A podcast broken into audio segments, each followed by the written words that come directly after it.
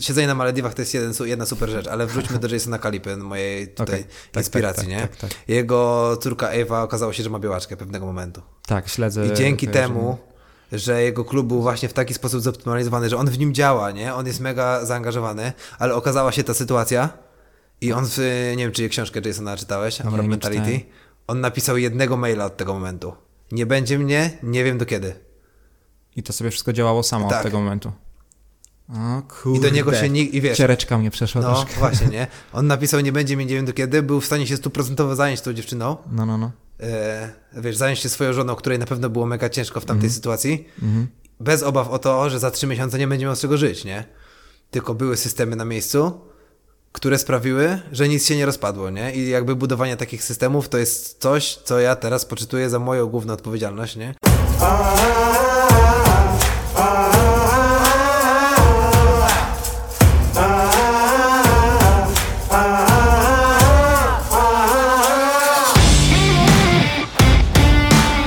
Cześć, ja nazywam się Tomek Szatkowski, a Ty słuchasz podcastu Mój Sportowy Biznes.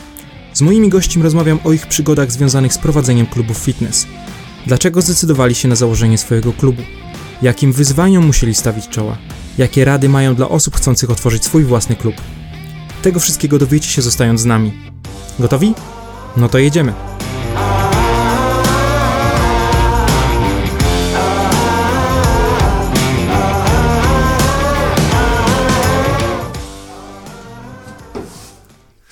Filip, witam serdecznie. Witam.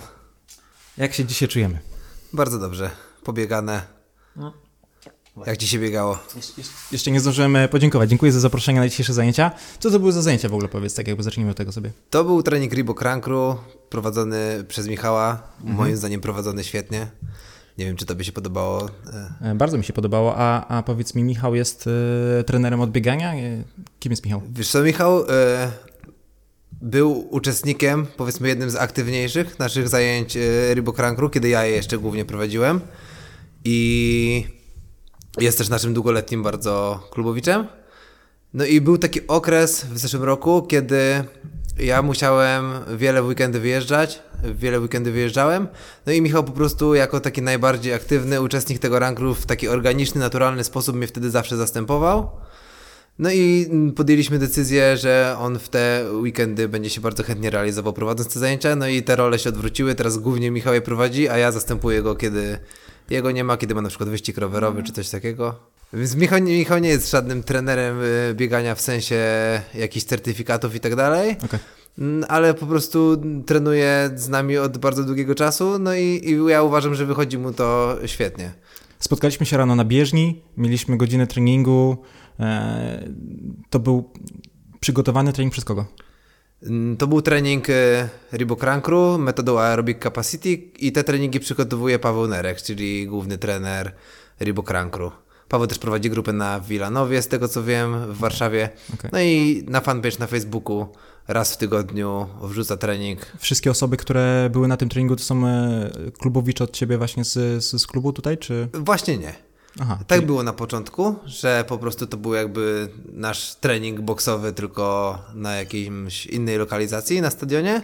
Mhm. No ale w miarę jak y, zaczęło to y, nasze Reebok Rankru rosnąć w siłę, no to zaczęły się tym też interesować na przykład osoby, które przychodziły na stadion po prostu sobie pobiegać i zobaczyły, że tu jest jakaś zorganizowana akcja, dopytały i tak dalej, albo jacyś znajomi naszych klubowiczów, więc przychodzą na ten trening też osoby które są naprawdę zaawansowanymi biegaczami. Na przykład Asia, która była z nami dzisiaj, e, wygrała, z tego co wiem, w parze z naszą klubowiczką Magdą bieg rzeźnika. No, proszę bardzo. Bieg rzeźnika to nie jest łatwa sprawa. To nie jest łatwa sprawa. Okej. Okay. A jak się w ogóle zaczęła ta przygoda z Rybą Rankru? E, zaczęła się w ten sposób, że taka inicjatywa powstała w Warszawie, Paweł prowadził te treningi, nawet nie wiem, czy była y, zaplanowana jako coś, co ma być ogólnopolską inicjatywą, mhm. no ale ja od razu wiedziałem, że jak to, jak to zobaczyłem, że to jest coś, co, co by się u nas przyjęło. U nas w klubie trenuje bardzo dużo osób, które traktują bieganie poważnie, nie są crossfiterami, którzy się bieganiem brzydzą. Okay. Tak jak większość zawodników większość. Gamesów w tym roku. Tylko Tylko to są osoby, które właśnie czy startują w ultra, czy startują w biegach przeszkodowych, czy startują nawet sobie jakieś dziesiątki. No i tak naprawdę od pierwszych treningów u nas ta frekwencja na tym Reebok Rankru od kilkunastu do dwudziestu paru osób Dobrze. wynosiła. Robimy to cały rok, nawet styczeń, grudzień, kiedy jest śnieg, biegamy po tym stadionie w śniegu. A teraz e, co zrobić, żeby wprowadzić e, takie zajęcia u siebie w klubie? W naszym przypadku wyglądało to po prostu tak, że odezwałem się do osoby z Reeboka, z którą e, miałem jakiś tam kontakt, jakąś znajomość i zapytałem, czy jest szansa, żebyśmy to robili u siebie. E, no i zaczęliśmy to Rankru u siebie prowadzić. Czy dalej to działa w ten sposób? Myślę, że po prostu najlepiej byłoby napisać do fanpage'a Reebok Rankru, który już teraz jest osobny na Facebooku, wtedy tego chyba jeszcze nie było i, i zapowiedzieć, że chcieliby, że ktoś chciałby coś takiego w swoim mieście prowadzić, o ile oczywiście w tym mieście tego już nie ma, bo z tego co wiem, tych grup jest coraz więcej. Okej, czy ale to jest jedna na miejscowość, czy, czy tego jest więcej? Jak to wygląda?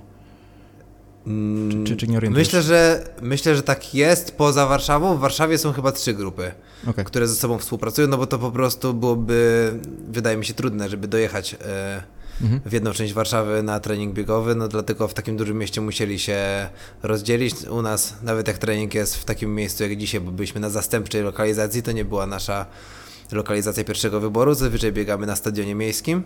Tylko, że czasem, jako że jest to stadion miejski, dzieją się tam jakieś imprezy, no i wtedy musimy poszukać sobie alternatywy. No i ta alternatywa była w dzielnicy, powiedzmy, nieco oddalonej od centrum, a i tak wszystkim udało się dotrzeć. Okej. Wspomniałeś, że większość osób związanych z crossfitem nie lubi biegać. I prawdopodobnie się mówi. tak. No tak, tak, taka jest trochę. A jak jest u ciebie? Ja bardzo lubię biegać. Jest to jedna z moich ulubionych rzeczy. Mimo, że nie, nie należę do najlżejszych crossfiterów, to jakby to bieganie zawsze było obecne w moim treningu. Wcześniej w, y, w młodości, powiedzmy, jakby to głupio nie brzmiało, grałem w koszykówkę, która zawiera w sobie bardzo dużo biegania. A w Toruniu tutaj, czy? Nie, grałem w koszykówkę w Trójmieście. Większość życia mieszkałem w Trójmieście. A, w, jak, w jakim klubie dokładnie? W Meduzie Gdańsk i w drużynie szkolnej. Nic szczególnego, ale, Rozumiem. ale to była moja główna aktywność sportowa. Okej. A ty jesteś jaki rocznik? 92. Aha, ty jesteś młody szczyl jeszcze. Tak. Jestem 8-8 e, i nie pamiętam czegoś takiego jak Meduz, ale bo ja byłem w No zupełnie innym e, rejonie. Ja, ja ze Szczecinka jestem, to tam jak graliśmy w kosza, to, to, to cały ten e, rejon typu Szczecin, Stargard, bardziej, bardziej w tamtą stronę. No ja tutaj raczej poza rejon taki lokalny, czyli trójmiejskiej aglomeracji się, się nie przebiłem z Na, na jakiej pozycji? Na takiej dziwnej, nie? No bo raczej na niższej, dwójce, trójce, Ale trochę byłeś misiu, więc e, ale trochę, ale trochę trochę czwórka? dokładnie. Ale trochę czwórka zależy, nie? W obronie bliżej czwórki, a w ataku bliżej takiej dwójki, trójki zawsze wolałem rzucić za trzy, niż się na przykład pchać pod kosz, więc A kiedy skończyła się twoja przygoda z koszykówką? No razem z liceum się skończyła. Jeszcze przez chwilę, kiedy się Czyli ty pochodzisz z Trójmiasta i... urodziłem się w Słupsku, Mhm. bardzo szybko przeprowadziliśmy się z mamą do Trójmiasta. Mhm. Yy, No i na studia postanowiłem wyprowadzić się do Torunia. Co studiowałeś? Studiowałem przez krótką naprawdę chwilę finanse i rachunkowość. E, dorabiałem jako trener personalny w klubie fitnessowym.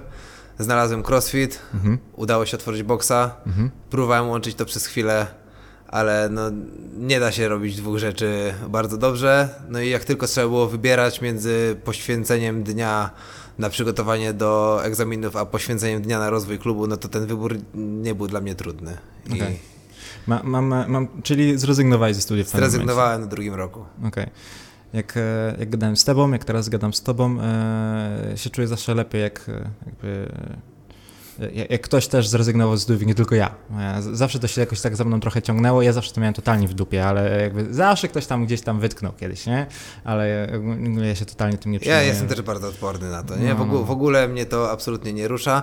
Ja y, poszedłem na te studia z jakby no, szczerą chęcią ich ukończenia. Okej. Myślałem, że nauczę się na nich czegoś fajnego. Jakby w liceum szło mi dobrze. Jeśli chodzi o naukę, ukończyłem bardzo dobrze matury. Mhm. No i ja się przez ten pierwszy rok studiów naprawdę wynudziłem. Większość rzeczy, które tam były, już umiałem i jakakolwiek inicjatywa i kreatywność była, miałem takie poczucie we mnie zabijana. Te studia polegały na tym, proszę, macie listę prezentacji, przygotujcie prezentację w tym tygodniu ty, za tydzień ktoś inny. Okej. Ja nie widziałem w tym żadnej wartości. I po dwóch latach miałeś możliwość albo zacząć klub, albo Znaczy, ja zacząłem klub, łudząc się, że ja te studia jeszcze prowadząc klub skończę. Okej, okej, okej. To się nie powiodło. Czemu zdecydowałeś się w ogóle na założenie klubu? I, inaczej, bo jakby tego nie złapałem. Kiedy zacząłeś crossfit dokładnie? W 2012 roku. Zacząłem crossfit dokładnie, dokładnie w tym samym prawdopodobnie momencie co Sebastian, z którym ostatnio Tak, tak, tak. okej. rozmawiałeś, ponieważ chwilę przed tym obozem, na którym Sebastian wspominał, że był, ja też na tym obozie byłem, to był obóz organizowany przez CrossFit Mjolnir, Mhm. przez y, Lucynę i Maćka. Ile miałeś wtedy lat? To było, teraz masz, bo teraz masz 20... 26. 6, a wtedy miałeś 18, 19. 19? 19. To też młody szczyl byłeś, nie? To szybko się tak jakby Tak. zachłysnąłeś tematem. Wiesz co, ja prowadziłem w ramach po prostu takiej studenckiej pracy treningi personalne i dyżury w klubie fitnessowym w sieci, która już nie istnieje, czyli Wiatomi. Okej, no było. I znalazłem taką dyscyplinę jak crossfit. Wtedy to się nazywało Wiatomi... E... Xfit. Xfit, no chodziłem na to, jakby też, też od tego zacząłem. Wprowadzałem, lata później próbowałem w naszym no, no. Jatomi wprowadzać Xfit, tak. To Okej, były moje okej, pierwsze zajęcia grupowe, to było na, na środku sali, bo my mieliśmy bardzo małe Jatomi w A w jaki sposób się w ogóle zakręciłeś do tego, żeby zostać trenerem personalnym w Wiatomi? Mm, Jako, jako gimnazjalista miałem duży problem z nadwagą, Mhm. no i byłem zdeterminowany wtedy, żeby coś z tym zrobić, no i dlatego zainteresowałem się i treningiem siłowym, i zainteresowałem się dietą. Byłem w takim w dużej mierze samoukiem, ale w, na początku liceum udało mi się schudnąć 44 kg. No i wtedy już ten taki trening i powiedzmy styl życia był bardzo obecny w moim życiu. No co, co, co zrobiłeś, żeby schudnąć 44 kg? Bo z, jak, z jakiej wagi na jaką? Ze 116 startowałem, skończyłem na 72, co przy moim wzroście 1,83 m było zdecydowanie zbyt raptownym skokiem, bo to się stało w mniej niż półtorej roku.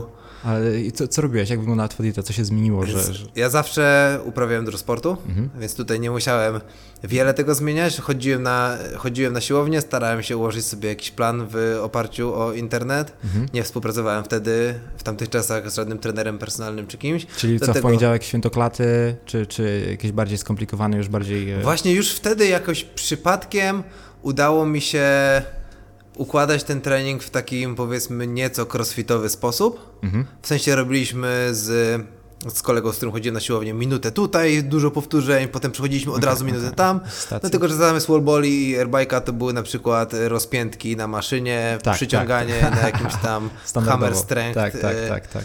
Czyli taki, w ogóle w siłowni, w której ćwiczyliśmy w Gdańsku, był taki obwód przygotowany, że była na każdą partię Aha, maszyna i one były tuż obok siebie. okej. Żeby można było e, sobie właśnie to wszystko zrobić tak bez przerw. Więc w jakiś taki intuicyjnie crossfitowy sposób trenowaliśmy. Mhm. My też potrafiliśmy na ten trening, lubiliśmy wyskoczyć w e, trakcie okienka między zajęciami, więc to też nam pomagało, że nie siedzimy 2,5 godziny na tej siłowni, tylko w 45 minut robimy trening. E, Przez chwilę na naszej siłowni chodziliśmy na zajęcia z MMA. I tam też tak naprawdę zupełnie się nie nadaje do tego. A czemu? Bardzo mi się nie podoba agresja w moją stronę fizyczna z czyjej strony. Także niedługo to potrwało, ale pierwsza połowa zajęć to zawsze był trening taki. Wtedy słowa crossfit nie znałem, nikt chyba w Polsce go jeszcze nie znał, ale to był taki trening, powiedzmy, noszący znamiona crossfitu, jakieś tam padnij powstań, tego typu rzeczy się działy i mi się to zawsze ta część na tych zajęciach bardzo podobała. Ja chodziłem na te zajęcia przez to, że lubiłem się zmęczyć tą częścią ogólnorozwojową, a nie dlatego, że miałem jakieś pragnienie obić komuś twarz, nie? To, to była najmniej lubiona przez ale, ale no, zjechałeś 40 kg w dół, ale to nie samym sportem. E, Tak, Coś oczywiście. zmieniłeś w jedzeniu. Przede wszystkim y, starałem się zmienić coś w jedzeniu. Nie wiedziałem o tym za wiele. Mhm. Moim źródłem wiedzy na ten temat było KFD, Okej. czyli taki kulturystyczne forum dyskusyjne. Tak jest. Szukałem sobie jakiegoś sposobu. Gimbaza nie znaje, czy, czy, czy, czy znają.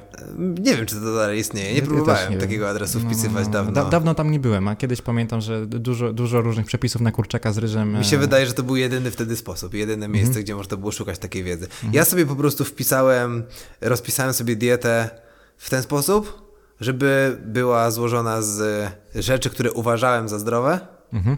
czyli pełno ziarnistych bułek, jogurtu fitness i takich rzeczy. I ułożyłem sobie to tak, żeby to były 2000 kalorii, co wydaje mi się przy, było przy mojej aktywności fizycznej i, Dużo za i przy mojej wadze dużo za mało. No ale chudłem sobie, chudłem, aż w końcu chudnąć przestałem przy okazji, przy, w okolicy tak minięcia 100 kg mniej więcej. Okej. No bo to było po prostu za mało i moim zdaniem zwolnił mi metabolizm, teraz tak myślę. Mhm. Ale jako, że nie wiedziałem lepiej, po prostu z tych 2000 kalorii postanowiłem zjechać na 1500 i sobie dochudłem jeszcze drugie tyle. Rozumiem. okej. E, W momencie, kiedy przeprowadziłem się na studia do Torunia, A miałeś wtedy ten, tendencję na przykład do słodyczy, których musiałeś zrezygnować? Wiesz co, ja nie, nie mam do dzisiaj takiej jakiejś e, szczególnej tendencji do słodyczy, mam tendencję do pizzy, serów i glutenu. Okej, okej. Okay, Także ja mógłbym słodyczy w ogóle nie jeść, to nie byłby dla mnie problem, ale, ale nie, z pizzy nie, nie jedzenie pizzy albo carbonarium, to okay, z pizzą nawet. z Marełkiem byś się dogadał chyba, co? Myślę, że bym się dogadał, ale no. Marek lubi pizzę, z tego co wiem, Donatello z Biedronki jest wielkim fanem i tak dalej. Mi to nie przeszkadza taka pizza, okay, ale jednak okay, wolę wyjść sobie do jakiejś restauracji. Rozumiem. Nie, nie, nie lubię jednak włoskiej pizzy. Jeśli, ma, jeśli mam wybierać, to wolę, żeby pizza była A taka... Na grubym cieście? Deep dish, to się nazywa. Aha, dużo sera, e, tak. dużo, dużo tak jakby... Mm, Podawana w ciasta. patelni. No, no, no. Tak, wszystkiego dużo. Okay, okay. No i, i wracając do tego mojego bycia trenerem, przeprowadziłem się tutaj na studia. Ale chwilę, moment, jeszcze y, zjechałeś poniżej 100, wjechałeś na 1500 kalorii i, i chudłem, na, na i tym 1500 dalej. kalorii przyjechałeś do tych 70 paru kilo. Do 72 kilo okay. i potem troszkę sobie rozluźniłem z y, tą dietą, ale dalej starałem się jeść mniej więcej w ten sam sposób, tylko już nie wpisywałem wszystkiego w Rozumiem. te tabelki kaloryczne. No i też więcej ćwiczyłem wtedy siłowo, zacząłem ćwiczyć, mhm. ponieważ Wcześniej robiłem głównie te takie bardzo szybkie obwody. Mi się wydawało, to jest ko kolejna rzecz na temat aktualnego wtedy stanu wiedzy, mi się wydawało, że jak będę podnosił ciężary, to nie schudnę. Okay. Tak jak teraz myślą, tak, tak, tak, tak, zdarza tak, się, że przyjdzie jakaś taka pani, która tak myśli, ale ogólnie nie ma już takiego przeświadczenia, myślę nawet w społeczeństwie. Ja tak wtedy jeszcze myślałem. Potem zacząłem sobie ćwiczyć na tej siłowni tak nieco mniej intensywnie, bardziej siłowo. Starałem się dalej jeść zdrowo, ale już nie tak rygorystycznie. Mhm. No i tak sobie. Jeszcze byłeś w liceum wtedy. Byłem w liceum, Już to, jest, to jest koniec liceum, -hmm. początek studiów mm -hmm. I, I, tak nabierałem trochę masy mięśniowej. Ja w ogóle przy tych 72 kg byłem skrajnie, myślę, że niesprawny. Nawet jak jeszcze na początku e, już jako trener personalny zacząłem się zajmować tym crossfitem, pojechaliśmy na ten obóz, to overhead skład z PCV mnie totalnie przerastał, nie? Ale Więc jeżeli chodzi o mobilność? Czy... Jeżeli chodzi o mobilność, w ogóle... Czy PCV bardzo ciężka? Wykonanie przysiadu y, poniżej kolan to było dla mnie na początku tego no, crossfitu, to było obce. To, to, to była wszystko ziemia nieznana taka. Mm. E, ja zrobiłem sobie kurs trenera personalnego już w Toruniu. Rozumiem. W Towarzystwie Krzewienia Kultury Fizycznej, tak to się nazywa, TKKF. Nie był to jakiś kurs też taki oświecony, tylko prowadził trener kulturystyki. Mhm. Więc to wszystko było takie, powiedzmy, nieco przestarzała ta moja wiedza do momentu, jak e, zobaczyłem, że jest coś takiego jak CrossFit. Yy, wydaje mi się, że w Men's Healthie znalazłem ogłoszenie, jakieś takie reklamy Reeboka, w którym ktoś tak, tam tak, skakał tak, na tak. skrzynkę, no, no, no, coś no. tam, jakieś słowo CrossFit się pojawiło, zacząłem sobie to wyszukiwać. No i okazało się, że jest ten obóz. I wtedy jeszcze z wiedzą na temat crossfitu bliską zeru na ten obóz pojechałem. Mówię, nie potrafiłem zrobić overhead składa z PZV, nie potrafiłem okay. e, podciągać się skippingiem. I, I jak wspominasz ten obóz? Bardzo dobrze wspomniałem. No ten obóz to jest myślę, że powód tego, że ja dalej robię to, co robię. Ten obóz był super. Nawiązaliśmy wtedy wiele znajomości, no, no, no, no, które powiedzmy bliżej lub dalej są ciągnięte do dzisiaj. No Sebastian jest bliskim mi naprawdę znajomym. Staram się zawsze być na jego zawodach, które są organizowane. Były w ostatni weekend. Były w ostatni no, weekend. Tak, byłem tak, tam tak, w charakterze kibica, ale byłem. O, no tak. No i masz niedaleko w sumie, nie? Bo no. To jest e, godzinka drogi. I... 45 minut. Tak, tak, tak, tak. Okej. Okay. E, no dobra, no i, mam, i teraz tak, e, zacząłeś sobie pracę jako trener personalny, jako osoba, która prowadzi zajęcia Xfit w Wietomi? Wtedy jeszcze zajęcia Xfit nie. E, zajęcia Xfit to już były po obozie. Wtedy po prostu miałem dyżur, mhm. odpo- byłem odpowiedzialny za to. Okej, okay, to była twoja żeby... taka pierwsza praca na studiach? Pierwsza praca na studiach, tak. Rozumiem. Po w prostu w dużym wymiarze godzin? Jak... Wiesz co, my dyżurów mieliśmy dwa razy po 5 godzin w tygodniu mhm. i poza tym to tak naprawdę zależało od nas, czy tam siedzimy i próbujemy zdobywać klientów, y, czy nie zależy na tym aż tak bardzo. Ja starałem się to robić, aczkolwiek wtedy ten mój talent sprzedażowy, co jeśli ktoś pracował w Atomi, to wie, że to jest jakby główne kryterium oceny trenera w tamtym miejscu. Tak, było, bo to nie, nie istnieje ta firma, mhm. w Polsce przynajmniej. Mhm był bardzo mierny ten mój talent sprzedażowy, nie, nie odnosiłem tam jakichś wielkich sprzedażowych sukcesów, mhm. ale zawsze na dyżurze starałem się być dla ludzi, pomagać im, starać się, żeby wszyscy na sali ruszali się w dobry sposób. Okay. Na tyle, co umiałem, e, na tyle, co mogłem im nawet bezpłatnie pomóc, to starałem się to zrobić.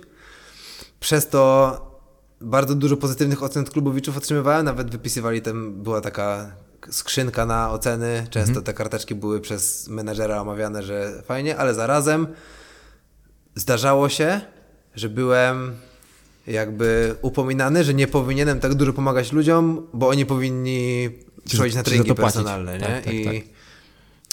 no, ja się z tym trochę do końca nie zgadzam. No nie uważam, żeby jak ktoś robi coś źle na sali, no to ja tam jestem od tego, żeby mu pomóc. No i jak wróciłem z tego obozu, no to chciałem jakoś ten crossfit zacząć od razu wprowadzać w życie. Swoim klientom indywidualnym, których miałem, Mhm. od razu ich program treningowy zaczął być praktycznie crossfitem. Na tyle, co o nim A, wiedziałem. a wy na tym obozie nauczyliście się jakoś chociaż delikatnie programować, czy dostaliście już jakieś gotowe treningi, które chcieliście robić z, z podopiecznymi? Wiesz co, to był taki dość intensywny obóz, bo on trwał, nie pamiętam czy to był tydzień czy dwa, Mhm. ale praktycznie trzy razy dziennie trenowaliśmy z dużą ilością techniki i tak dalej i trzy razy dziennie też siedzieliśmy sobie pod takim namiotem y, na y, chałupach 6 i mieliśmy coś w rodzaju wykładu. A, czyli to było na helu. Tak, tak. No, ekstra. No, no, no. no. E, ten rig w ogóle tam stoi do dzisiaj. To, jest, Tak, no, ja też, też tam trenowałem przez chwilę. E... Świetna sprawa. To było na Helu, tak. No i potem, jak już zrobiłem certyfikat CrossFit Level 1, no to, to dowiedziałem się, że tak naprawdę te wykłady, które robili nam e, Maciek z Lucyną, no to było mniej więcej to, co jest na Level 1. Czyli przeszliśmy takiego nieformalnego Level 1, Rozumiem. zanim jeszcze na ten certyfikat udało nam Okej. się pojechać. Ja to zrobiłem niedługo później, bo wakacje był ten obóz, Mhm. A wydaje mi się, że w październiku Mhm. poleciałem do Manchesteru na level 1, także jak, najszybciej starałem się starałem się to zrobić. Wtedy, takiej opcji jak zrobienie level 1 w Polsce w ogóle nie było. No, no, Nawet wydaje mi się, że zrobienie level Jeszcze one- później były w Warszawie, nie? Jak Tak. zaczęły. W ogóle dalej chyba tylko w Warszawie się odbywają level 1, wydaje mi się, że w Polsce nigdzie indziej nie było. Okej. Może w Krakowie? Rozumiem. E, Czyli to jest raz, jesteś na pierwszym roku studiów, e, jesteś po obozie, e, w wakacje po pierwszym roku studiów lecisz sobie już do Manchesteru robić level 1 w- no, w i, październiku. i, i powoli ci się zaczyna tak jakby... Już wcześniej przed tym level 1 zacząłem te, te zajęcia X-Fit? X-fitowe Mhm. próbować w tym, ja to mi Rozumiem. wprowadzać. Mhm. No i jak wróciłem z level 1, no to wiadomo, że miałem do tego więcej jakby narzędzi, więcej wiedzy, jak to zrobić. Było to całkiem popularne, zaczęło na to przychodzić trochę osób. Mhm. No i tak naprawdę no, miałem z tyłu głowy, że to nie jest może najlepsze miejsce do prowadzenia tego crossfitu. Jak się przejechałem czy do Wrocławia, do Mjolnira, czy przejechałem się na otwarcie Reebok CrossFit Mokotów w styczniu, to było chyba, czy byłem w Manchesterze właśnie w tym klubie, to się nazywało Reebok CrossFit Stockport. Okej. E, No i przede wszystkim później w marcu Sebastian otworzył CB163 w Bydgoszczy i to była dla mnie taką super motywacją, jak tam pojechałem. Pomagałem mu uciąć tę podłogę, nie wspomniał o tym. O, To ta podłoga dalej tam leży i ona faktycznie była... E, chociaż nie, ciąć faktycznie nie, ja mam dwie lewe ręce, ja bym do tego się nie nadawał, ale pomagałem ją, ją nosić i układać. W każdym razie jak e, ja, klub... ja, ja jestem leworęczny i zastanawiam się za każdym razem, jak ktoś tak mówi, to czy mnie trochę obraża, czy... Też czy, jestem czy... leworęczny. Aha, czy miałeś dwie prawe Tak, ręce? miałem w sobie dwie prawe ręce, Rozumiem. no ale tak się mówi, nie? No tak. Eee, jak zobaczyłem, że Sebastian otworzył ten klub, że, że to jest. No ja byłem pewien, że to jest to, co ja chcę robić. Chciałem mieć jakiś sposób na to, żeby otworzyć box. No tylko pamiętajmy, że ja miałem 19 lat, nie?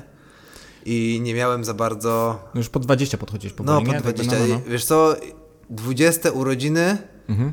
miałem w momencie remontu boksa, A, ale jeszcze nie otwarcia. no właśnie, a teraz e, zdecydowałeś się na otwarcie, a co z... Bo na przykład Seba miał tak, że już miał grupę jakąś, którą prowadził e, i to była jego grupa, można było powiedzieć, bo oni już mieli swoją salę, którą wynajmowali powoli e, i, i, tak to się tak jakby kręciło do przodu. Ty jednak prowadziłeś zajęcia w X-Ficie, czyli to, są- to są nie twoi klubowicze i co, ściągnąłeś ich sobie jakoś powoli do siebie? Jak co, w momencie, kiedy zapadła decyzja o otwarciu klubu, no to yy, ja miałem też swój fanpage, Filip Andrzejewski, trener personalny, to wtedy Mhm. zazwyczaj się takie fanpage prowadziło, jeśli chciało się pozyskiwać yy, klientów na treningi Lajki się tam zgadzały, czy nie? Wiesz, niespecjalnie. Okej. Myślę, że nie, nie, nie przebiłem się przez y, wartość 500. Okej.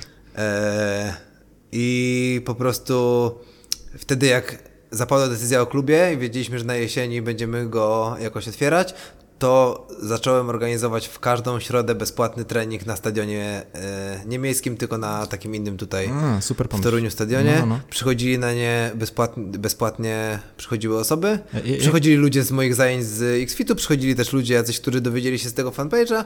No i ta, ta grupa sobie rosła. Powiedzmy, że było to tam około 30 osób w momencie, kiedy my mogliśmy oficjalnie powiedzieć, e, otwierałem klub ze, e, ze wspólnikiem w tamtym czasie, że że będziemy otwierać tego boksa.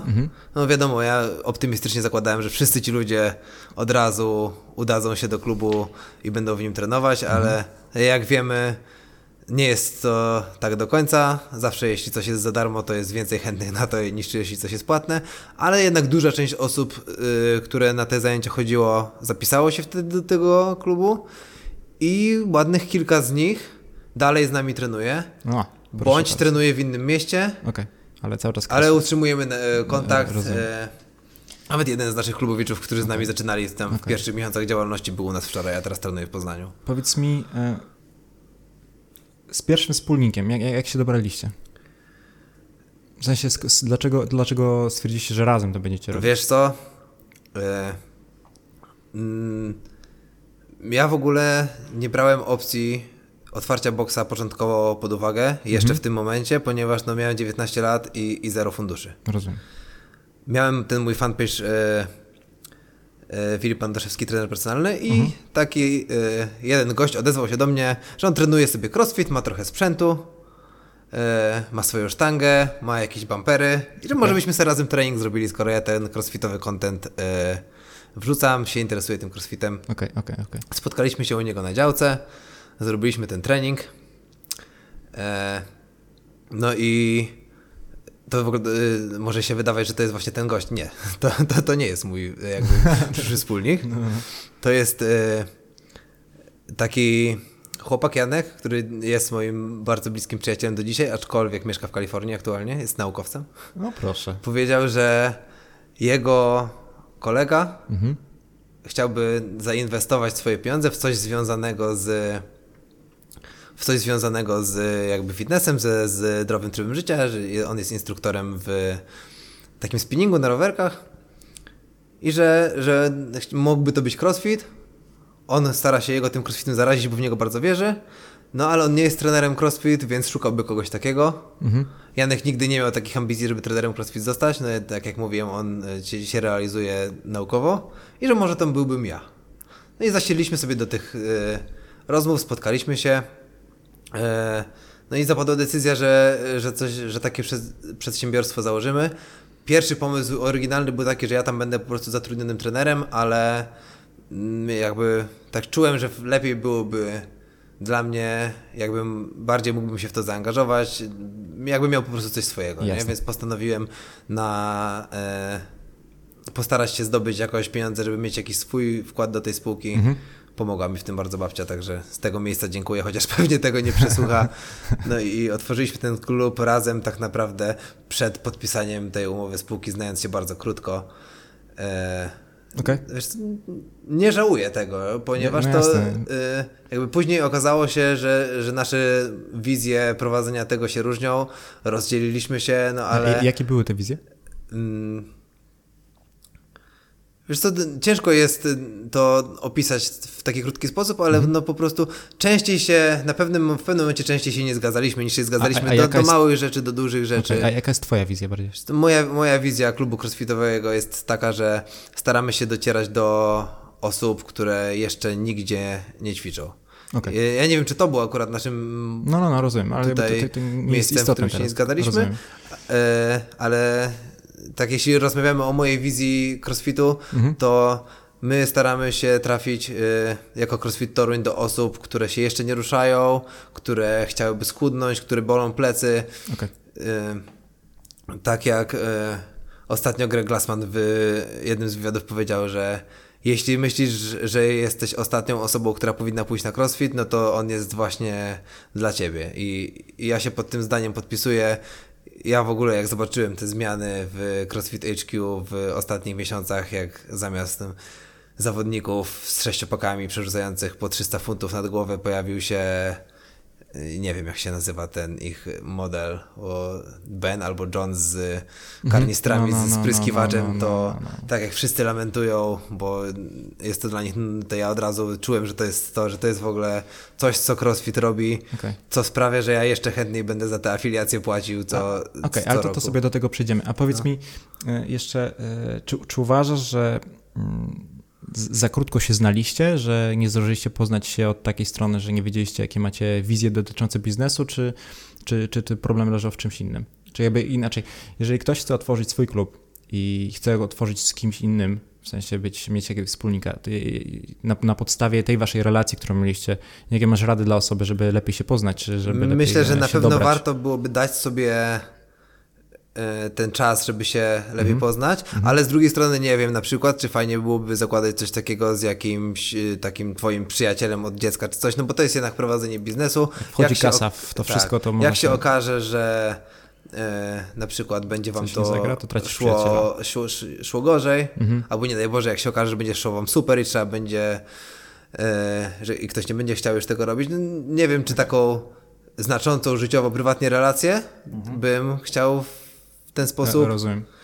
e, połączyć, Okej. ale na pewno warto byłoby się lepiej poznać. To jest pierwsza rzecz.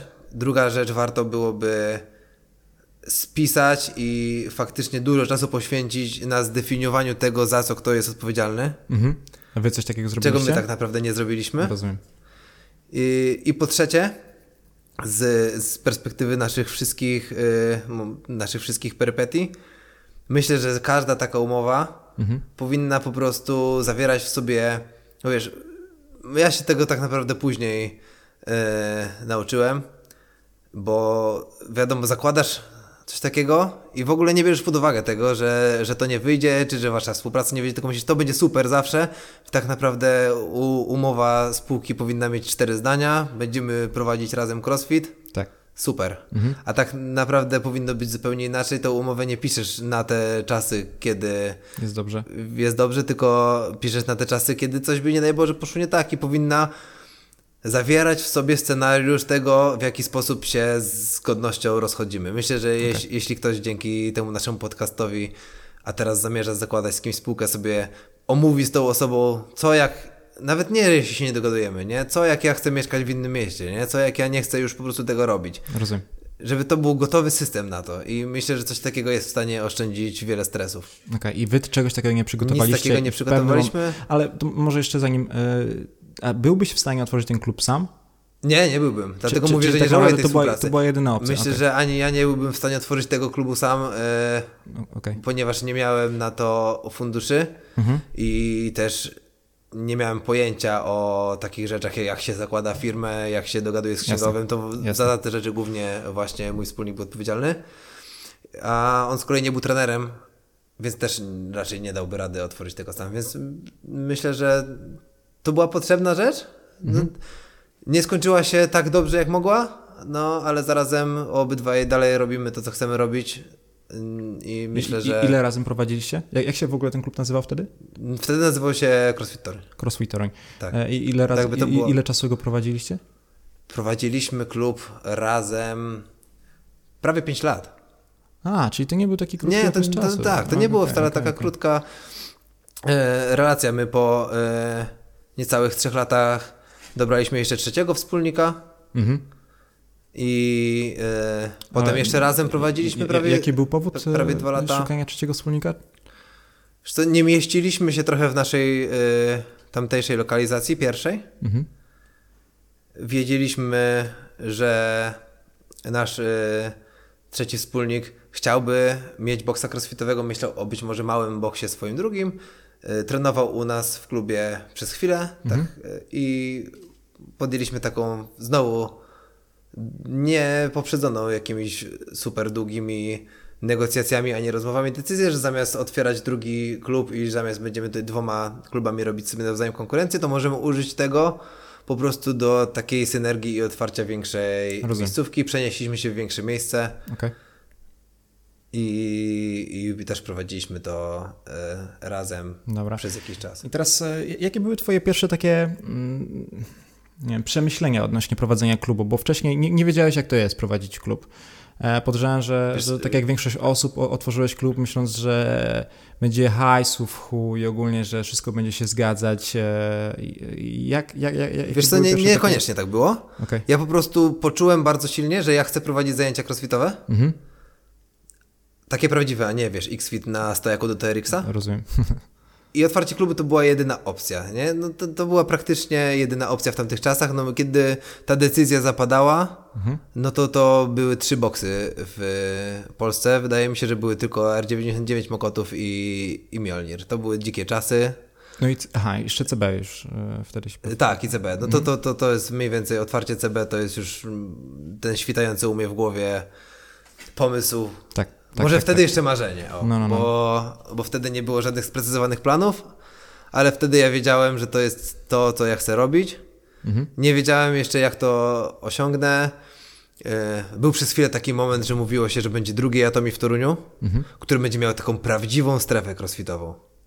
I przez tę chwilę ja sobie myślałem, o, to jest spełnienie moich marzeń, bo tu w końcu będzie można, wiesz, robić wallbole, nie? Czyli w twoim przypadku to głównie chodziło o prowadzenie tak, zajęć. ja w ogóle nie miałem takiego biznesowego drygu do tego. Okej. To była przez y, jakiś czas pewnie moja najsłabsza strona. Mhm.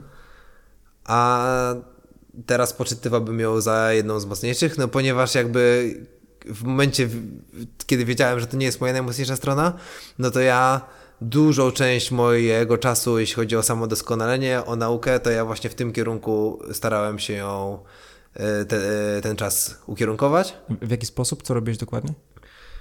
Wiesz co, y, to jest też powód, dla którego ja chciałem wziąć y, udział w twoim podcaście, dlatego że od kiedy odkryłem podcasty, no to po prostu uważam, że mój rozwój osobisty przyspieszył dziesięciokrotnie.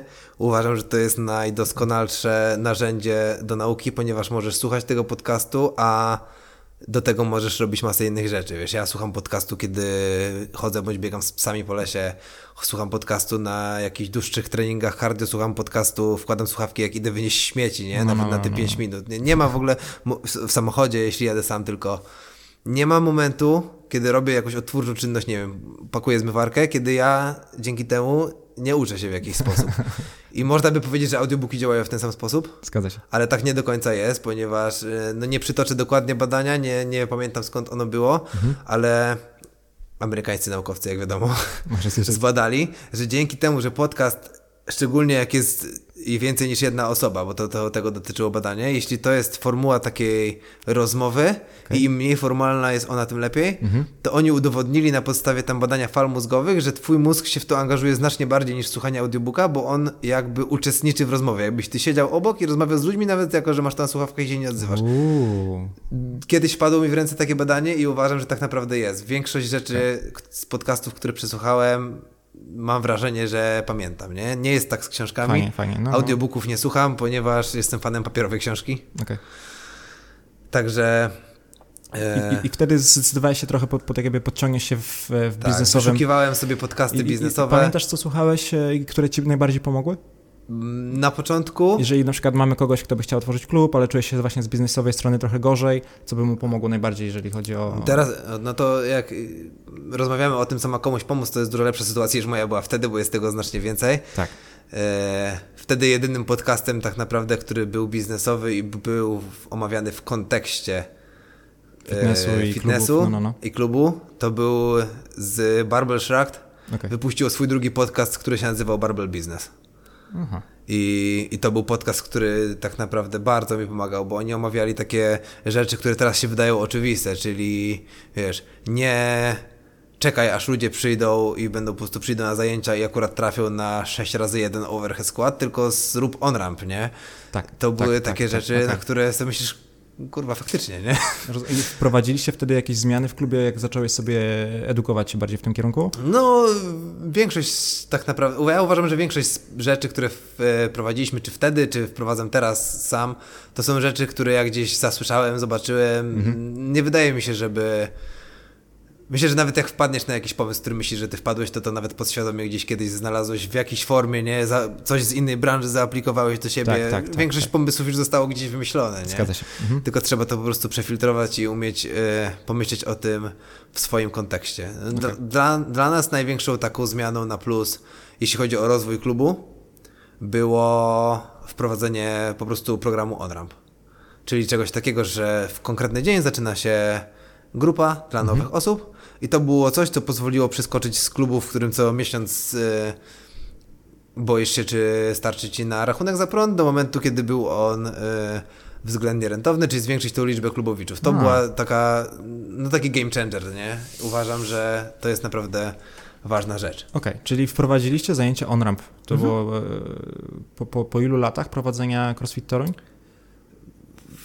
Wiesz co, oszacowałbym teraz, że po roku, po roku z haczykiem, ale mogę się totalnie czyli, mylić, czyli nie? dość wcześnie. Tak, tak, Okej. dość wcześniej. I wtedy czuliście faktycznie, że przychodzi jakaś nowa fala klubowiczów do was? Wiesz co, yy, początkowo, to jest też jakby wskazówka biznesowa, którą Mhm. z chęcią komuś dam. No.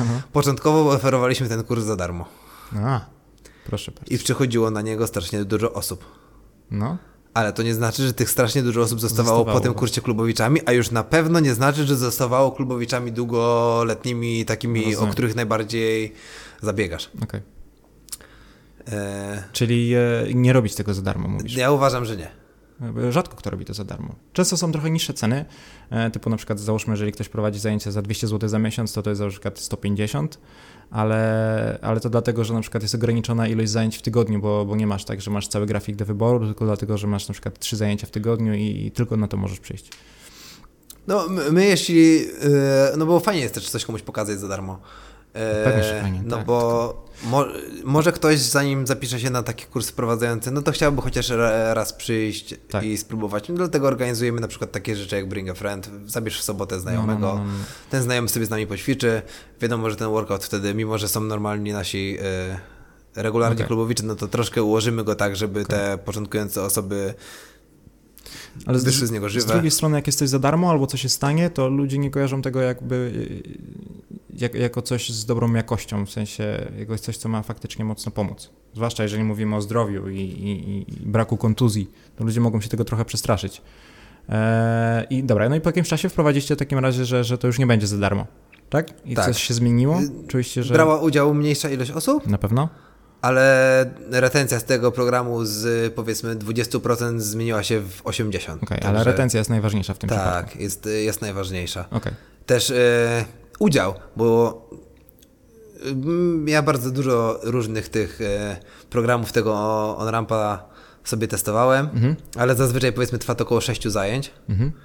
No i bywały takie darmowe OnRampy, to jest skrajny przypadek, gdzie zaczęło go 26 osób, No.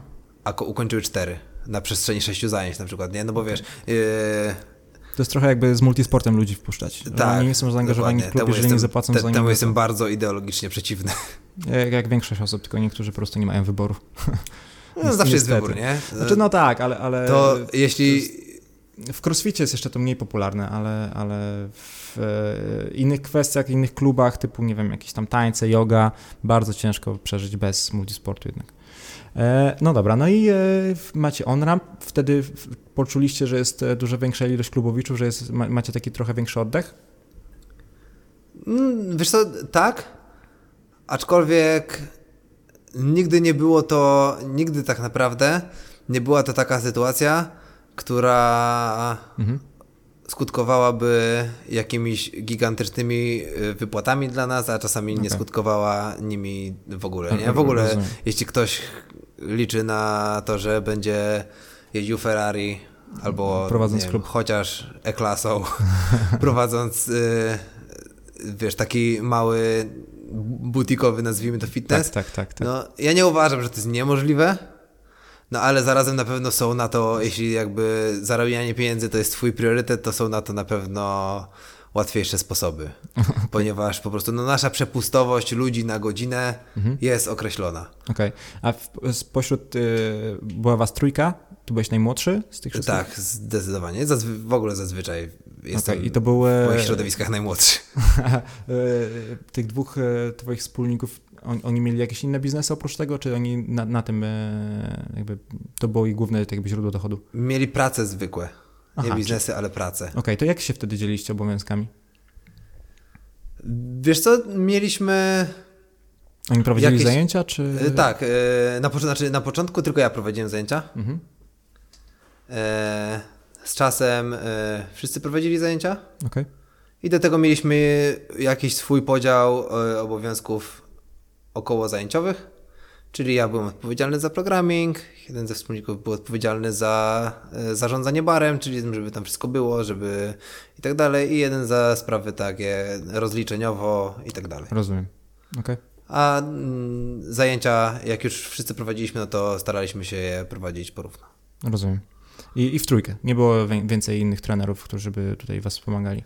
Y, Była jeszcze Ania, to jest moja była żona. Rozumiem. Dobrze. I teraz e, i, co w, jakby mm, po trzech latach doszedł e, trzeci wspólnik i później co się stało, że, że to wszystko się- jakby się, się, się, się, się rozpadło? Wiesz co, ja nie wiem, czy coś konkretnego się stało. Po Mhm. prostu my, tak jak gadaliśmy wcześniej, nie przetestowaliśmy się Tak. na tyle, żeby wiedzieć, że będziemy zgadzać się na temat, no wiesz, różnych małych rzeczy. Czy, czy to postawimy tutaj, czy to nazwiemy tak i tak dalej. Praktycznie w pewnym momencie zaczęło być tak, że większość naszych decyzji to były trzy różne zdania na ten temat, nie? Mhm. No i, i po prostu Okej. ja też jestem osobą, która ma zazwyczaj jakiś, jak już mam jakiś konkretny pogląd na, na coś, no to wiem, że coś chciałbym zrobić w ten sposób, a zarazem jestem dość ugodowy i kiepski w kłóceniu się i dyskusjach. To jest w ogóle najsłabsza chyba mieszanka, jaka może być, nie? Więc ja też uważam, e, że ja się do spółek nie nadaję. Może są ludzie, którzy się nadają, ale ja na tym doświadczeniu dowiedziałem się, że lepiej po prostu będzie. Czyli nauczyłeś Jak się ja- paru rzeczy o sobie. w Ja się nauczyłem masy rzeczy o sobie. E, Okej. E, To jak, jak, jak to cała wasza współpraca się skończyła, to było niemiłe doświadczenie, czy jakoś się dogadaliście w tym wszystkim? Czy, czy są tutaj jakieś rzeczy, które można podpowiedzieć innym osobom, które mniej więcej, bo Co, wiesz co, powiem ci szczerze, że... nie, chciałbym, nie chciałbym w ogóle jakoś tutaj mm, okej. e, tego naszego rozstania rozwlekać. Teraz myślę, że mamy do siebie stosunek neutralny, widujemy się czasem na zawodach, potrafimy sobie tam przybić piątkę i tak dalej, także koegzystujemy. Mm, Wcześniej rozmawialiśmy o tym, że warto by Dobra. po prostu na początku samej współpracy Ale przemyśleć. jeżeli, jeżeli współpracowaliście 5 lat, to wydaje mi się, że obojętnie jakbyście sobie nie przygadali tego, to znaczy możliwe, że parę rzeczy można było spisać na papierze, w sensie w jaki sposób możemy się rozstać w przyszłości, Mhm. ale dobrać się jako osoby, wydaje mi się, że tak czy siak, jeżeli współpracowaliście 5 lat, to nie jesteście w stanie wcześniej się tak jakby przewidzieć czegoś takiego. Wydaje mi się, że to jest po prostu nie do zrobienia. Znaczy, wiesz, to, to nie jest tak, że wiesz, wszystko idzie super i nagle pewnego dnia postanawiasz jednak nie i ten, tylko to, to no jest, to się to jest, psuje. to, to jest jakby- proces, nie? No to tak jak, jak normalne związki, trochę to tak działa, nie?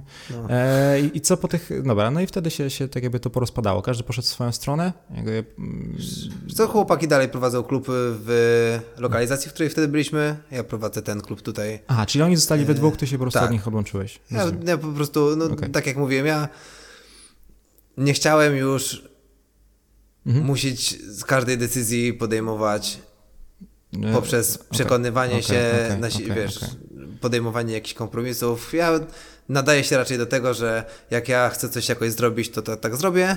Nawet jak e, na przykład e, chłopaki, z którymi teraz pracuję, nasza kadra do jakiegoś pomysłu nie jest czasem przekonana, co się na szczęście nie zdarza nam tak super często, no bo starałem się po prostu nauczyć Rozumiem. tłumaczyć jakby dlaczego za tym, co coś wprowadzam. Staramy się po prostu bardzo dużo rozmawiać. To, to, to są takie rzeczy, których się uczysz na takich sytuacjach, nie? My teraz z trenerami raz w tygodniu staramy się po prostu pójść razem na śniadanie, obgadać czasami jakieś rzeczy, które musimy klubowo obgadać, ale czasem nie mieć na to spotkanie zupełnie żadnej agendy, nie? Po prostu rozmawiać dużo ze sobą. Okej. I, I jak jest jakiś pomysł, tak jak na przykład y, pomysł przejścia na programming z NC Fit Collective, no to to nie jest tak, że ja przychodzę z super nowiną, chłopaki od jutra jesteśmy NC Fit Collective, będziemy oferować 30, 45 i 60 minutowe zajęcia i w ogóle proszę bardzo, tylko to jest proces, nie? Ja wpadam na taki pomysł, po prostu słucham, ten pomysł wziął się z podcastu, nie? Okej. Jason Kalipa ma swój podcast. y, On naprawdę mocno wierzy w to, że ten program może zrobić coś dobrego. Oni mają bardzo dużo lokalizacji swoich, no bo to jest ponad 20, licząc z korporacyjnymi. No i wszystkie lokalizacje podążają tym programem. Więc oni mają bardzo dużą próbę ludzi, na których to e, ten program NC Fit Collective testują. A to Jason Kalipa go tworzy, czy... Tak, tak. A, nie wiedziałem. E, nawet. e, mają bardzo, znaczy nie wiem, czy on to rozpisuje, osobiście nie Okej, sądzę, nie? Okej, ale promuje to. Ale no to się nazywa NC Fit Collective, czyli wiesz, NC Fit to jest te, jego sieć klubów. Aha, okej. E, oni mają lokalizacji, wydaje mi się, 6 komercyjnych i 20 lokalizacji. O, To jest w ogóle coś, co Kalipa robi, czego nikt inny nie, robi praktycznie, czyli lokalizacje tak zwane korporacyjne. W siedzibie Twittera, box tylko dla pracowników Twittera, w siedzibie jakiegoś tam, nie wiem jakich jeszcze firm, ale A to wielkich. są w formie franczyzy jakiejś, czy... Nie, to są jego, po prostu jego własne lokalizacje. On jest w ogóle, on jest... To nie wiedziałem, że on taki biznesowy chłopak jest. on jest z tego co wiem dalej stuprocentowym że właścicielem tej firmy. wielki niedźwiedź, wielka łapa i On jest- trening i to jest tyle. A, On w ogóle jest po studiach biznesowych. Aha. On miał jakiegoś, e, ja bardzo jestem zainspirowany Jasonem Kalipą. Okej. E, Miał jakiegoś e, mentora biznesowego, który bardzo mu pomagał w tym od początku i on miał jeden klub, Mhm. rozrastał te kluby, ale potem w, w jednej z dużych firm, nie jest to firma, która jest na jakimś polskim rynku, nie pamiętam jej nazwy szczerze mówiąc, ale po prostu najpierw prowadzili zajęcia takie, że firma przyjdzie do boksa, potem Tak. jakieś tam powiedzmy chałupnicze organizowane w boksie, a teraz oni się rozrośli do tego poziomu, że oni po prostu wchodzą do dużej firmy w ten sposób, że dostają pomieszczenie, Mhm. wyposażają to tak jak masz najlepsze boksy, jakie sobie wyobrażasz, w Tak, całe od stóp do głów, rock fitness jest- i tak dalej. I w takim klubie korporacyjnym, wiesz, od rana do wieczora dzieją się zajęcia, bo to są korporacje, które mają setki tysięcy pracowników. Ca całe I kampusy ci są, pracownicy, na każdą godzinę masz 15 pracowników, którzy tak, pracują i oni tych lokalizacji mają wiele i w ogóle mają, z tego co ja wiem, te lokalizacje nie tylko w Stanach, ale w Szanghaju, w Malezji, w jakichś takich azjatyckich krajach. I to No, jest wszystko. No, jego, no, no. nie? Okej. I, oni, I teraz kolejny jakby pomysł rozwoju, jaki powstał, o którym na, najpierw tylko rozmawiali, potem faktycznie powstał, to jest ten NC Fit Collective. Mhm. Czyli jest to usługa subskrypcyjna, jesteś jako klub członkiem czegoś takiego i masz dostęp do programingu, który oni oferują we wszystkich swoich lokalizacjach. To jest programik, który oni testują na 20 paru lokalizacjach jako swoi trenerzy. Rozumiem. No i powiedzmy tam z miesięcznym opóźnieniem czy tygodniowym on jest y, dostępny w aplikacji. I on jest chyba kierowany do osób, jeżeli mówimy, jeżeli to są na przykład w dużych korporacjach, to są osoby, które normalnie pracują przed komputerami, biurowo, e, które też nie są jakoś tam super związane ze sportem, tak? Czy, czy to Wiesz co, są... programming y, jest, y, to, na, to tak naprawdę nie jest jeden programming, tylko sześć. I, i wy, to wy w tak. ramach jednej subskrypcji Tak, w jednej subskrypcji mamy sześć programmingów, to jest tak. Mamy programming 30-minutowy. Mhm. My, my te zajęcia nazywamy Move 30. U nich się te wszystkie nazywa po prostu e, NC30, NC45 i tak dalej. No my, wiadomo, chcieliśmy na to mieć jakieś swoje nazwy. Mhm. E, Move 30 to są zajęcia półgodzinne i na nich nie ma w ogóle sztangi. Okej. To są zajęcia półgodzinne, które składają się z prostych ruchów. Relatywnie, bo na przykład mm, jest e, na tych zajęciach zdarza się rwanie czy jednym, czy dwoma hantelkami. Okej. No ale nie zdarzają się jednak, wiesz, overhead skłaty czy podciąganie. To są zajęcia, gdzie masz 4 do 6 minut rozgrzewki. No i potem całkiem długi i intensywny workout, bo to jest czasem 18 minut AMRAP, czasem to jest 20 minut EMOM, więc to nie jest tak, że to są łatwe zajęcia, nie? To nie jest tak, że my tego nie nazywamy zajęcia dla początkujących. Rozumiem. To są programy, które mają trafić po prostu do różnych ludzi w zależności od tego, czego oczekują. Więc jeśli ty na przykład masz mega mało czasu, jesteś super zalatany, jesteś biznesmenem, chcesz wpaść, super, robić, zrobić super szybki, intensywny trening, nie chcesz się uczyć żadnych trasterów, nie chcesz e, Tak, tak, tak, nic tak, takiego, tak. tylko wpa- wpadasz, super intensywny workout z airbike'em, burpeesami, slambolem Trochę i spadasz do domu, i- to to i- jest dla ciebie. Mhm. Albo my oferujemy ten trening naraz z CrossFit Kids. Czyli na pół sali odbywa się CrossFit Kids, na pół sali odbywa się Move 30. Rodzice mogą przyprowadzić dzieciaka, dzieciak sobie ćwiczy, rodzic w tym czasie e, bierze sobie udział w tych zajęciach. Mhm. Wiadomo, że rodzice nie przyprowadzają tych dzieci do nas codziennie, tylko raz w tygodniu, dwa, więc nie musi być super zaangażowany w ten swój crossfit, ale nie siedzi na kanapie, nie czeka na dziecko, tylko robi coś ze sobą. Nie? Bardzo, od kiedy wprowadziliśmy ten program, to ludzie, którzy do nas przyprowadzali dzieci na CrossFit Kids z miesiącami i nie mieli żadnego zainteresowania zostania naszym klubowiczem wcześniej, Tak? po prostu tak popatrzyli na te zajęcia i myślą, no dobra, to ja spróbuję. Okej. I, I są z nami do dzisiaj, nie? Super. I potem okazuje się, że te osoby po jakimś czasie może chcą pójść na trochę bardziej skomplikowane No, zajęcia, może chcą zrobić coś więcej, nie? E, osoby, które zaczęły w ten sposób były dzisiaj z nami na rankru, czyli nawet chcą w niedzielę pójść i zrobić trening interwowy na bieżni, nie? O czym na pewno sobie wcześniej Ekstra. nie myślały. Super. Więc to jest ten pierwszy program. Czyli nie mamy wiem, czy 15, 30, 30, no. 45 i 60. 15-minutowego nie ma. I- i Wydaje mi się, że to byłoby niewykonalne, szczerze mówiąc. Okej, i to są, jest, czyli są trzy rodzaje zajęć i to są e, wszystkie zajęcia, które macie w grafiku rozpisane sobie. To są trzy rodzaje głównych zajęć Okej. i do tego mamy jeszcze program, który nazywa się, oni, oni nazywają NC Bern. Mhm. To jest też 30-minutowy program, który jest jeszcze w ogóle skrajnie odarty z jakiejkolwiek y, inte, y, nie, nie, intensywności zdecydowanie nie, z, Sztank? z jakiegoś poziomu skomplikowania. Okej, Tylko jest tak naprawdę obwodem stacyjnym. rozumiem. Różni się tak naprawdę od zajęć jakichś y, takich fit, na fitnessie i tak dalej. Mhm. Tylko tym, że u nas trener to jest osoba, która jest naprawdę wykwalifikowana, jeśli chodzi o nauczanie ruchu jak są tam jakieś przysiady czy coś, to on cię nauczy tego dobrze. I my ten, te zajęcia po prostu sprzedajemy jako taki program bootcamp. Okej, Czyli dla osób, które. No właśnie dla tych osób, jako. Staramy się obniżać barierę wejścia dla ludzi najbardziej jak się da. Nie w sensie finansowym, tylko w takim sensie to jest nie dla mnie, to jest za trudne. rozumiem. Więc ten program to jest program, na który przyszły do nas naprawdę osoby, które jakbyś powiedział im idź na crossfit, w życiu by nie, nie, Tak, zaparłyby i- się rękoma i nogami. I nie idź na crossfit jest bardzo, bardzo duży punkt, punkt- wejścia. E, e, Mając tyle tak jakby lat wspólnego z crossfitem, to widzę, że ludzie bardzo często mówią, że nie, to nie jest dla mnie, to jest za trudne, bo patrzą na tych wszystkich naładowanych e, koksów, które po prostu, wiesz, każdy krata na brzuchu i tak dalej, gdzie ja jestem w stanie to zrobić, te wszystkie przysiady. Bardzo jest tak jakby duży punkt wejścia i ludzie się boją ogólnie przyjść, więc to faktycznie może mieć e, jakby dużo łatwiejszą, e, to czy inaczej.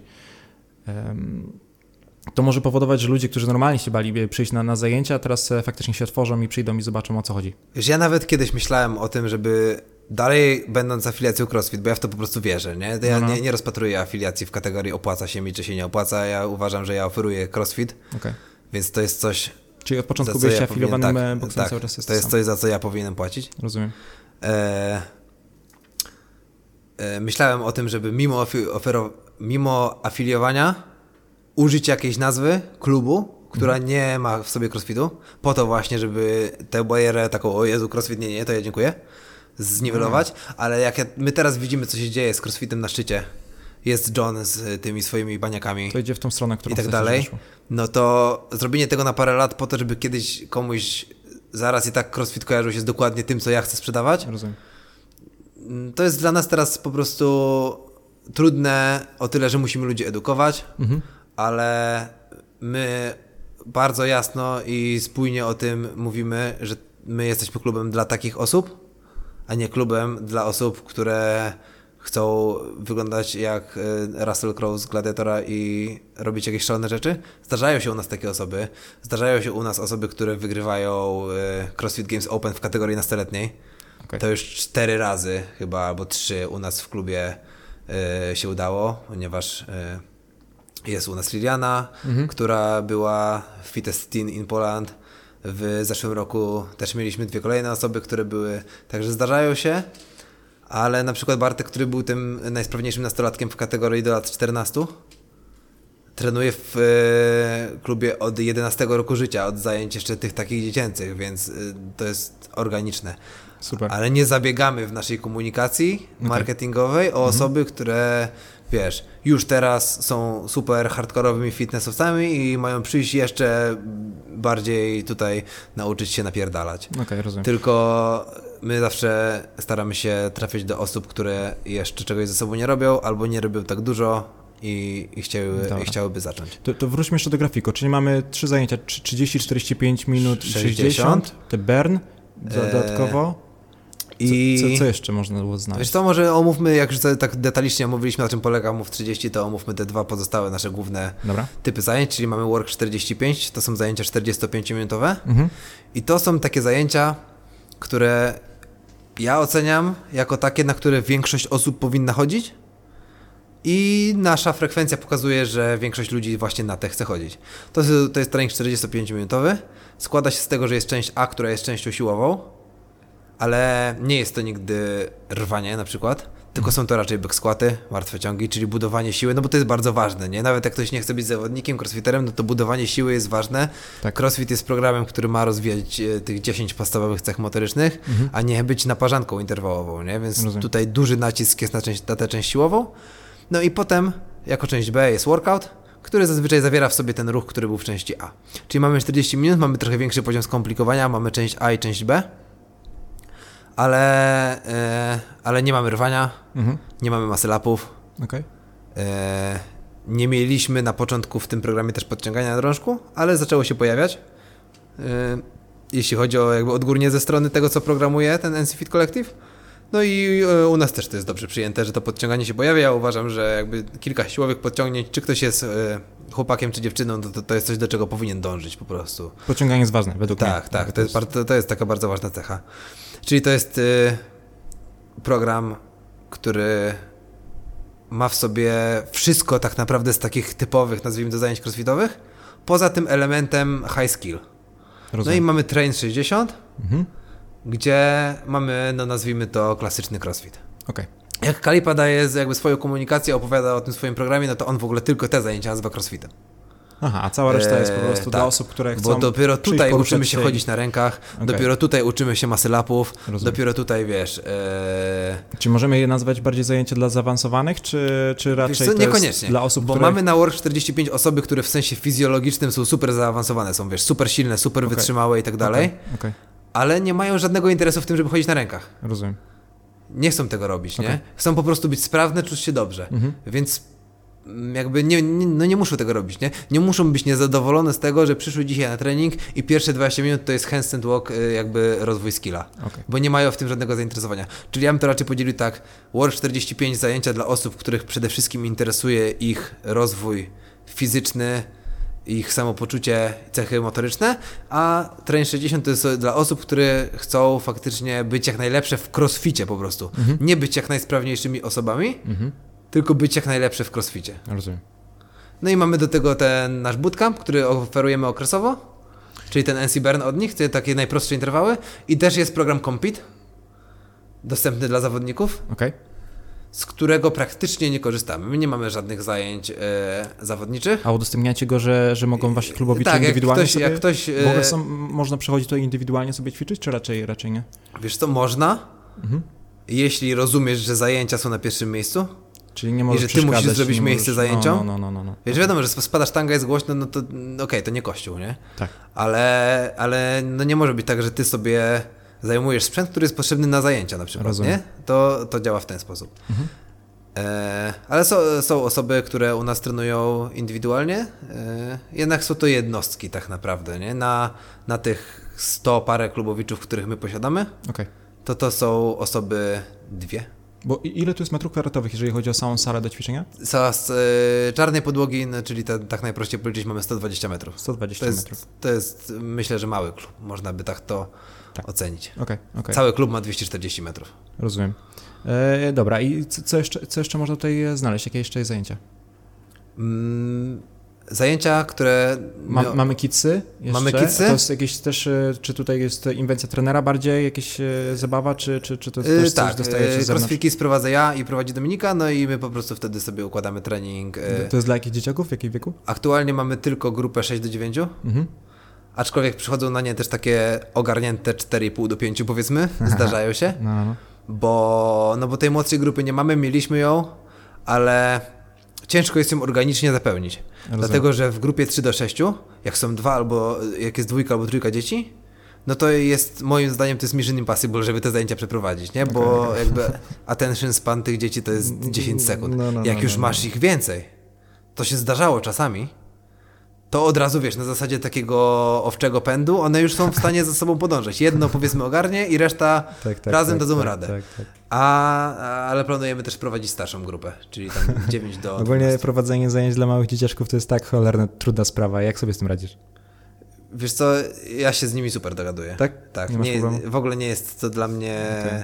problem. Jakoś, nie wiem, znaczy może z takimi małymi super to nie aż tak, ale z takimi dzieciakami właśnie tam 6 lat, 7 to może nadajemy w jakiś sposób na tych samych falach. Wiesz, ja mam, mam tatuaż z Kubusiem Puchatkiem, zawsze dzieci mówią, wow, nie, i tak dalej. Okej. E, Czyli dzieciaki. E, Tak, i zajęć takich, wiesz, y, jakiegoś na przykład ketli i tak dalej, my w ogóle nie Czyli oferujemy. specjalistycznych typu Mamy- e, na przykład samo weightlifting albo Mamy sam weightlifting w sobotę. Aha. Również powstało to organicznie, Mhm. dlatego że jeden z trenerów Sebastian po prostu, on się w tym odnajduje i on bardzo chciał takie zajęcia poprowadzić. Rozumiem. I, no i wprowadziliśmy to, no i to jest wiadomo, to jest trudna część crossfitu. I fajnie, jak są osoby, które na ten raz w tygodniu, w sobotę się zbiorą i będą chciały sobie coś ekstra w tym weightliftingu popracować, żeby móc w workoutach brać trochę cięższe ciężary i tak dalej. To jest też ważne, moim zdaniem, jeśli chodzi o zajęcia weightlifting w klubie, względem zajęć prowadzonych przez trenera crossfitowego, bądź outsourcingu i zajęć przez trenera podnoszenia ciężarów. Bo robiliśmy takie rzeczy w przyszłości i ja uważam, że to się nie sprawdza. Dlatego, że trener podnoszenia ciężarów, nawet jak się z nim rozmawia o tym, e, jeśli on w tym siedzi, wiesz, ciężko jest im. Ja po prostu takiego trenera nie spotkałem, który potrafiłby to podnoszenie ciężarów zrozumieć, że my ich tutaj uczymy po to, że oni chcą sobie wziąć trochę cięższą sztangę na workaucie i to jest szczyt ich marzeń, a nie pod olimpiadę, nie? Rozumiem. I yy, Czyli trochę za duże ta- ambicje są u tak, są duże ambicje i ja uważam też, że ta polska szkoła podnoszenia ciężarów, Mhm. mam nadzieję, że nikt mnie tutaj nie zlinczuje za to, ale jest bardzo dobra, ale jest zoptymalizowana pod kątem tego, żeby robić wynik, a nie pod kątem tego, żeby była jakby ta długowieczność zapewniona, nie? Jest zoptymalizowana pod kątem u mnie się zapierdala Okej, i podniesiemy wielkie ciężary, okej, okej. ale po, przełożenie tego weightliftingu na życie, no nie, nie istnieje po prostu, nie? Ale to nie jest właśnie ta taka grupa, która zapisuje się na weightlifting po to, żeby zwiększać te swoje maksy i żeby, żeby to... Wiesz co, oni chcą zwiększać swoje maksy, ale oni nie chcą robić tego kosztem. Tego, że będzie ich bolały plecy, kosztem tego, że ma, musi im się od czasu do czasu coś tam Okej. wydarzyć. Oni chcą po prostu mieć to jako dodatek, nie? Rozumiem. Dobra. Jako tą jedną godzinę. Lubią na workoutach podnosić te ciężary, chcą sobie to porobić przez tą, to jest półtorej godziny u nas, także przez te 90 minut, ale, ale no nie podporządkowują temu swojego treningu i tak dalej. Dobrze. I teraz e, dzisiaj mieliśmy jeszcze zajęcia z biegania. One Tak. są e, co tydzień w, w niedzielę. Co tydzień w niedzielę są bezpłatne. Nie jestem w stanie tego jednoznacznie określić jako nasze zajęcia jakby z grafiku klubowego, nie? Bo to jest Rozumiem. jakby inicjatywa, w której mocno uczestniczymy, którą zapoczątkowaliśmy, no ale duża część uczestników też chodzi tylko na to, a są biegaczami czy triatlonistami i jakby ich grafik treningu jest wypełniony swoim treningiem Mhm. własnym. A no, tak jak ty na przykład mi dzisiaj powiedziałeś, że zazwyczaj po prostu idziesz i biegniesz, Idę i nie? biegnę, no. Nie robisz treningu takiego interwałowego, stricte na bieżni. Dla takich osób, które są biegaczami, nawet robią super wyniki, robią maratony i tak dalej, taki trening to jest super dodatek, jeśli ktoś im to poprowadzi. Wiesz, nie tylko robią objętość, 100% tylko nagle uczą się biegać różnie. Tak, tak. To jest jakiś I- zawsze nowy bodziec. e, I do- początkowo te osoby patrzyły na nas nieufnie, Mhm. no wiesz, oni biegają maraton 3.10, my przychodzimy z crossfitu i tak dalej, no ale po prostu wydaje mi się, że tym, że po jednej osobie, po dwóch zobaczyli, że to działa, no to po prostu udało nam się zapracować na to, e, Okej. na tą po prostu zaufanie. Coś jeszcze w grafiku możemy Właśnie znaleźć? nie. My, ja uważam, że klub crossfitowy Rozumiem. najfajniej, jeśli specjalizuje się w crossficie, nie? Okej. I i my oferujemy, ja uważam CrossFit za program, który jest w stanie najdoskonalej człowieka przygotować do życia po prostu, nie? To jest coś cudownego. I na szczęście dzięki metrażowi, na którym udało nam się zmieścić, nie muszę się dy- dywersyfikować w ten sposób, że mam na jednej sali ketle, na drugiej crossfit, na trzeciej jakieś jeszcze coś takiego, tylko mam możliwość oferowania tego, tylko tego, w czym jesteśmy najlepsi, czyli tylko crossfitu. Dobrze. I to jest jakby model, w który ja wierzę. E, czy po jakichś zajęciach zawsze macie jakieś rozciąganie, czy, jakaś jest tutaj, nie wiem, e, formuła, bo na przykład bardzo często można zobaczyć tak, że ludzie mają specjalną salę, gdzie wpuszczają, e, tam leci Roman, w sensie Romwot i, i sobie tam My wszyscy- właśnie tak robimy, tylko że nie mamy specjalnej sali. Okej. Ja się zawsze śmieję, że zapraszam na salę lawendową, ale to jest po prostu ta pierwsza, jedna trzecia od białej ściany. Aha, okej, okej, okej. Także po Tam jest zajęciach telewizorek, czy jak to działa? telewizor mamy na słupie, on robi za zegar, Mhm. więc yy, na rozgrzewce trener zawsze wie, że musi sobie poradzić bez zegara. Okej. No bo telewizor na te, puszczamy tę skróconą 15, wersję, dwa- aha, czyli e, 15 minut czyli mniej tam więcej. 13-14 minut. Okej. I zazwyczaj większość grupy na ten romot zostaje, nie licząc tej najwcześniejszej porannej grupy, którą mamy o 5.45 rano. I, I to jest bo po, po każdych zajęciach, nawet tych po, każd- po 30-minutowych? każdych zajęciach puszczamy romot, tak. Okej, rozumiem. My też y, nie mamy grafiku ułożonego na sztywno, Mhm. że zajęcia się zaczynają po zajęciach, tylko mamy 5 minut przerwy, czasem mamy 10 minut przerwy co umożliwia temu, uważam, co jest bardzo ważne, takiej socjalizacji dla ludzi, nie? Że to nie jest taka maszynownia, że jedni wyjeżdżają taśmą z jednej strony, ci już wychodzą do szatni, Okej. tylko że skończyły się zajęcia, jest 5 minut, gdzie wszyscy mogą ze wszystkimi pogadać, że trener cię nie goni, ty już chodź, bo jest rozgrzewka, Rozumiem. tylko wszyscy mogą sobie stanąć, pogadać. Jak ci, jeśli akurat jest taka sytuacja, że trener ma trzy zajęcia z rzędu, no to też ma okazję po prostu skoczyć się, wysikać, nie? czy zjeść batona. No, no, no. E, także wprowadziliśmy te przerwy jakiś czas temu i uważam, że działają dla nas bardzo dobrze. E, To ty ile tak jakby zajęć prowadzisz w ciągu całego tygodnia? Ile, ile dziennie? Ja osobiście? Mhm. Chwila na matematykę. Wydaje mi się, że ja prowadzę koło 6-7 zajęć Przez cały tygodniu, To są- a mamy 9 zajęć w grafiku dziennie. Także większość zajęć nie prowadzę ja. Większość Czyli zajęć macie prowadzą około nasi trenerzy. w tygodniu około 50 zajęć w grafiku, tak, a ty ja prowadzisz prowadzę tylko 7. To, I to są go dzieciaki.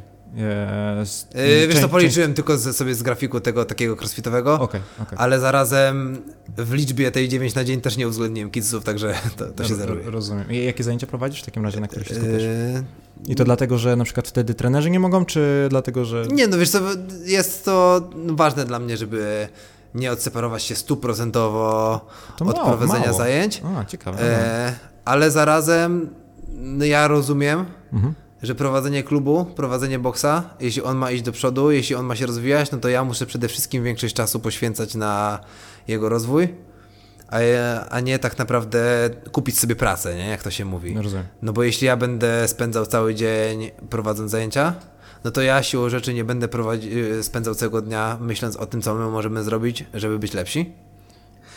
E, Dobra, bo tutaj już powoli przechodzimy w, w czasy teraźniejsze, a Tak. my w pewnym momencie się skończyliśmy na tym, że e, przeszedłeś tutaj, e, tak jakby rozstaliście się ze wspólnikami i wtedy co? Zacząłeś prowadzić e, ten klub w pojedynkę już. tak, zaczęliśmy prowadzić ten klub z moją byłą żoną. Mhm.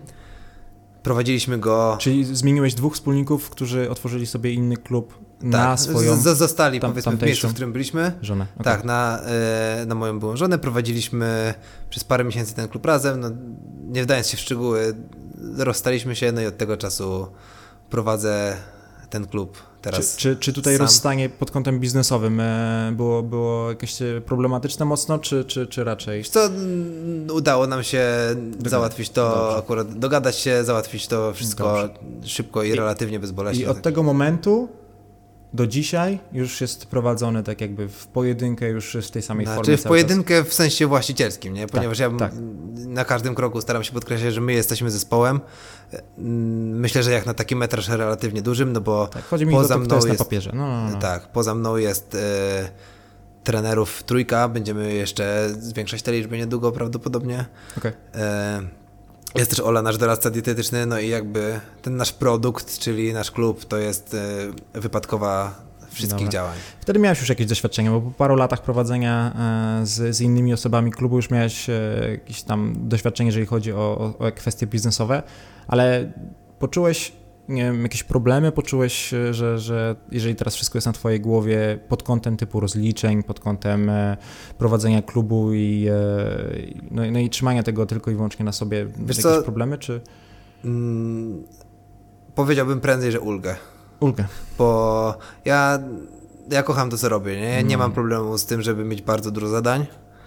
A jakby miałem wtedy dopiero pewność, że wszystko będzie zrobione tak, jak ja uważam, że powinno, wtedy, kiedy być zrobione powinno. Rozumiem.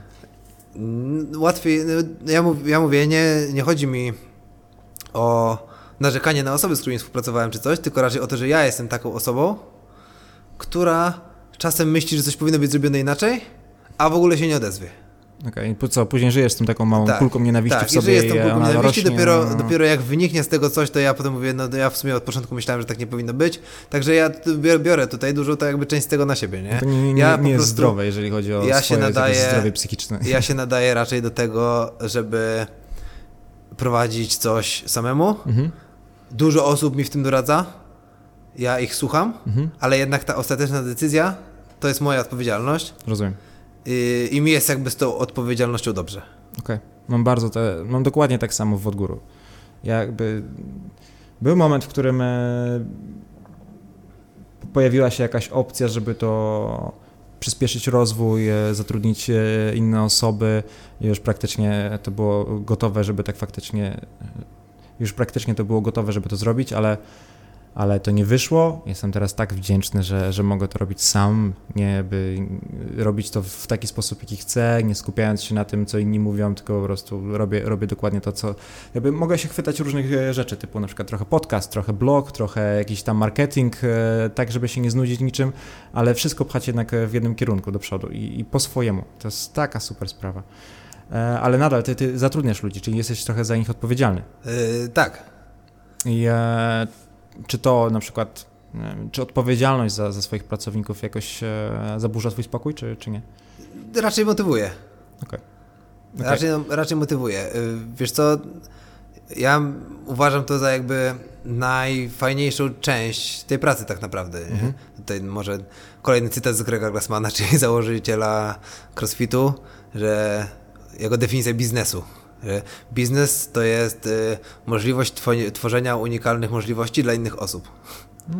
No, to jest jego y, definicja biznesu, nie? Więc tak naprawdę ja mógłbym zarabiać więcej pieniędzy, mhm. tylko prowadząc klientów indywidualnych, których teraz prowadzę. Mhm.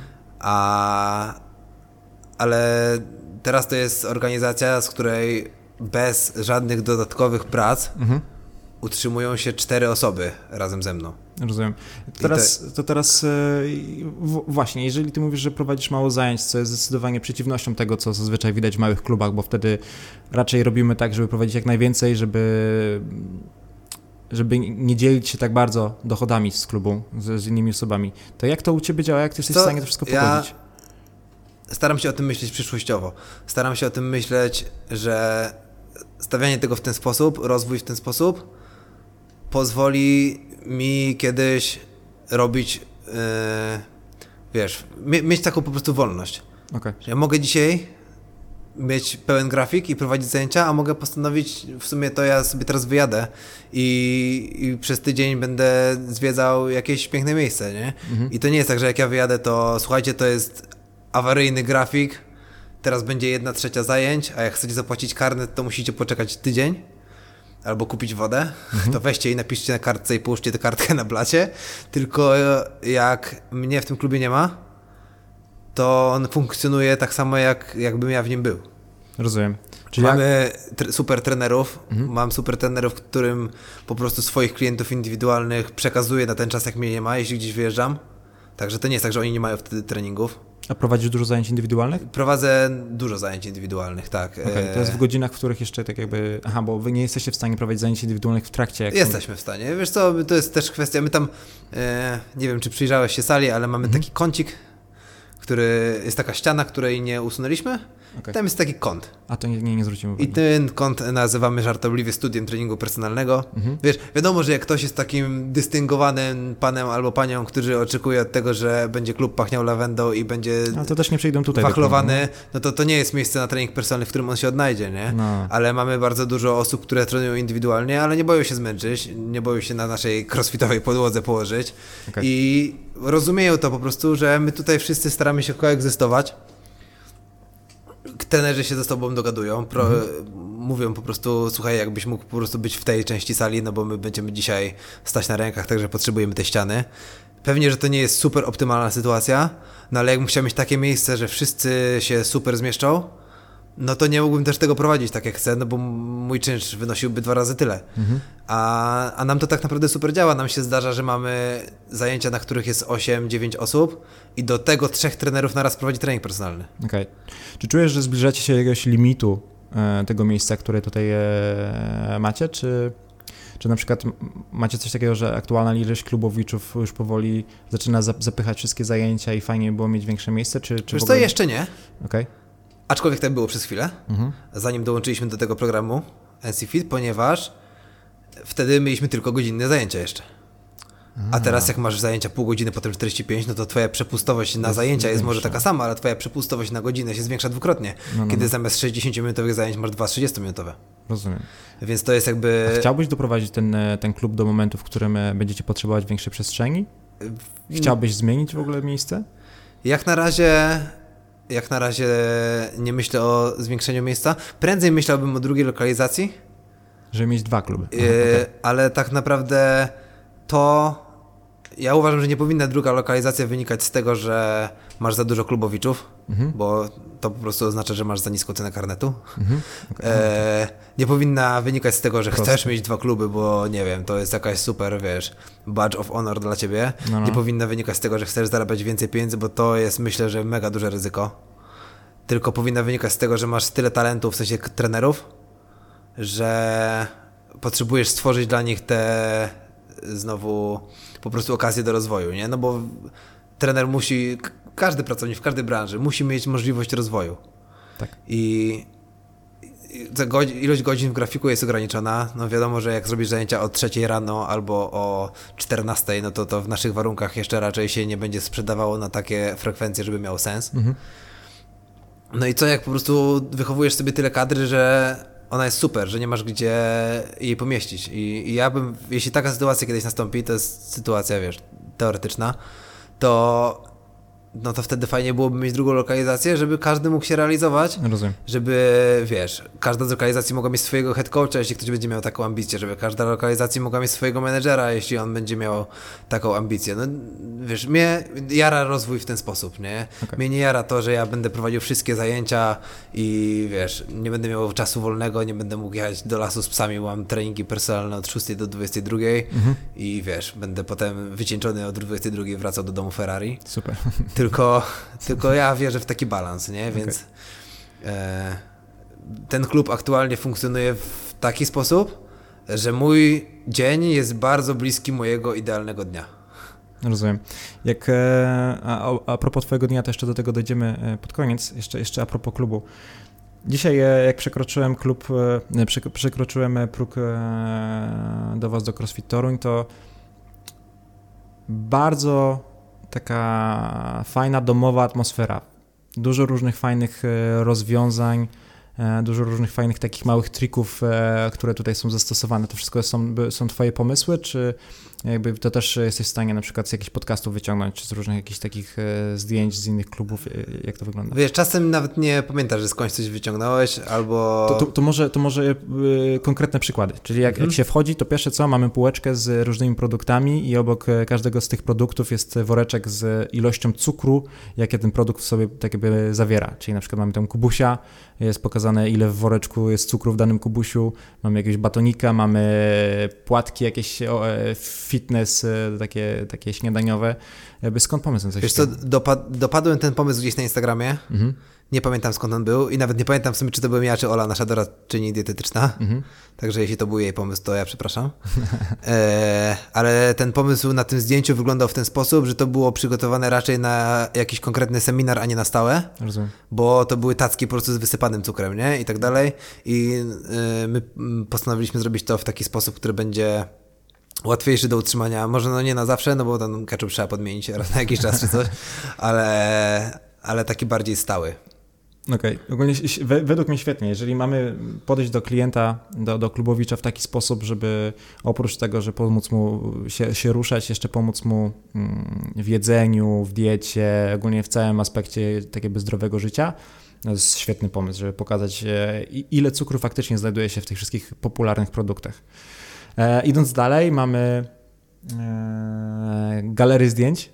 Ja, ja, jak to działa? Macie tutaj jakiegoś, e, jakiś aparat? My takiego, to się nie nazywa Polaroid, tylko Instax. Tak jest. To jest naprawdę niedroga rzecz, taki aparat kosztuje 300, nie? Y, I, I jeśli... To jest też... Na początku robiliśmy... Wiesz, ktoś wchodzi pierwszy dzień, robiliśmy od razu zdjęcie, nie? Tylko, że Rozumiem. no stwierdziliśmy po jakimś czasie, że jednak warto by najpierw, żeby ci ludzie musieli się wykazać jakimś zaangażowaniem, więc my teraz mamy taką formułę, że najpierw ktoś przychodzi w prowadzenie, mamy czy ten on-ramp, o którym gadaliśmy, czy bo mamy też minimum trzy indywidualne treningi jako opcję wprowadzenia. Potem dostaje swój pierwszy karnet, który jeszcze nie ma dostępnych zajęć Train 60, czyli tych najbardziej skomplikowanych. Pierwszy karnet jest też u nas tańszy i potem dopiero przychodzi na karnet Open. I w momencie tego przejścia na karnet Open, że ja jestem już jakby zakorzenionym klubowiczem, to jest ten moment fotografii. A, czyli to trzeba zasłużyć No, troszkę. tak. Fajnie. I, I wtedy każdy dostaje zdjęcie i wpada na ścianę I wpada na ścianę. innymi klubowiczami. Czy wy te Zdarza się ktoś, zdarzają się czasem osoby, że się zapierają rękoma i nogami, że nie zdjęcia, jest że to, no to, to to też no jasne, że tak, nie to zmuszamy wtedy. Jasne. E, Ale to też jest super sprawa, tak jakby buduje taką waszą rodzinkę tutaj troszkę. E, mamy szatnię i mamy. Aha, wasz e, filtr do wody. No powiedz troszkę o tym, bo to jest e, świetna sprawa, czego wcześniej w ogóle nie widziałem, a według mnie to jest e, coś, co powinno się znaleźć w każdym klubie. Wiesz co, yy, za granicą Mhm. to jest nieco bardziej powszechne, nawet yy, zależy jaki jest stosunek kraju do picia wody, po prostu yy, takiej kranowej. Mhm. No bo na przykład, w, tak jak oglądam wideoblogi z Islandii, czy byłem parę razy w Szwecji w różnych klubach crossfitowych, no to oni po prostu mają tak zwany tam water fountain, czyli mają wodę bieżącą z kranu na sali, taki jest. kran. Tak jest. I tyle. No, u nas to myślę, żeby nie przeszło. Nie wiem, jak się na coś takiego zapatruje sanepid, że masz na środku sali ćwiczeń kran. Nie wiem, jak. E, myślę, że większość ludzi nie chciałoby pić kranowy. A mi pewnego dnia wyskoczyła po prostu reklama na Facebooku, że są takie dystrybutory, które filtrują wodę. Nie są z baniaka, tylko filtrują wodę prosto z kranu. No i ja stwierdziłem, wszedłem sobie w odgóru, przeanalizowałem sobie, jakie są nasze faktyczne przychody ze sprzedawania wody. Nie jest to, wiesz, nie są to może małe pieniądze, no ale ja nie uważam też, że nasz biznes polega na tym, że ja mam sprzedawać wodę, nie? Na tym polega biznes takich klubów, wiesz, Planet Fitness, które sprzedają karnet za 10 dolarów, czy tam tak, jakieś tam resztę kwity. robią na, na barze. A, a u nas ten bar to jest dodatek, to jest tak naprawdę udogodnienie dla ludzi. Okej. A nie, my, my na bar patrzymy na to, żeby klubowiczom było lepiej, a nie na to, żeby to było dla nas jakaś znacząca część przychodu. Więc stwierdziliśmy, że skoro możemy zrobić coś dobrego dla foku, dla fok i dla żółwi, możemy zrobić coś dobrego dla naszej czystości na sali, bo przestały się walać butelki. No i możemy zrobić coś ekstra dla klubowiczów, no bo mają wodę for free. Mhm. No to to jest takie trzy razy win. Tak Rozumiem. naprawdę nikt nie traci na tym, że, że mamy takie rozwiązanie w klubie. Okej. Jeżeli mamy osobę, która jest na przykład w miesiącu, załóżmy 12 razy na treningu, to za każdym razem jak płaci 3 zł za, za butelkę, to tak naprawdę jest e, prawie 4 dyszki w plecy. I teraz 4 dyszki, to można gdyby cenę karnetu podnieść na przykład o dwie dyszki, ale dać darmową wodę, żeby każdy po prostu No, znaczy ja myślę, buteleczką. że ja myślę, że tak naprawdę podnoszenie cen karnetów to, to nie jest taki prosty temat, to jest zawsze trudna rzecz. to nie jest prosty temat. E, my się na to zdecydowaliśmy, ponieważ e, Mhm. no, rozwój naszego klubu od momentu ostatnich cen był naprawdę duży. Poświęciliśmy masę pieniędzy wszyscy na szkolenia. Od za tydzień cała nasza kadra to będą trenerzy CrossFit Level 2 lub wyżej. Rozumiem. E, no bo tak naprawdę my nie chcemy wymachiwać jakimiś takimi rzeczami, wiesz, kupiliśmy airbike'a czy coś. Sprzęt nie jest tak naprawdę super ważny. Kiedyś się trenowało z e, tym, co się znalazło i tak dalej. My uważamy, że nasza wartość to jest nasz coaching. I staraliśmy się przede wszystkim tą wartość pokazać, no a ta woda to jest, e, no... Nie sądzę, żebyś miał zrobić w ten sposób. Słuchajcie, podnosimy cenę karnetów, ale woda jest za darmo. Koniec Okej, komunikatu, nie? okej, okej, okej, Tylko kiedy my podnosiliśmy cenę karnetu, no to myśleliśmy o tym bardzo długo. E, ja napisałem też bardzo chyba najdłuższego z wszystkich maili, jakie kiedykolwiek wysłaliśmy, który tłumaczył ludziom, dlaczego to robimy, i co przez ostatni rok zrobiliśmy po to, żeby stawać się dla nich lepsi i, tak naprawdę odbiór tego był w 95% przy, pro- procent przypadków bardzo pozytywny. My też pozwoliliśmy, to jest coś, co ukradłem od Magdy Górskiej z CrossFit Dopamin, także pozdrawiam, że nie wrzuciliśmy, słuchajcie, od dzisiaj karnety są wyższe, sorry, tylko podaliśmy informację, karnety będą podniesione za dwa miesiące. Do tego czasu, jeśli chcecie, możecie kupić sobie tyle karnetów po starej, cenie, po starej cenie, ile wam się podoba. A, czyli można naprzód dużo Tak, to jest coś, co ja zobaczyłem, że Magda wrzuciła, nie? Także No, mówię, no, no. tutaj że jest to jeden, jeden Super. do jeden przeniesiony pomysł i bardzo dużo osób się na to zdecydowało, nie? Okej. Mieli taką możliwość. No, no, no, no. E, Ba- bardzo fajnie. Słuchaj, Czyli, jeśli chodzi o rozmowy z klubowiczami, tak naprawdę bardzo dużo osób po prostu nawet, wiesz, w szatni czy coś e, dawało taki pozytywny feedback, że oni widzą, ile tu się dzieje, ile, ile my się staramy. Nasza podwyżka ceny, ja się jej bardzo bałem, nie? No, Jak ja jasne. wysyłałem tego maila, to miałem, wiesz, stróżki potu na czole, ale... to, to była podwyżka z jakiej ceny na jaką? Ze 199 zł na 229. I mówimy o, czyli tak jakby trzy dyszki Tak. e, i to był karnet open, tak jakby Wiesz karnet... co, my mamy tylko karnet open Aha, i karnet na 10 wejść, rozumiem, który nie ma terminu ważności, okej. y, który kosztuje 275 zł. Po prostu nie chcemy, żeby ktoś dyktował jakby pisał swoją jakby receptę na to, jak on powinien dbać o siebie, Mhm. patrząc przez pryzmat, o ten karnet jest tańszy, to ja będę ćwiczył tylko dwa razy w tygodniu. Chcemy, żeby A. karnet do nas, dostęp do naszej wiedzy, do, naszych, y, do naszego coachingu kosztował tyle, a żeby każdy ćwiczył tyle, ile powinien. Rozumiem. Masz ćwiczyć Rozumiem. trzy razy w tygodniu na, na razie?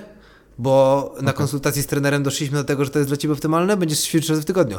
Ale masz chodzić rano na 45 minut, a wieczorem na 60? Mhm. Możesz to robić, nie? Każdy powinien trenować tyle, ile, pow- ile powinien, nie? A, a czasami nawet tyle, ile by chciał, a to jest czasem trochę więcej niż powinien. Okej. Chcemy po prostu, nie chcemy, żeby ktoś przez to, że zabrakło mu w tym tygodniu wejścia, wiesz, obudził się zmotywowany na trening i myślał, no nie, no nie pójdę, nie? Chcemy, chcemy, żeby takie decyzje w ogóle zdjąć. Tak, tak, tak.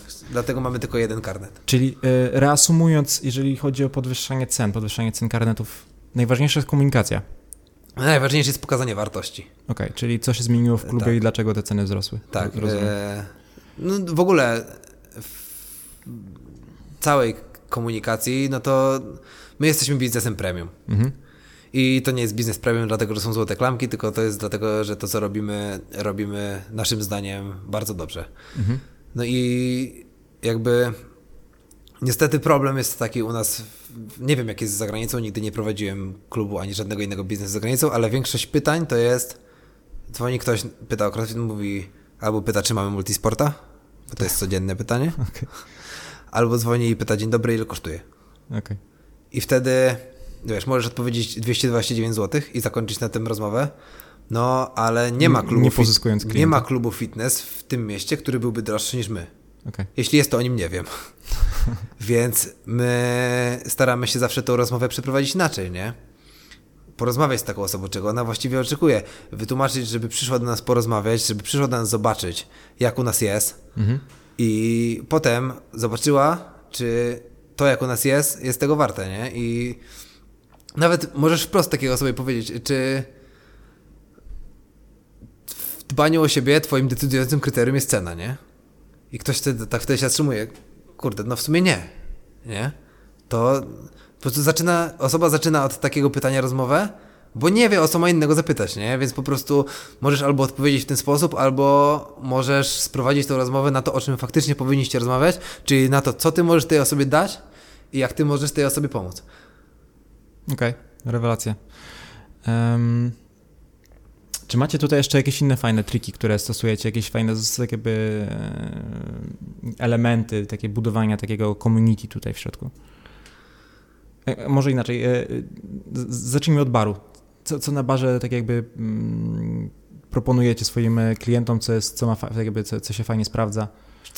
Okresowo się sprawdzają rzeczy, wiesz. Okej. Jeden rodzaj batona się sprawdza przez 3 miesiące, potem wprowadzasz nowy rodzaj batona, już nikt nie kupuje tego starego, nie? Więc przestajesz Rozumiem. go A wy tutaj zamawiać. cały czas kogoś macie na recepcji, czy Wiesz co, raczej... my mamy nie tylko kogoś cały czas na recepcji, Sebastiana, ale jest on też, mm, nazwijmy to, menedżerem general, generalnym klubu, Mhm. więc odpowiada za wszystkie tak naprawdę operacje day to day, czyli za robienie bilansów, za pilnowanie, że faktury są zapłacone. A, e, czyli oddałeś nawet takie e, tak. obowiązki tak Za- z siebie. za zarządzanie personelem sprzątającym na przykład, no bo y, to są też osoby, z którymi Sebastian rozmawia, y, Okej, za przygotowanie wypłat. rozumiem. To są jakby rzeczy, które, w, które małych, w Sebastian małych klubach, robi. kurczę, to jest zazwyczaj e, odpowiedzialność e, właściciela. Jakby, a, aż mnie to bardzo dziwi, No, że ty jesteś tylko w to stanie... są bardzo zorganiz- nierzadko odtwórcze rzeczy, nie? No Robisz nie, dokładnie taką to samą jest- tabelkę. Trzeba odbębnić, nie? Do, no właśnie. Więc ja staram się z, doprowadzić do tego, że ja nie robię rzeczy, które trzeba odbębnić. No ale trzeba się jeszcze utrzymać, trzeba jeszcze tak jakby zapłacić swoje rachunki e, i, i zarobić na jakieś tam, na jakoś tam na, na siebie, na swoją rodzinę, na, na, na swoje auto i na, na, na mieszkanie i tak dalej. Jesteś w stanie to wszystko pogodzić, e, przy, przy, tak jakby przekazując aż tyle... Jestem w stanie, aczkolwiek no, ja jeszcze prowadzę dużo zajęć indywidualnych. A, a jak optoma... Aha, rozumiem. Ja y, nie byłbym w stanie utrzymać się z tego jeszcze, nie prowadząc treningów indywidualnych, Okej. ale jakby nasze, zmierza nasze zmierzanie jest do tego, żebym kiedyś był. To nie znaczy, że zamierzam. No właśnie, a w, Ale w to jaki znaczy- sposób chcesz to wszystko zoptymalizować w taki sposób, żeby to zarabiało na siebie, a, a ty byś tak naprawdę Wróćmy na Malediwach? nawet na chwilę do. Wiesz, siedzenie na Malediwach to jest jeden, jedna super rzecz, ale wróćmy do Jasona Kalipy, mojej tutaj Okej, tak, inspiracji, tak, nie? tak, tak. Jego córka Ewa okazało się, że ma białaczkę pewnego momentu. Tak, śledzę. I dzięki temu, że jego klub był właśnie w taki sposób zoptymalizowany, że on w nim działa, nie? On jest mega zaangażowany, ale okazała się ta sytuacja i on, w, nie wiem, czy książkę Jasona czytałeś, nie Mentality, on napisał jednego maila od tego momentu. Nie będzie mnie, nie wiem do kiedy. I to sobie wszystko działało samo Tak. od tego momentu. O kurde. I do niego się nikt, i wiesz, Ciereczka mnie przeszła no troszkę. właśnie, nie? On napisał, nie będzie mnie, nie wiem do kiedy, był w stanie się stuprocentowo zająć tą dziewczyną, No, no, no. E, wiesz, zająć się swoją żoną, której na pewno było mega ciężko w tamtej sytuacji, Mhm. bez obaw o to, że za trzy miesiące nie będzie miał z czego żyć, nie? Tylko były systemy na miejscu, które sprawiły, że nic się nie rozpadło, nie? I jakby budowanie takich systemów to jest coś, co ja teraz poczytuję za moją główną odpowiedzialność, nie? A nie robienie tabelek z tymi samymi fakturami za te same batony z Rozumiem. miesiąca na miesiąc. Rozumiem. I w, w jaki sposób, jakie są techniki takiej optymalizacji klubu, żeby to działało sobie wszystko zamiast ciebie, żeby bez, bez ciebie, żebyś nie musiał wszystkiego doglądać, takiego, nie, nie robić takiego micromanagement, jak to się tam nazywa. Słuchaj, najważniejsi są, systemy są ważne, ale ludzie są najważniejsi, nie? Bo to, to nie jest McDonald's, więc tak, tak, no, tak. nie uda ci się, moim zdaniem przynajmniej, stworzyć takich systemów, że każda osoba, którą zatrudnisz po prostu z ulicy będą w stanie robić to w taki sam sposób. No dlatego ja mówię, że naszą największą siłą, naszą największą wartością są nasi trenerzy. E, tak uważam. No, ale no na przykład z decyzja, że nasz programming to jest ten NC Fit Collective, wiesz, pewnie, że możesz rozpisywać swój programming, ale czy zrobisz to lepiej niż zespół 20 trenerów Jasona Kalipy, którzy testują to na 3000 klubowiczów? No kurde, ja uważam, że to jest takie, wiesz, Często ludzie mówią, że to, że, programowanie trzeba dopasować trochę do swoich e, klientów, do swoich klubowiczów. ja, a ja pójdę w ogóle w jakimś totalnie przeciwnym kierunku i ja powiem, że programowanie nie ma znaczenia, nie? E, Aha, i, i, Okej, to i- tutaj na pewno dużo osób się nie zgodzi. że ale nie, nie ma znaczenia w sensie super, robimy dzisiaj wallbole, a No, no, jutro no. robimy trastery, a Okej. pojutrze robimy znowu wallbole, tylko Mhm. piłką innego koloru, nie? Programowanie musi być. Musi, trening musi być przemyślany, musi być zrównoważony i tak dalej. Ale zakładając, że robi to ktoś ogarnięty, no to to nie jest też fizyka kwantowa, nie? I to, czy, czy, czy trastery są jutro, czy w czwartek e, i czy dzisiaj będziesz wiosłował na ergometrze, czy robił airbike'a, to dla osób, przypomnę, do których my chcemy trafiać, czyli do księgowych i normalnych ludzi, no to nie ma znaczenia, nie? Rozpisują ten programik super specjaliści. Ten program, mamy trzy rodzaje programu. Tak, ale bardziej mówię o tym, że, sorry, że cię przerwę, No. że jeżeli nałożysz trochę za dużo objętości na, na, na, na ludzi, którzy chodzą do, do twojego klubu, to mogą zacząć się różne kontuzje. A jak zaczną się kontuzje, to tak naprawdę pójdzie to w zupełnie nie tym kierunku, którym byś chciał. No i dlatego masz trzy programy, Mhm. w których trzy rodzaje osób biorą udział. Okej, czyli Eee, oni, oni na podstawie tego, To jak po się pierwsze. Czu... Okej. A po drugie, programming uważam za rzecz drugorzędną, ale tak jak cały czas rozmawiamy, coaching za rzecz pierwszorzędną, nie? No czyli to, że na tablicy jest napisane to, to nie znaczy, że ci wszyscy ludzie robią to, tylko że tak w praktyce to z tych 10 osób powinno być 10 innych trochę wersji. Rozumiem. I tutaj wkracza nasza rola i tu jest nasza wartość, nie? No bo wiesz, ten programming to możesz sobie każdy kupić i możesz sobie pójść do CityFitu i sobie go zrobić, nie? Mhm, mhm. ale ja uważam, że najważniejsze nie jest to, czy robisz te trastery dzisiaj, czy robisz dzisiaj backskłaty, tylko to, jakie robisz. Czy ktoś sprawi, że ty robisz je we właściwy sposób? Okej. Czy ktoś przypilnuje, że ty masz właściwą intensywność, czy w sensie ciężaru i tak dalej? Czy ty się w to po prostu nawet zaangażujesz, nie? Czyli to community, nie? Że robisz to z kimś razem. To są, uważam, rzeczy. I to w ogóle nie jest jakiś mój tutaj selektywny pogląd, tylko jakby to, że programik nie ma znaczenia, to jest zdanie, które wielokrotnie wypowiadał jakby kolejna osoba, z którą ja jestem bardzo zapatrzony, czyli Ben Bergeron, czyli trener Katrin, Tak, tak. który co ciekawe jest osobą, który sprzedaje programming. A i tak uważa, że on ma trzeciorzędne znaczenie. Yy, Znaczy on sprzedaje programming dla zawodników, nie? A tutaj oczywiście, jeśli ktoś to zrozumie w ten sposób, że ja uważam, że dla zawodnika programming nie ma znaczenia, to nie. Zawodnicy mają, jeśli mają coś na 90% swojego potencjału, to to coś może ich wyrzucić z gamesów, nie? No patrz, yy, brodka bieganie czy coś, nie? Rozumiem. Więc jakby zawod... u zawodnika programming jest mega ważny. Zawodnik często musi po prostu zamknąć się w garażu, robić swoje w kącie, bo to jest coś, co jemu da po prostu jego największy progres. Ale dla ludzi, którzy przychodzą na zajęcia, uważam, że programming ważny jest, żeby był, żeby był na poziomie, żeby próbował osiągnąć jakby te cele, które oni chcą osiągnąć, czyli nie jakieś konkretne zazwyczaj, tylko chce się lepiej czuć jutro niż się czułem wczoraj. E, I najważniejsze jest to, jak ci ludzie się ruszają i jak, e, jak są w to zaangażowani. Okej. E, Macie tutaj taką ilość klubowiczów, że jesteście w stanie do każdego podejść indywidualnie i mniej więcej pamiętać na jakim poziomie ćwiczą i jakie im ćwiczenia zaproponować albo jakie skalowanie ćwiczeń? E, mamy tutaj na tyle małą ilość klubowiczów, że praktycznie, znaczy ja znam każdego z imienia i nazwiska, także jak ta osoba wchodzi, to ja wiem, kto to jest. Tak. Wszyscy trenerzy też znają wszystkich z imienia i nazwiska. No i w 99% przypadków my nawet nie musimy zadawać pytania na sali, czy wiesz, tak jak w dużych boksach musisz stanąć i zadać pytanie, czy ktoś ma jakieś kontuzje, czy tak dalej, nie? O wszystkich wiesz, tak naprawdę. Ty Z każdą z tych osób miałeś okazję porozmawiać. Rozumiem. I jeśli nie ty, to inny trener i my wtedy się wymieniamy takimi informacjami, że te osoby, u tych osób trzeba zwrócić uwagę na takie rzeczy. Mamy do dyspozycji w odgóru, w którym możesz dopisać tą notatkę i wtedy od razu, jak ktoś sobie patrzy, kto będzie u niego na zajęciach za godzinę, tam jest to takie i wyświetlone przy Tak, tak, tak, tak. człowieku. Ja w ogóle nie wiedziałem, że jest ta opcja. Pisałem do ciebie, że się dodał, nie? to nam bardzo pomogło.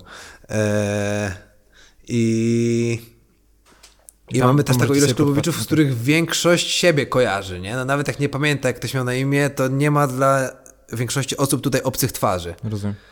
I, i my bardzo byśmy chcieli, żeby, żeby tak było, nie? No pewnie, że jakbyśmy może jednak nie podnieśli tych cen karnetów, tylko wprowadzili jakieś tutaj zamiast tego zniżki czy coś, może zaraz mielibyśmy tyle osób, że wszystkie zajęcia byłyby 100% pełne, nie? Okej. Ale być może wtedy już nie byłoby tak, że wszyscy jak tutaj wchodzą, to czują się trochę jak u siebie. I jakbyśmy to stracili, to myślę, że to byłaby bardzo duża zmiana na minus. Rozumiem. Kolejnym takim elementem, który jest bardzo fajny, jest wasza tablica przepisów dietetycznych różnych.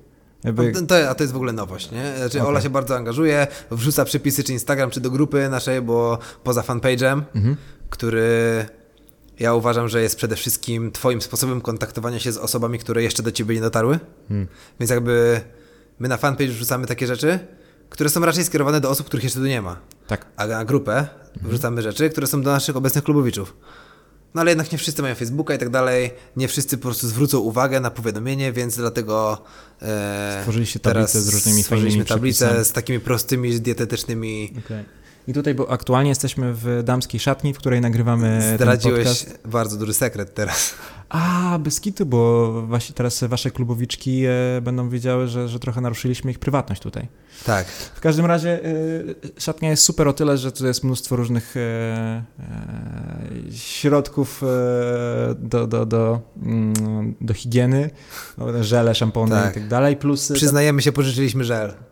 tak, biały jeleń. Jeżeli e, jest e, jakaś e, właścicielka białego jelenia, to, to zwrócę. Mamy 10 faktów żywieniowych, z którymi zgadza się 99% specjalistów od odżywiania. Tutaj też kolejne jakieś różne fajne rzeczy. Czy, czy uważasz, że takie mm, właśnie elementy typu te przepisy, tutaj jakiś tam e, właśnie ten cukier na samym początku, te e, przyciągają i trochę budują tą, tą relację z klubowiczami lepiej? Wiesz co, jeśli chodzi o te nasze żywieniowe konkretne rzeczy, Mhm. to to są jakby dwa tory. Jest taki podprogowy, że tu zawiesimy plakat, tu jest cukier, tu jest ta tabelka, żeby ktoś oswajał się z tą myślą. Po pierwsze, że odżywianie jest ważne, no bo wiemy, że jest ono na samym dole, czyli na podstawie piramidy zdrowego stylu życia. Znowu Grega Glassmana. I po drugie, żeby oswajał się z tą myślą, że to jest coś, co my tutaj też oferujemy mu, że to nie jest tylko miejsce, w które on ma przyjść i ćwiczyć. To jest miejsce, w którym my chcemy pomóc mu osiągnąć swoje cele zdrowotne. A to jest jakby no konieczne, nie? Sam zresztą wiesz, to jest coś, bez czego się nie da. Tak, Więc tak, my tak. mamy to, ale mamy też, organizujemy challenge dietetyczne. I W postaci na przykład? w postaci na przykład robiliśmy challenge zone, czyli że robimy 6 tygodni, gdzie na początku robimy pomiary. Mamy w klubie taką wagę, która też wiesz, z pomiar e, tkanki tłuszczowej i Okej. wszystkiego robi. Pomiary, e, krótka rozmowa z Olą dla każdego uczestnika challenge'u. E, taka osoba dostawała wtedy na podstawie swojej wagi, swojej tam aktywności i tak dalej, ilość bloczków, no nie chciałbym się tutaj, wiesz, wdawać o co No, chodzi no. w diecie zone, jak ktoś potrzebuje, to przeczyta.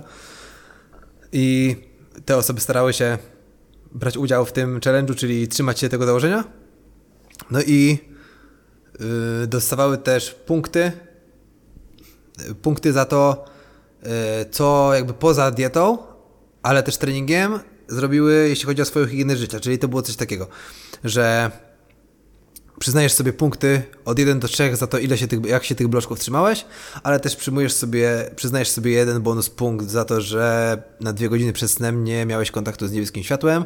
Przyznajesz sobie punkt za to, że byłeś co najmniej godzinę w tygodniu na spacerze. Nie pamiętam dokładnie za co były punkty, Świetnie, no. ale wiesz, na zasadzie takiego zaufania. Ludzie po prostu codziennie wysyłali na fanpage, ile miałem punktów za wczoraj.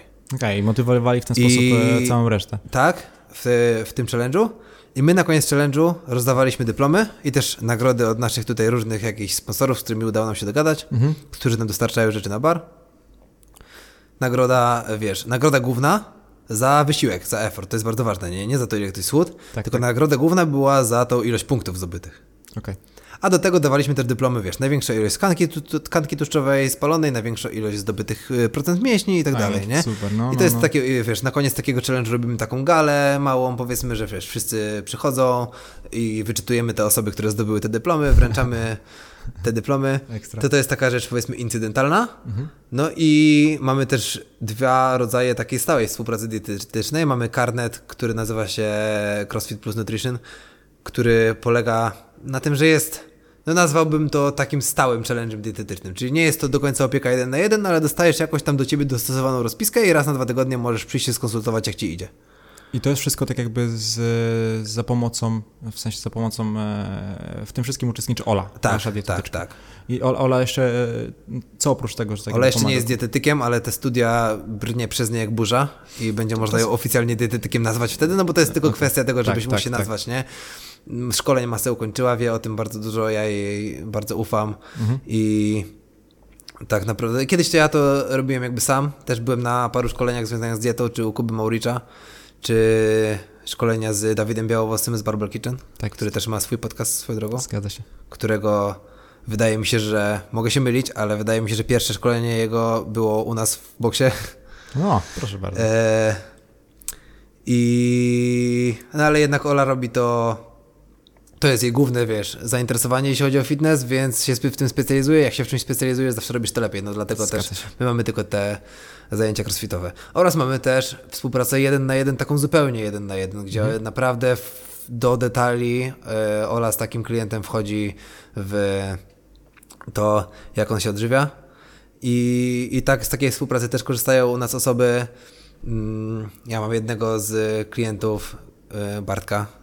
Pozdrawiam i tutaj chciałem docenić za to, że z takiego misiaczka naprawdę zmienił się w tutaj jednego z większych, jak to tutaj klubowicze mówią o sobie dzików. E, Ma Ekstra.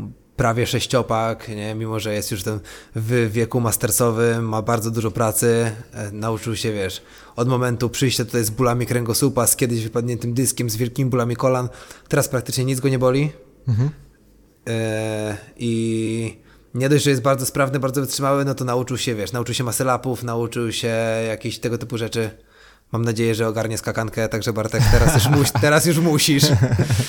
E, I Bartek bardzo długo przez tą e, współpracę jeden na jeden właśnie e, się o tą dietę starał. Rozumiem. Wiesz, nie musisz robić czegoś takiego całe życie, no bo nauczył się Mhm.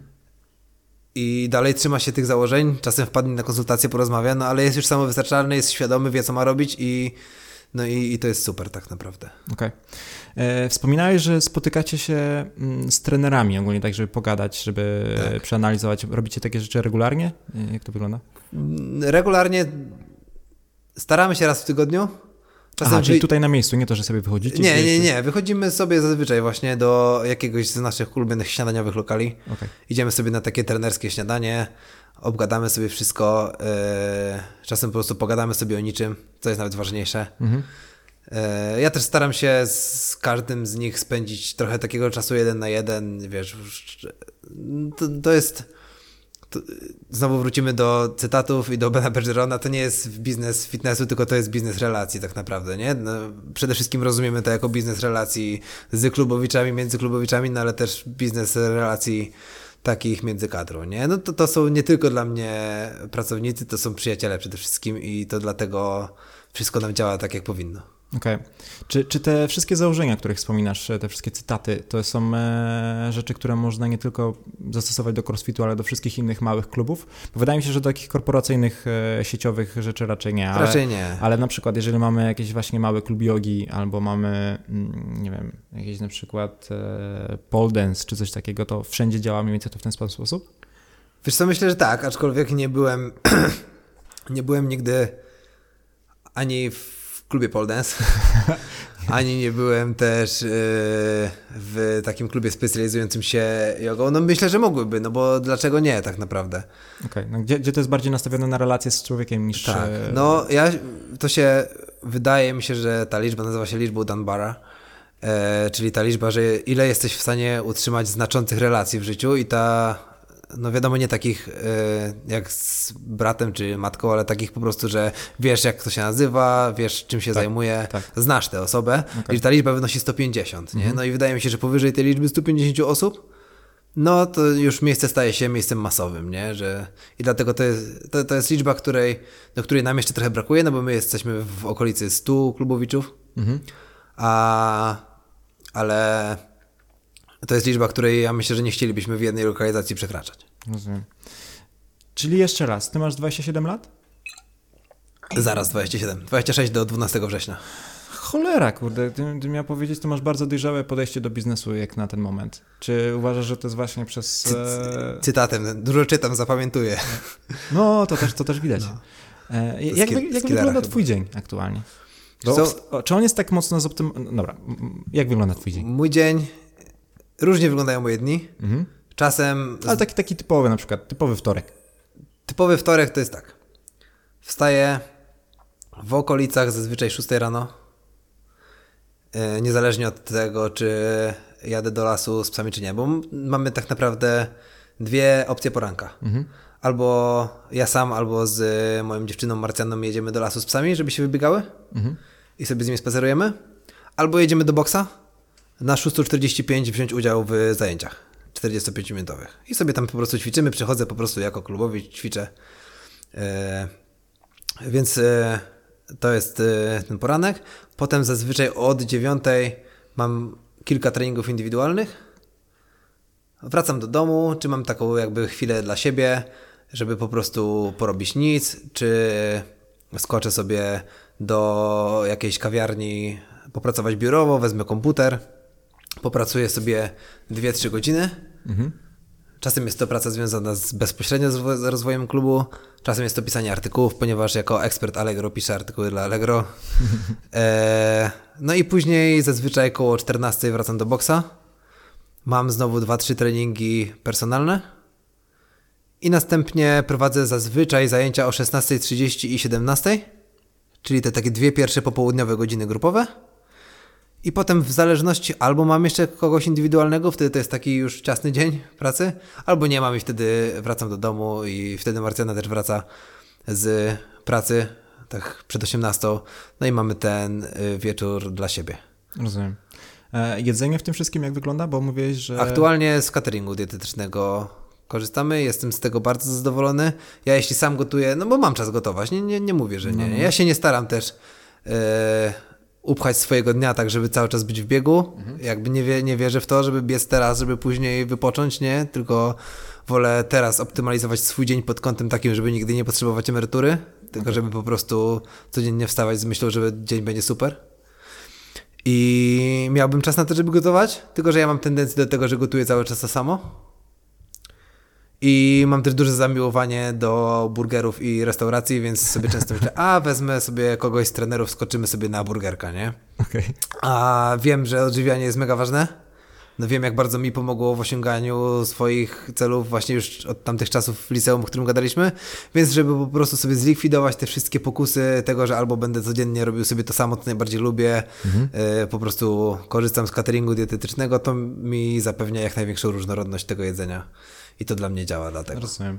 Myślę, że różne wartości może mieć coś takiego dla każdej osoby. No niektórzy mogą się z braku czasu decydować na catering, z braku umiejętności. Yy, Ja kiedyś w ogóle myślałem, że nigdy się nie nauczę gotować, ale dostałem od klubowiczów na urodziny w prezencie kurs gotowania. I jak to wyszło? Wiesz co, fajne. ty- Byłem w takiej akademii kulinarnej.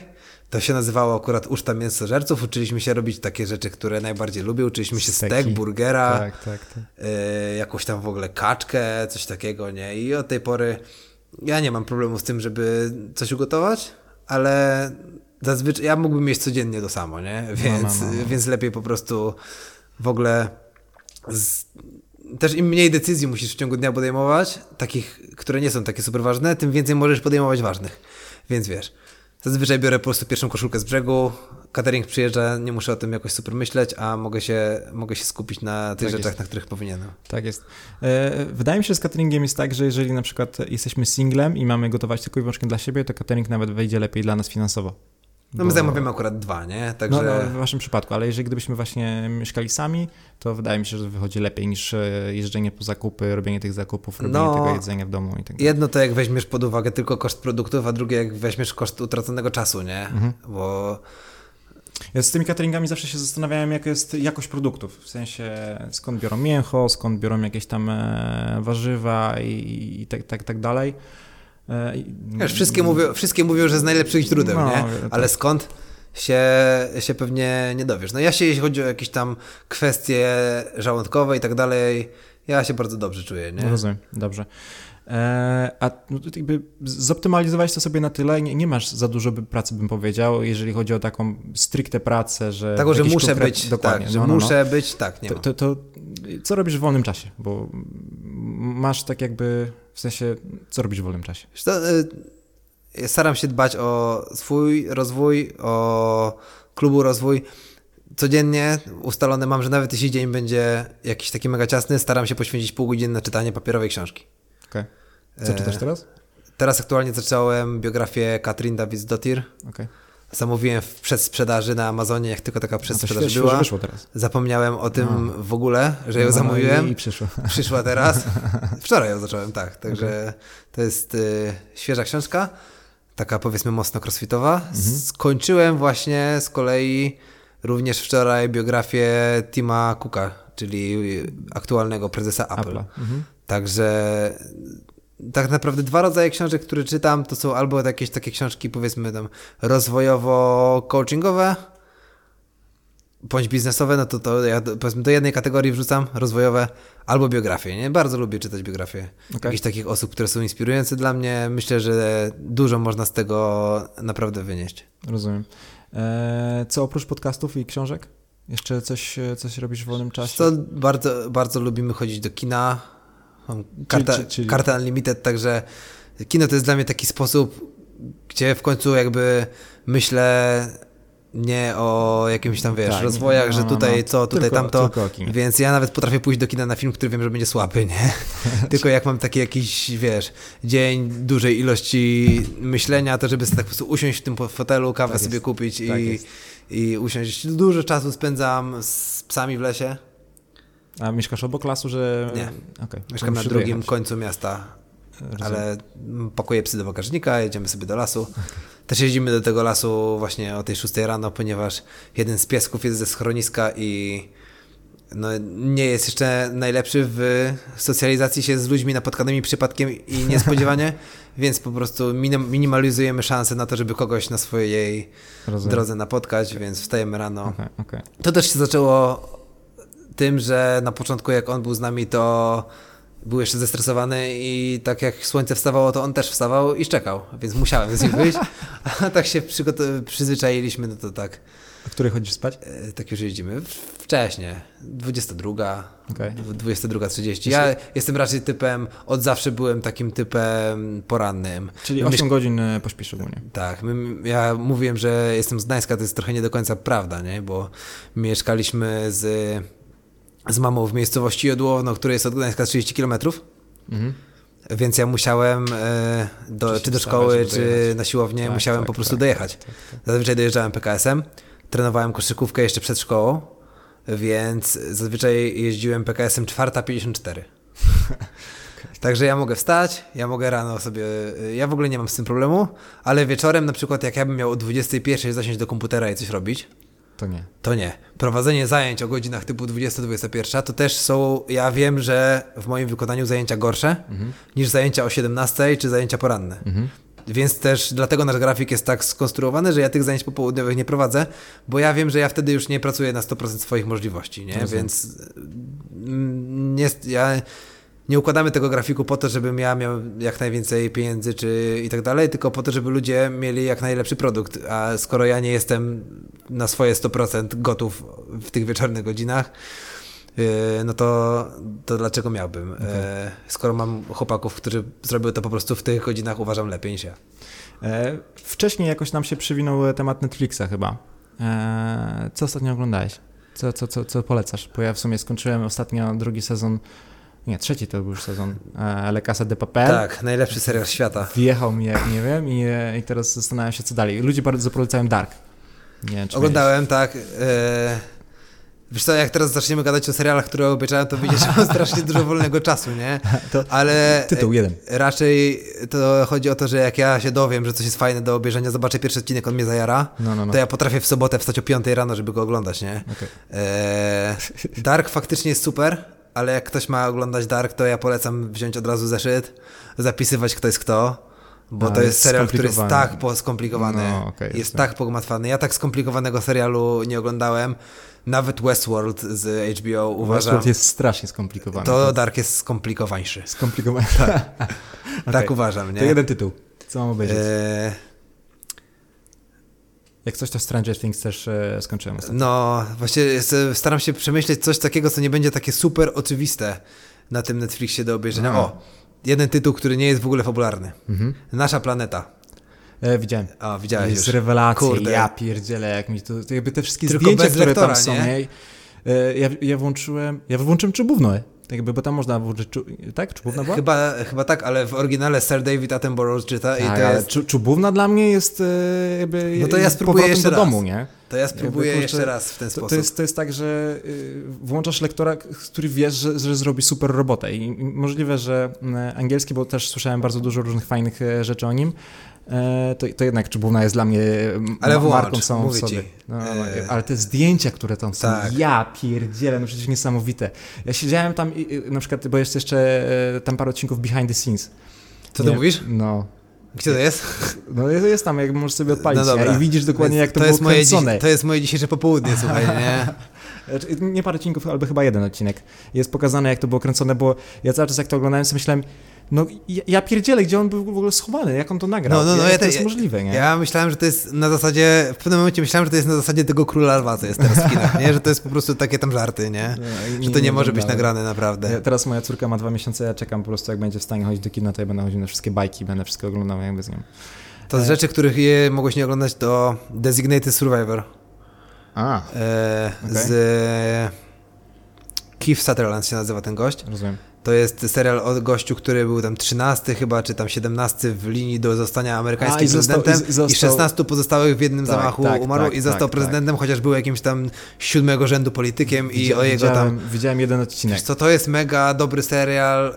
Wiesz co, ja nawet jak oglądam taki serial, nie, to ja o Czy, tym zawsze myślę... kontynuować, mówisz? Myślę tak. Myślę o tym w kontekście e, jakby swojego tam rozwoju. Wiesz, oglądasz taki serial, on jest niby o gościu, co tam zostaje prezydentem USA, ale sobie myślisz, jak on się odnalazł w tej sytuacji, patrzysz na to jako na serial o relacjach, o wartościach, przede wszystkim o tym, że on jako tam jedyny spośród tego całego świata ma jakiś tam kręgosłup moralny i sobie myślisz że od razu, no, dobra, obejrzałem ten serial, ale co to ma za znaczenie w kontekście mojego CrossFit Boxa, nie? Może ja jestem skrzywiony, nie? Ale, ale ja tak mam. Tak samo Ja uważam, że programem, którym możesz oglądać i jako prowadzący CrossFit Box super dużo z niego wynieść, to są kuchenne rewolucje Magdy Gessler, nie? To jest program, który nie ma nic wspólnego z kuchnią tak naprawdę. To jest program, który jest coachingiem dla przedsiębiorcy i tam nierzadko oni się zmagają z problemami, które ja jestem w stanie zaaplikować do, e, Okej. do problemów, które mógłby mieć ktoś prowadzący boksa, nie? Okej, to jest w ogóle mój, okej. z takiej realnej telewizji prawdziwej, to jest mój jedyny program, który ja oglądam i to zawsze z zapartym schem, nie? Ja, ja, nie oglądam takich rzeczy, bo ja mam wrażenie, że to jest wszystko reżyserowane. Ale w sumie można wyjść z takiego poglądu i bardziej spojrzeć na to faktycznie z tej perspektywy, o której mówisz. Moją ulubioną knajpą w Toruniu jest knajpa, która jest po rewolucjach Magdy Gessler. Skoro ich potrzebowała, no to pewnie nie szło, a teraz jest super, nie? Co- co za knajpa? y, Nazywa się Lanonna Siciliana, czyli sycyli, sycylijska babcia. Włoska knajpa. Totalnie niezdrowe jedzenie, nie? Także całe nasze gadanie o, o, o diecie No, no, no. e, się do tego średnio komponuje, no ale wiesz, każdy raz na jakiś czas lubi sobie wyjść do jakiejś knajpy i czy na jakąś specjalną okazję, czy coś. Tak, tak, tak, tak. I, I to jest knajpa, w której ja nigdy nie byłem niezadowolony, nie? To jest e, takie w ogóle miejsce prowadzone przez faktycznego Włocha z faktycznej Sycylii, który Okej. po prostu wtedy miał trochę, był kulawą nogą w kwestiach biznesowych i tutaj, wiesz, tutaj chciał oszczędzić, tutaj ten i Rozumiem. robił to nieporadnie i widać pani Magda sobie poradziła, wiesz. A byłeś tam wcześniej, przed... E, Yy... Nie, przed rewolucjami nie byłem, nie? Okej, to ciekawe, czy, czy Eee. było faktycznie gorzej. W ogóle. Kurde, zgubiłem myśl. O, y, że te rewolucje nawet możesz. Zazwyczaj one się op, mm, opierają na takim jednym głównym motywie, Mhm. że oszczędzając wcale nie oszczędzasz, nie? Bo ci ludzie zawsze próbują szukać jakichś tych oszczędności w głupich miejscach, wiesz, mrożą y, produkty na tydzień i tak dalej. Okej, okej. I potem i tak nikt nie przychodzi i im nie płaci, nie? Tak, Więc tak, tak, tak. możesz z takiego programu wynieść to, że najważniejsza jest tak naprawdę jakość, nie? Okej. Okej. No, jakby z- w różnych, różnych miejscach można wynieść różne rzeczy, które... Tylko trochę trzeba się otworzyć na to, nie? Co ja, y, ja mam wrażenie, ja mam wrażenie, że jakiegokolwiek kontentu bym nie pochłaniał, to ja go zawsze jakoś o nim myślę w kontekście tego, co ja mogę zrobić inaczej, nie? Ciekawe, ciekawe. Powiedz mi, Filip, e, gdzie ty zmierzasz? Co, co, co chcesz e, robić? Jakby jak chcesz, żeby twoje życie wyglądało za 5 lat? Wiesz co, właśnie to jest o tyle piękne, że ja jestem w bardzo dobrym miejscu Mhm. swojego życia, wiesz, wiadomo, że będą, że pojawiają się jakieś tam myśli o tym, żeby może nie mieszkać już w 35-metrowym mieszkaniu w powiedzmy szemranej kamienicy, Tak, tak, może y, o jakimś właśnie, to też w kontekście tego poszerzeniu rodziny, Mhm. Ale jeśli chodzi o jakieś takie rzeczy, że na przykład spotyka mnie coś, albo muszę robić coś, czego bym robić nie chciał, no to takich rzeczy tak naprawdę nie ma, nie? Ja uważam się za bardzo szczęśliwego człowieka. Ja codziennie robię to, co bardzo chciałbym robić. Nawet jak mam pewnego dnia bardzo dużo pracy, Mhm. Wiesz, to, to, nie, to nie jest tak, też tak, że ja mało pracuję, nie? No bo e, ja prowadzę mało zajęć grupowych, ale prowadzę moich indywidualnych klientów, którzy są bardzo różni, więc trzeba dla nich też, wiesz, e, no, dla nich nie będziemy używać naszego programu Tak. Chociaż zdarzają się takie osoby, które po prostu chcą mieć tą godzinę, gdzie ty jesteś cały czas dla niego i że oni będą ten swój crossfitowy progres robić dzięki temu szybciej i bezpieczniej, Mhm. Y, ale chcą podążać programem, który my mamy, tym Train 60, to są takie osoby, ale są osoby, których cele są zupełnie inne, które w ogóle tego crossfitu w takim potocznym rozumieniu trenować nie chcą, nie? Do takich zajęć też trzeba się przygotować. Tak, Też do takich zajęć się trzeba też przygotować, no ale to jest dalej praca jako trener, a ja uważam, że głównie powinienem spędzać ten czas jako ten rozwój, nie, wiesz, nawet ktoś może powiedzieć, wiesz, że czytanie książki czy słuchanie podcastu to nie jest praca, to nie jest żadna praca, nie, ale to to jest coś, o czym ja posłucham tego podcastu, Mhm. po czym usiądę do komputera i przez 2,5 godziny będę robił coś w kontekście tego, co usłyszałem, nie? Myślał o zmianie jakiejś jednej małej rzeczy. Okej. Napieprzał do ciebie na Messengerze, że myślę, że przydałaby mi się taka funkcjonalność w odgóru, bo to nam w ogóle zoptymalizuje nasze całe życie.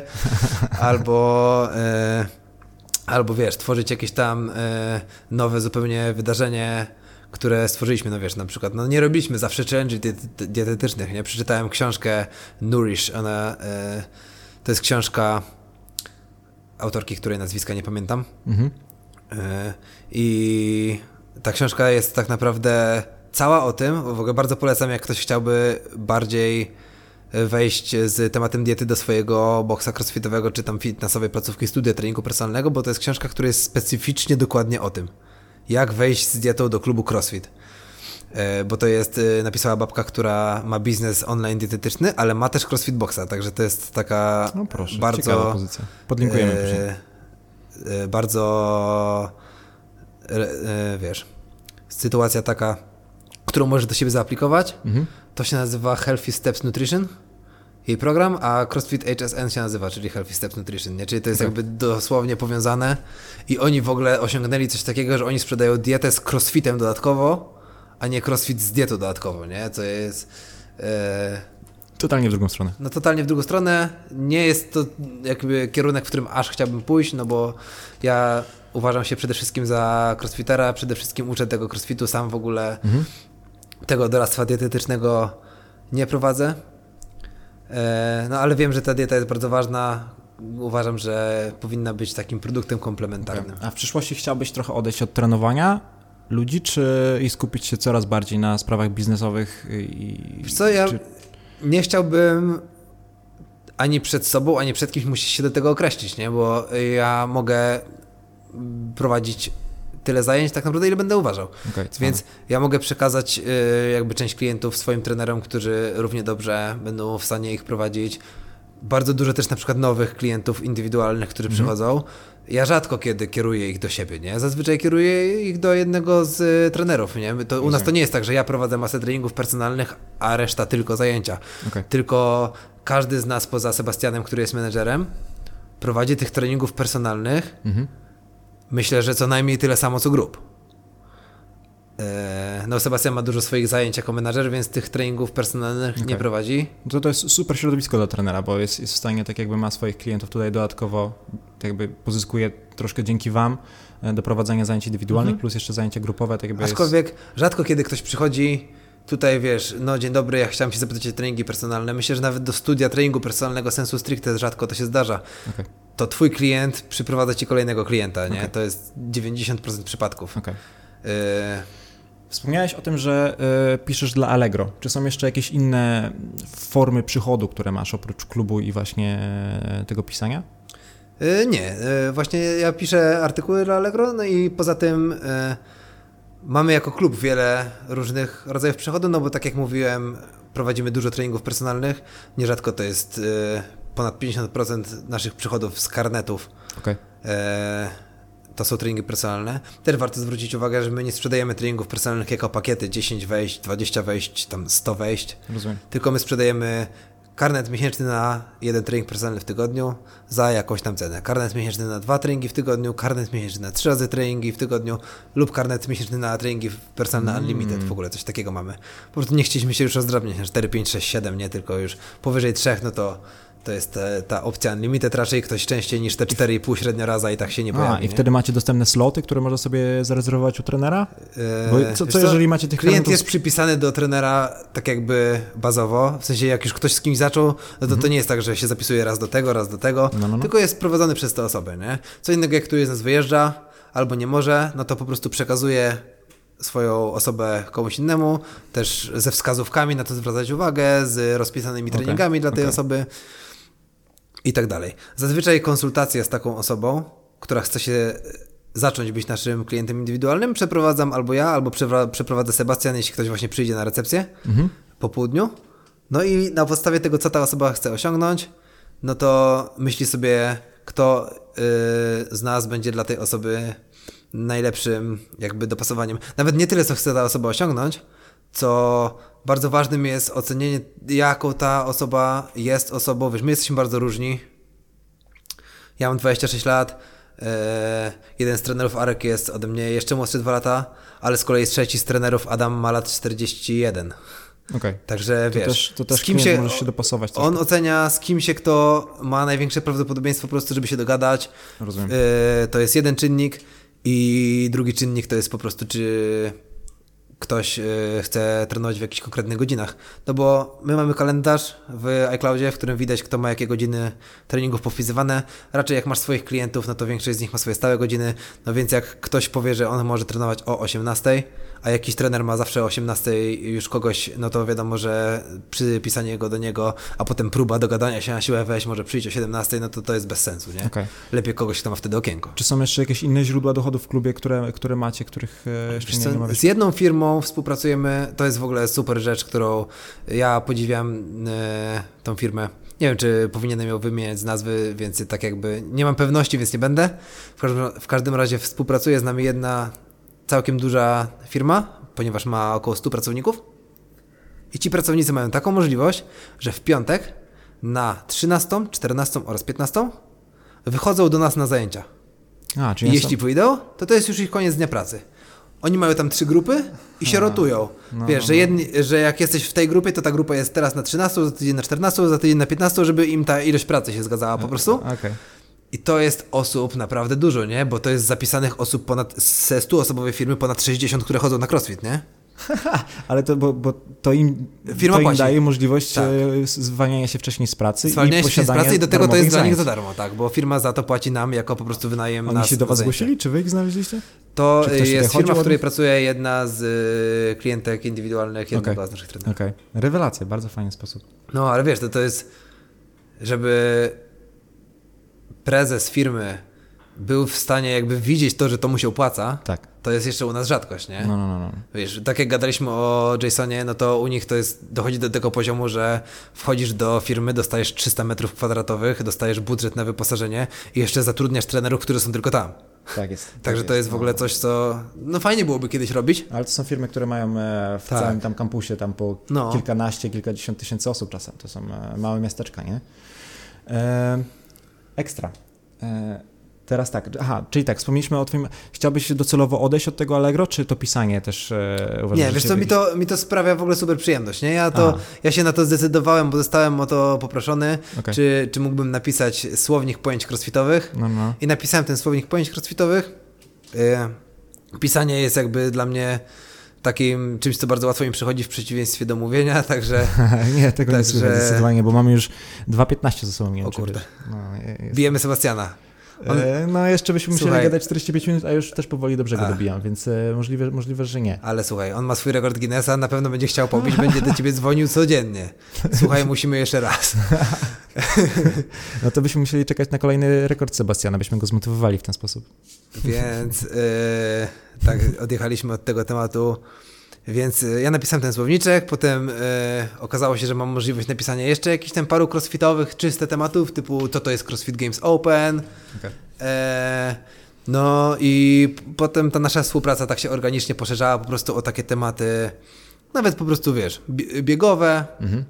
e, o tematy jakieś takie po prostu lifestyle'owe, czyli jak, mamy, jak mają mi nie boleć plecy, jak cały dzień siedzę. No i mi to sprawia mega frajdę po prostu, nie? Ja E, bardzo się realizuje w ten sposób. Widzę też w tym wartość dla naszych klubowiczów, mhm. no bo wiele miejsc robi takie coś po prostu dla siebie, na swojego bloga tak naprawdę, nie? No wiadomo, że mi to strony internetowej nie pozycjonuje, przez to, że to jest na e, portalu Allegro, ale dla moich klubowiczów to jest dokładnie taka sama wartość, bo my im wrzucamy do tego link i oni mają ten artykuł, mogą sobie go przeczytać. Czasem ja też mam taką możliwość, że proponuję swoje tytuły tych artykułów, swoje tematy. Okay. No i to zazwyczaj bierze się stąd, że ja sobie myślę, chciałbym, żeby moi klubowicze przeczytali o czymś takim. To jest trochę za długi temat na posta na Facebooku. Rozumiem. No i dzięki temu oni mogą to przeczytać i, i to, jest, to jest dla nich wartość, to jest dla mnie, wiesz, znowu, to jest praca, ale dla mnie to jest relaks tak naprawdę, nie? Więc dla mnie ta granica między relaksem a pracą jest mega cienka, praktycznie jej nie ma, nie? Okay. Ja po prostu robię te rzeczy, które lubię robić, które kocham robić i ja ich nie szufladkuję, czy to jest w tym momencie praca, czy to jest nie praca, nie? To jest bardzo fajne, bo to sprawia, że się nie wypalasz, że się nie męczysz. To, to jest tak bardzo fajne. Nie? To jest bardzo fajne. Powiedz mi, czy są jeszcze jakieś rzeczy, o które powinienem cię zapytać? Czy coś, czegoś, coś pominąłem, coś, bo y, mam w głowie ostatnie pytanie, e, jeżeli chodzi o to, żebyś polecił jakieś książki, podcasty i inne tego typu no tematy. No to dobijemy do trzech godzin. Ale czy coś innego chciałbyś poruszyć? Coś innego chciałbyś... Wiesz co, nie wiem, czy, czy czegoś nie omawialiśmy? czy coś jest takiego szczególnego. Nie wiem, czy będziesz miał okazję rozmawiać z kimś, kto miał możliwość zdawania egzaminu na level 3. Może to jest dla kogoś ciekawe na W przykład. ogóle jak to nie? jest z tymi levelami? Kiedyś zrobiłeś pierwszy, drugi, po co są te levele? Słuchaj, yy, no, levele są po to, żeby poświadczać jakby swoją wiedzę. Mhm. Czy to dla kogoś jest poświadczeniem, czy to dla kogoś jest tam chuja warte, to jest kwestia osobna. Level pierwszy, no to jest taki certyfikat, który u nas czasem jest podawany, że łocho, no mój, nasz trener ma crossfit level 1, a to jest coś, co tak naprawdę powinni robić, uważam, jak ktoś już 5 lat trenuje crossfit jako klubowicz, no to powinien się wybrać po prostu dla siebie. To nie jest żaden e, tak naprawdę... To, to, to jest świadectwo, że wiesz, co to jest crossfit, a, nie, a to nie jest świadectwo, że ty jesteś dobrym trenerem, nie? Rozumiem. Potem jest szkolenie level 2, na którym byłem w Norymberdze u... Albo byłem na nim w Berlinie. Nieważne. W każdym razie e, byłem w Berlinie, ale było z gościem, który jest właścicielem CrossFitu z Norymbergi. O. Okej. W każdym razie to jest szkolenie, które jest dokładnie, zupełnie przeciwstawne do level 1. To jest szkolenie, w którym przez całe dwa dni gadacie o tym, jak można prowadzić lepiej zajęcia, w sensie takich miękkich rzeczy, nie? Nie, nie w ogóle nie uczysz się uczyć żadnych ćwiczeń. A. Uczysz się lepiej zarządzać grupą, uczysz się lepszych tutaj właśnie technik tego, jak docierać do ludzi, żeby robili to, co ty chcesz Super. i prowadzisz małe grupy złożone z reszty kursantów, nie? Okej, okej. Co jest mega trudniejsze niż na co dzień, bo dla, dla większości osób u nas yy, w kraju to jednak będzie trochę bariera językowa, no bo prowadzisz to po angielsku. A po drugie, musisz jeszcze musisz, bo jesteś mega mocno rozliczany. Oni cię, to nie jest tak, że oni cię posłuchają, jak ty uczysz, mówisz, no dobra, tutaj great job, nie? Tylko oni z każdą z tych osób po tych małych grupkach siadają potem i cię drillują po prostu tak, że ci leci pot po plecach, co ty mogłeś zrobić lepiej, nie?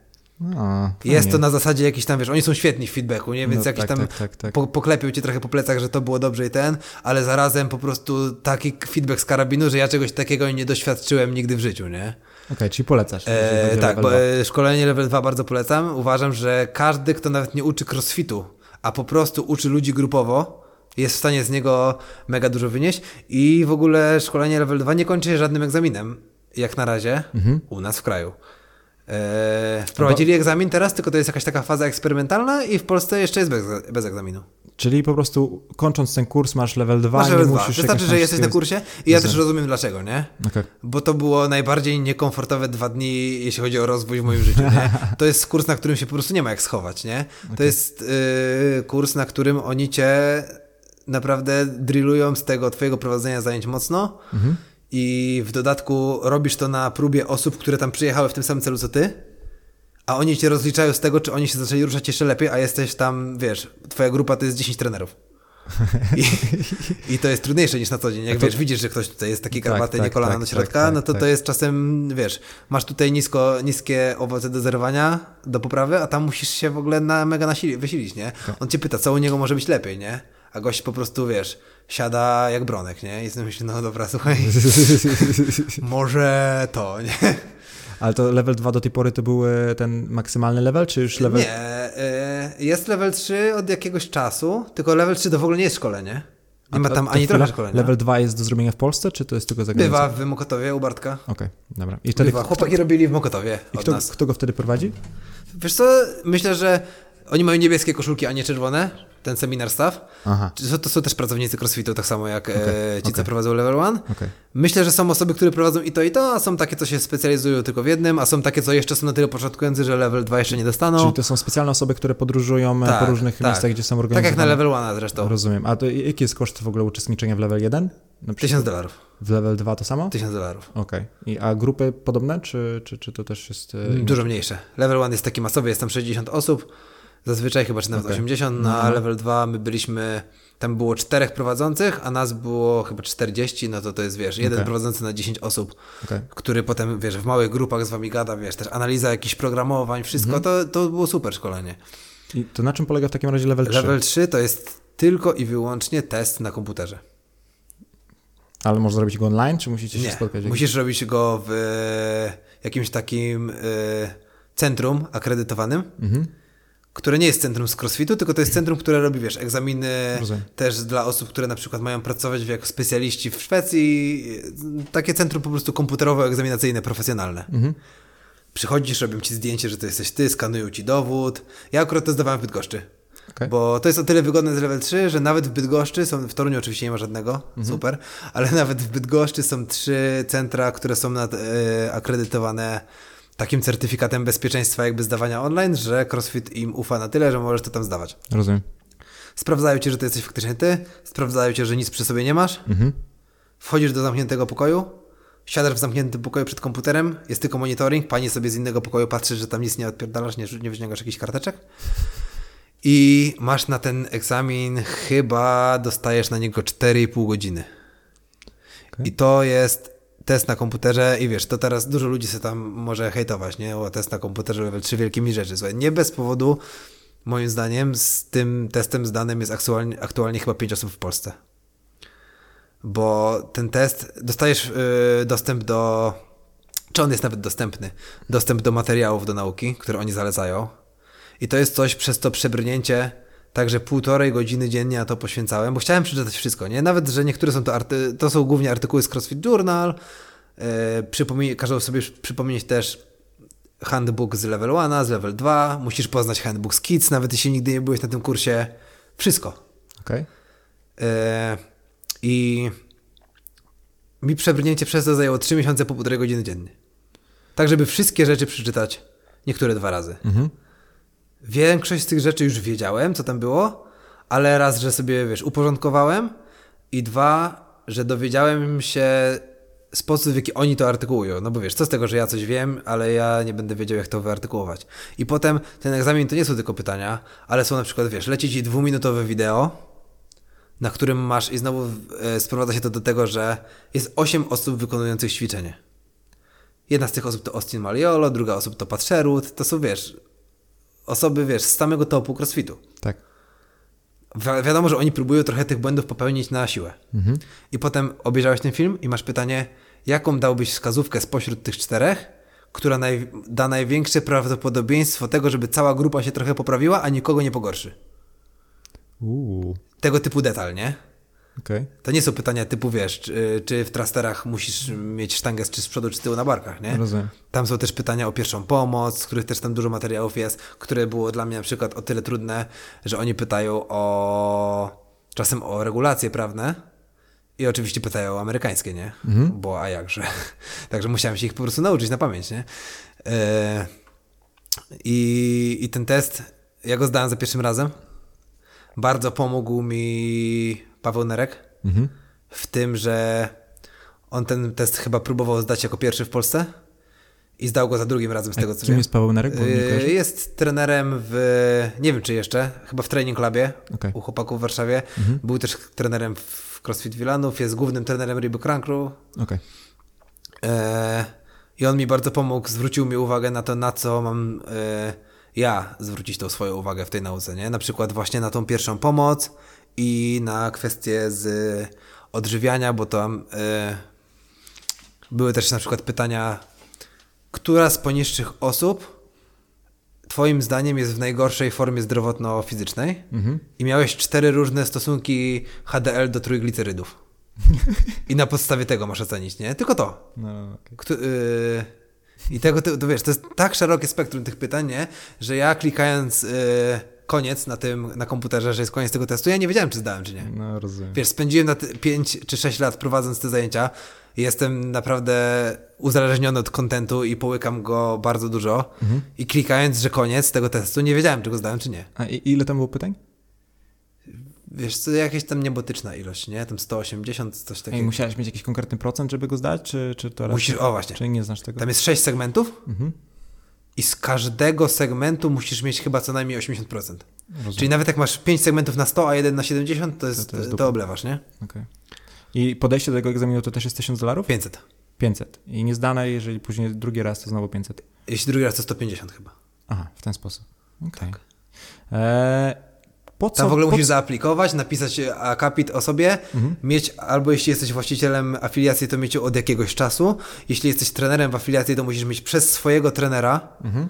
z klubu afiliowanego wypisane taki od nich druczek, że tyle godzin już przeprowadziłeś, że co najmniej 500 godzin, czy tam 1500 przeprowadziłeś zajęć w życiu. Mhm. I oni potem do tego trenera piszą maila, czy to jest prawda? I dopiero wtedy, jak dostaniesz tą akceptację w ogóle, że możesz się ubiegać o ten level 3, to dopiero możesz sobie szukać tam terminu, nie? Rozumiem. I w ogóle to jest fajne, że ten, wiesz, nie czekasz na jakiś konkretny termin, tylko ja mogłem sobie na, na przykład, wiesz, za trzy dni dać termin, no bo wiesz, to centrum nie jest jakieś super pewnie oblegane, jeśli jest ich tyle, Tak, tak, tak. a ty masz tylko usiąść przed komputerem i wyklikać CTS. Nikt nie musi przyjechać cię niczego uczyć przylecieć samolotem. Rozumiem. A oprócz tego, że dla siebie, żeby nauczyć się tych wszystkich rzeczy, po co? No, wiesz co, przede wszystkim dla, dla rozwoju swojego. To, No- no właśnie, ja, to, ale- ja to przede wszystkim chciałem robić dla siebie. Nie widziałem w tym jakiegoś marketingu i Okej. tak dalej, bo u nas, szczególnie w Polsce, ludzie nawet nie rozróżniają, wiesz, crossfitu od cross-treningu, nie? Więc to, że ja napiszę, że ja jestem trenerem crossfit level 3 na stronie, nikt nie wie, że to jest, że nawet jak napiszę, że jestem jednym z pięciu w Polsce, nikogo to za, za bardzo nie grzeje. I ja też nie uważam, że powinno, nie? Bo ludzi nie powinien interesować ja, tylko ludzi powinno interesować to, jak ja im mogę pomóc. Okej. E, I jedna z jeszcze wartości, które ja w tym widziałem, to to, żeby moi trenerzy widzieli, że ja też nie, wiesz, nie zatrzymuję się na którymś tam momencie, nie? Mimo, że ja prowadzę tych zajęć trochę mniej, to dalej chcę pójść w kierunku tego levelu 3. W ogóle chciałbym też pójść w kierunku levelu 4, jeśli będzie taka opcja. Czyli aktualnie nie ma jeszcze czegoś nie takiego. ma. Jak klikniesz na... st- Jest już, pojawił się na stronie CrossFitu, level 4. Okej. Level 4 z kolei jest przeciwieństwem level 3, bo to jest dwudniowa, z tego co wiem, ewaluacja ciebie na miejscu, w jakimś miejscu, gdzie któremu CrossFit ufa, typu tam Reebok, CrossFit One i tak dalej. Rozumiem. I jak na razie jest tam e, dates e, and registration coming soon, czyli jeszcze nie da się na to zapisać, nie? Okej. Są trenerzy level 4, ale to są trenerzy, którzy są pracownikami CrossFitu, którzy jakby ten sposób ewaluacji testowali. I oni wrzucili na Facebooka, to są nasi trenerzy level 4. To jest na przykład Pat Sherwood, nie? Ale nie ma jakby osoby, która komercyjnie zdobyła ten level 4. Na razie się tego zrobić nie da. Aha. E, co ja, co ja, co ja miałem powiedzieć? E, Aha. Mamy crossfit i, i mamy ogólnie zwolenników i przeciwników crossfitu, to, to, to, to na 100%. A i ty jesteś po tej stronie, która jest... W sensie CrossFitu jako organizacja, jako, jako HQ, organizacja, nie jako dokładnie, dokładnie. Bardzo, bardzo dużo osób e, unika afiliacji. e, Ja też zawsze myślałem sobie, że, że po co za to wszystko płacić. Powiedz mi, jakie jest twoje podejście do tego wszystkiego? Czym Słuchaj. jest dla ciebie ogólnie ta firma? To zależy, Mhm. czy ty uważasz, że oferujesz crossfit, czy nie. Bo jak uważasz, że oferujesz crossfit, ale afiliacje nic nie dają, więc my zamiast tego po prostu nazwiemy się cross myślnik, myślnik fit i, i zaoszczędzimy sobie te 3000 dolarów. Rocznie? Tak, rocznie. Czy, czy ty uważasz po prostu, ja się nie zgadzam z metodologią crossfitu, ja robię coś innego, nie? Ta, to są dwie zupełnie różne rzeczy i uważam, że pierwsza rzecz to jest po prostu januszostwo, a, a druga rzecz y, to jest, że jeśli ty uważasz, że oferujesz jednak coś trochę innego, no to e, no to, no to oferujesz coś trochę innego, nie używasz. Wiesz, crossfit nie mówi, że ty masz płacić afiliację, jeśli chcesz trenować crossfit. Crossfit mówi, że masz płacić afiliację, jeśli ty chcesz mówić, że trenujesz crossfit ludziom i kasować za to pieniądze. Okej. E, Bo teraz e, ogólnie zmiany w crossficie, że to jest nazwa zastrzeżona, więc jakby ja, ja nie, nie, roz, nie widzę możliwości rozpatrywania tego w kategorii, jeśli ty chcesz oferować crossfit, no to ja nie widzę możliwości e, w ogóle rozpatrywania tego w kategoriach, czy to mi się opłaca, bo to tak jakbyś rozpatrywał w kategorii, czy mi się ZUS opłaca płacić, nie? No Rozumiem. możesz próbować jakoś tutaj to obejść, ale no obiektywnie patrząc jednak powinieneś. e, aczkolwiek ja nie, ja, te, ja nie uważam też, że płacę tą afiliację, bo muszę, ja uważam, że płacę tą afiliację dlatego, że ja wierzę w to, co CrossFit robi. Okej, no właśnie, bo ostatnio jest dużo zmian w tym, co robi Tak. CrossFit. Zaczynając od tego, że oni się usunęli ze wszystkich, e, może nie ze wszystkich, ale z, z Facebooka, z Instagrama, tak jakby oni pousuwali swoje konta, które było dość takim mocnym, ciekawym ruchem według mnie. I Znaczy ogólnie- ten, to w ogóle ten ruch, jak się ktoś wczytał w to dlaczego. Tak, bo jakby oni się nie zgadzają z, z ideologią e, z, z, te, z tego, co, co, co robi Facebook i Instagram chyba. No, z, ale to jest też na konkretnych przykładach, nie? I Na, na jakich przykładach? na przykładzie... No, CrossFit ogólnie bardzo mocno walczy z Coca-Colą, nie? O to, że Coca-Cola shit wielki jeden. to tam nie szkodzi, nie? Papierosy to też cheat, a z papierosami CrossFit nie walczy, bo wszyscy wiedzą. Okej. Papierosy nie próbują udawać, że są spoko, nie? Okej. A Coca-Cola e, opłaca naukowców, Coca-Cola opłaca taką, e, taki ruch, który się nazywa Exercise is Medicine, No. w którym naukowcy, lekarze się wypowiadają, że ogólnie rzecz ujmując cukier jest spoko, tylko musisz sam uważać, żeby nie za dużo i masz się ruszać, nie? Ale jest spoko. Wiesz, w ogóle pomijają to, że Ale to jest sprzedają rzecz 2,5 litrowe butelki. uzależniająca, nie? Od której nie da się po prostu, twój mózg, jest książka Roba Wolfa, Super Wired to Eat, która mówi o tym, że no nie da się, to nie jest twoja wina, że ty się od tego uzależniasz, tak, to jest tak, wina tej tak, substancji. tak, tak. A e, Facebook usunął grupę, w której były jakieś miliony użytkowników w RPA, Mhm. który y, miliony użytkowników i w tej grupie ludzie pod tam jakimś przewodnictwem jakiejś jednej osoby wymieniali się sposobami na życie, tam na wyeliminowanie cukru z życia. No. I pod jakimś tam pretekstem CrossFit tę grupę całą z dnia na dzień bez zastrzeżenia 3 milionową wywalił z Facebooka, nie? Nie, nie CrossFit, tylko Nie, tak, Facebook. Facebook. I CrossFit jakby tutaj to był ten punkt zapalny dla CrossFitu, że jakby to jest takie, Glassman tak powiedział w wywiadzie, że to jest, wiesz, że oni zawiesili swoją obecność na Facebooku do czasu wyjaśnienia tej sytuacji. Założ, zauważmy, że tak brzmiał ten oficjalny komunikat, nie? E, I po drugie, drugie wytłumaczenie Glassmana, które do mnie też przemawia, jest takie, że CrossFit na tym etapie rozwoju, na tym etapie tego, że jest 15 tysięcy afiliacji na świecie, przestał już być biznesem e, B2C, czyli business to customer, gdzie oni mają przekonywać ludzi, że mają trenować CrossFit, tylko CrossFit jest biznesem B2B, czyli oni mają trafiać do nas jako afiliacji i pomagać nam lepiej trafiać do klientów. Tak, tak, tak. I to nie jest coś, co mają robić Facebookiem, nie? To jest coś, co ich zdaniem mają robić y, YouTube'em i stroną internetową i walką z tym, żeby zaraz bycie crossfitem nie było nielegalne. W Stanach jest ten problem, nie? Ponieważ ten y, jakby lobbyści próbują sprawić, żeby żeby prowadzić jakikolwiek fitness tego typu, trzeba było mieć licencję z NSCA, czy, czy jak się to tam nazywa. Rozumiem. E, I Kim jest ogólnie właściciel tak jakby crossfitu? W sensie, kim jest ten pan? Co on robi? Bo ja zawsze miałem go jakiegoś starego gościa w czapeczce, totalnie nieogarniającego, zawsze brałem... mm, on ogarnia właśnie Tak bardzo On ogarnia? ogarnia tak, że widzisz, że, że nie boisz się zrobić rzeczy, które jeszcze na początku ludzie wszyscy się łapią za głowy, nie? A potem, Faktycznie, to jest mocno kontrowersyjne często, co on robi, nie? no to jest bardzo Zupełnie mocno się nie przejmuje, kontrowersyjne. jakby. Ale no, słuchaj, to, co się teraz stało z Gamesami, to tak naprawdę ludzie nie pamiętają, ale jak wprowadzali CrossFit Games Open, to też No. były takie głosy, że co przez internet, że tragedia, że co on sobie wymyślił, że on mówi, a. że jego pracownicy też w to nie wierzyli, Okej. a potem 350 tysięcy osób bierze, czy tam facetów, bierze udział w CrossFit Games Open na całym świecie parę lat w, w ogóle później. nigdy, nigdy nie, nie, nie myślałem o nim, nigdy... Co, on wygląda jak przeciwieństwo crossfitu, nie? On jest też tam ma jakieś wielkie problemy z biodrem i tak dalej. On był byłym gimnastykiem. Aha, okej. I, I on e, sam mówi, że on niewiele trenuje i tak dalej. Ja nie? zawsze jak myślałem o crossficie i sukcesie tego, co oni robią, bo to jest ogólnie, jeżeli pat- patrzymy to z biznesowego punktu widzenia, to jest ja pierdzielę, jakie, jakie takie o, o, ogromne przedsięwzięcie. W sensie oni robią tyle hajsu na tym, że to jest to się w głowie No, ale to w ogóle się tak nie zaczęło, nie? On, on miał jeden klub. To jest gość, który urósł z jednego klubu. To jest gość, do A. którego ktoś ze Seattle zadzwonił i powiedział, ja też chcę robić ten crossfit, co ja na tej twojej stronie widzę, ile to kosztuje. Okej. I w ogóle pierwsze trzy afiliacje były za darmo. Mówił, nie no, w sumie to rób, proszę cię bardzo, nie? Potem afiliacja kosztowała 500 dolarów, bo ktoś Mhm. zapytał, ile mam za to zapłacić, nie? I on powiedział, no nie wiem, 500. I w ogóle te osoby, które płacili tyle, to na zawsze już będą płacić tyle, nie? Więc są kluby, które płacą 500 dolarów za afiliację, a nie 3000. Okej, bo w, według mnie aktualnie dla osób takich nieprowadzących klub, wydaje mi się, że Dave Castro jest trochę bardziej taką znaną postacią, nie? Bo on prowadzi, to wszystko jest bardziej medialny i No, tak jakby jeżeli patrzę z zewnątrz, jeżeli not patrzę sobie na to, co się... Sam?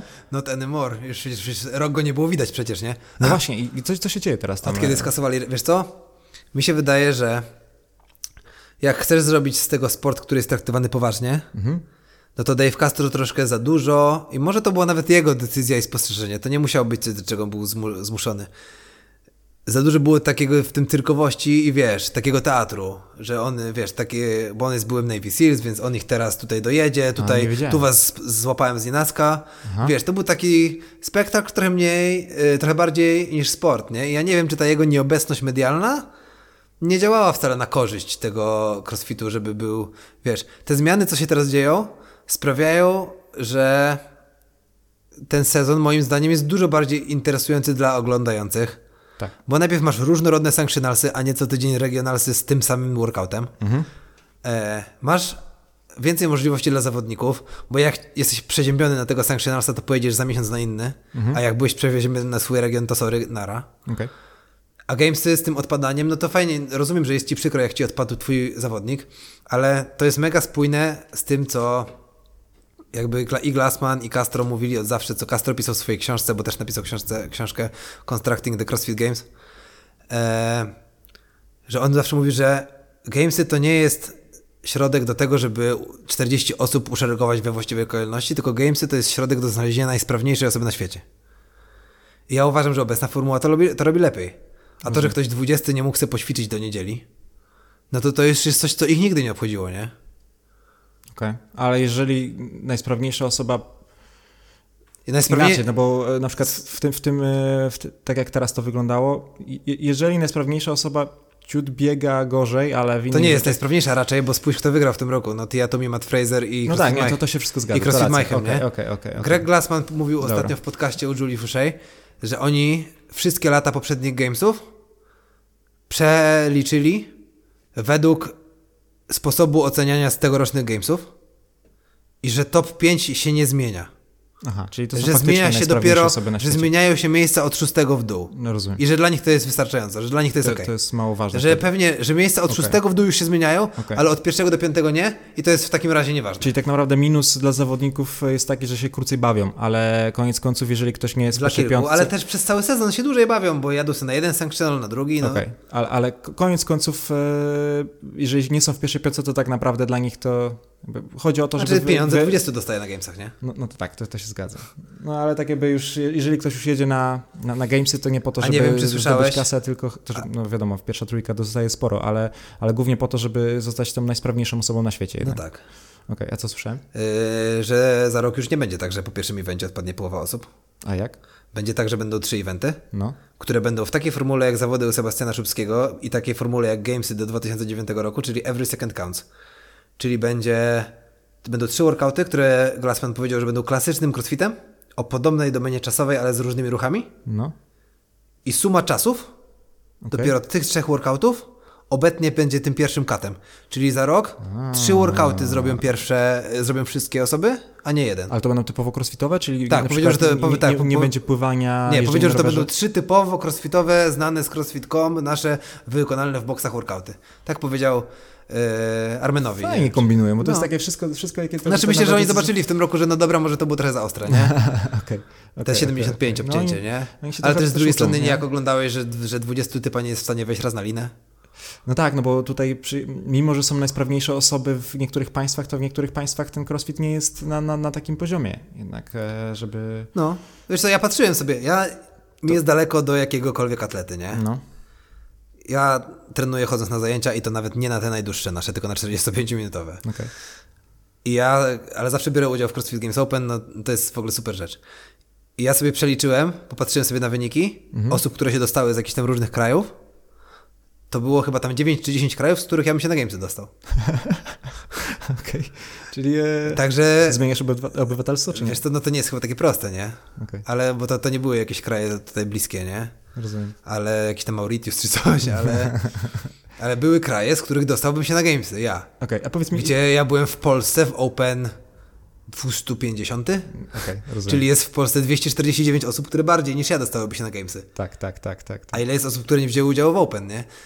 A oni to też będą zmieniać, czy to zostanie w takiej samej formule? E, jeśli chodzi o mistrzów krajów, mhm. będzie na, pew na pewno zostanie, bo Glassmanowi bardzo na tym zależało. Żeby, roz, tak jakby rozprzestrzeniać. Tak, żeby z... okay. uczynić to sportem globalnym. Poza tym on mówi, że to nie chodzi o to, żeby ci ludzie się na Gamesach wykazali, tylko o to, żeby każdy kraj miał kogoś, komu kibicuje.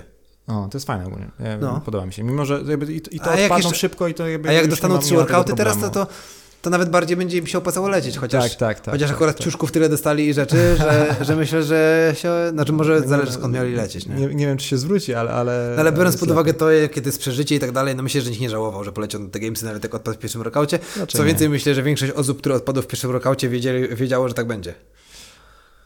E, większość znaczy, osób, możliwe. No, tak jakby... Znaczy, nie mówię, nie mówię o Gabi, która prawie nie tak odpadła i tak, tak dalej, tak, nie? Ale no te z 70 osób, które odpadły, no to 40 wiedziało, powiedzmy, nie? Tak, no ale podejrzewam, że to też jest, e, wiele osób e, liczyło, że na przykład dany trening nie będzie, czyli na przykład e, jest bieganie, ku, na i po mnie. Jakby bardzo dużo osób pewnie miało w ten sposób. A teraz jeszcze się zmienia, zmieniają się openy. Coś jest inaczej, nie? Bo Czas się, się tylko zmienia. Aha, w sensie, że są wcześniej. To się Są tylko 10 zmienia. października, Okej. zaczyna się Open teraz, za chwilę. dlatego że Ja, ja jeszcze, bo to było- to ja było jeszcze koszulek nie powysyłałem za, za Open z tego. No, no, słuchaj, to było najbardziej... Już są, już, te- tylko wtrącę. No, Udowodnij mi już zrobiło koszulki, będę wysyłał je mniej więcej w następnym tygodniu. Dobra, jedziemy dalej.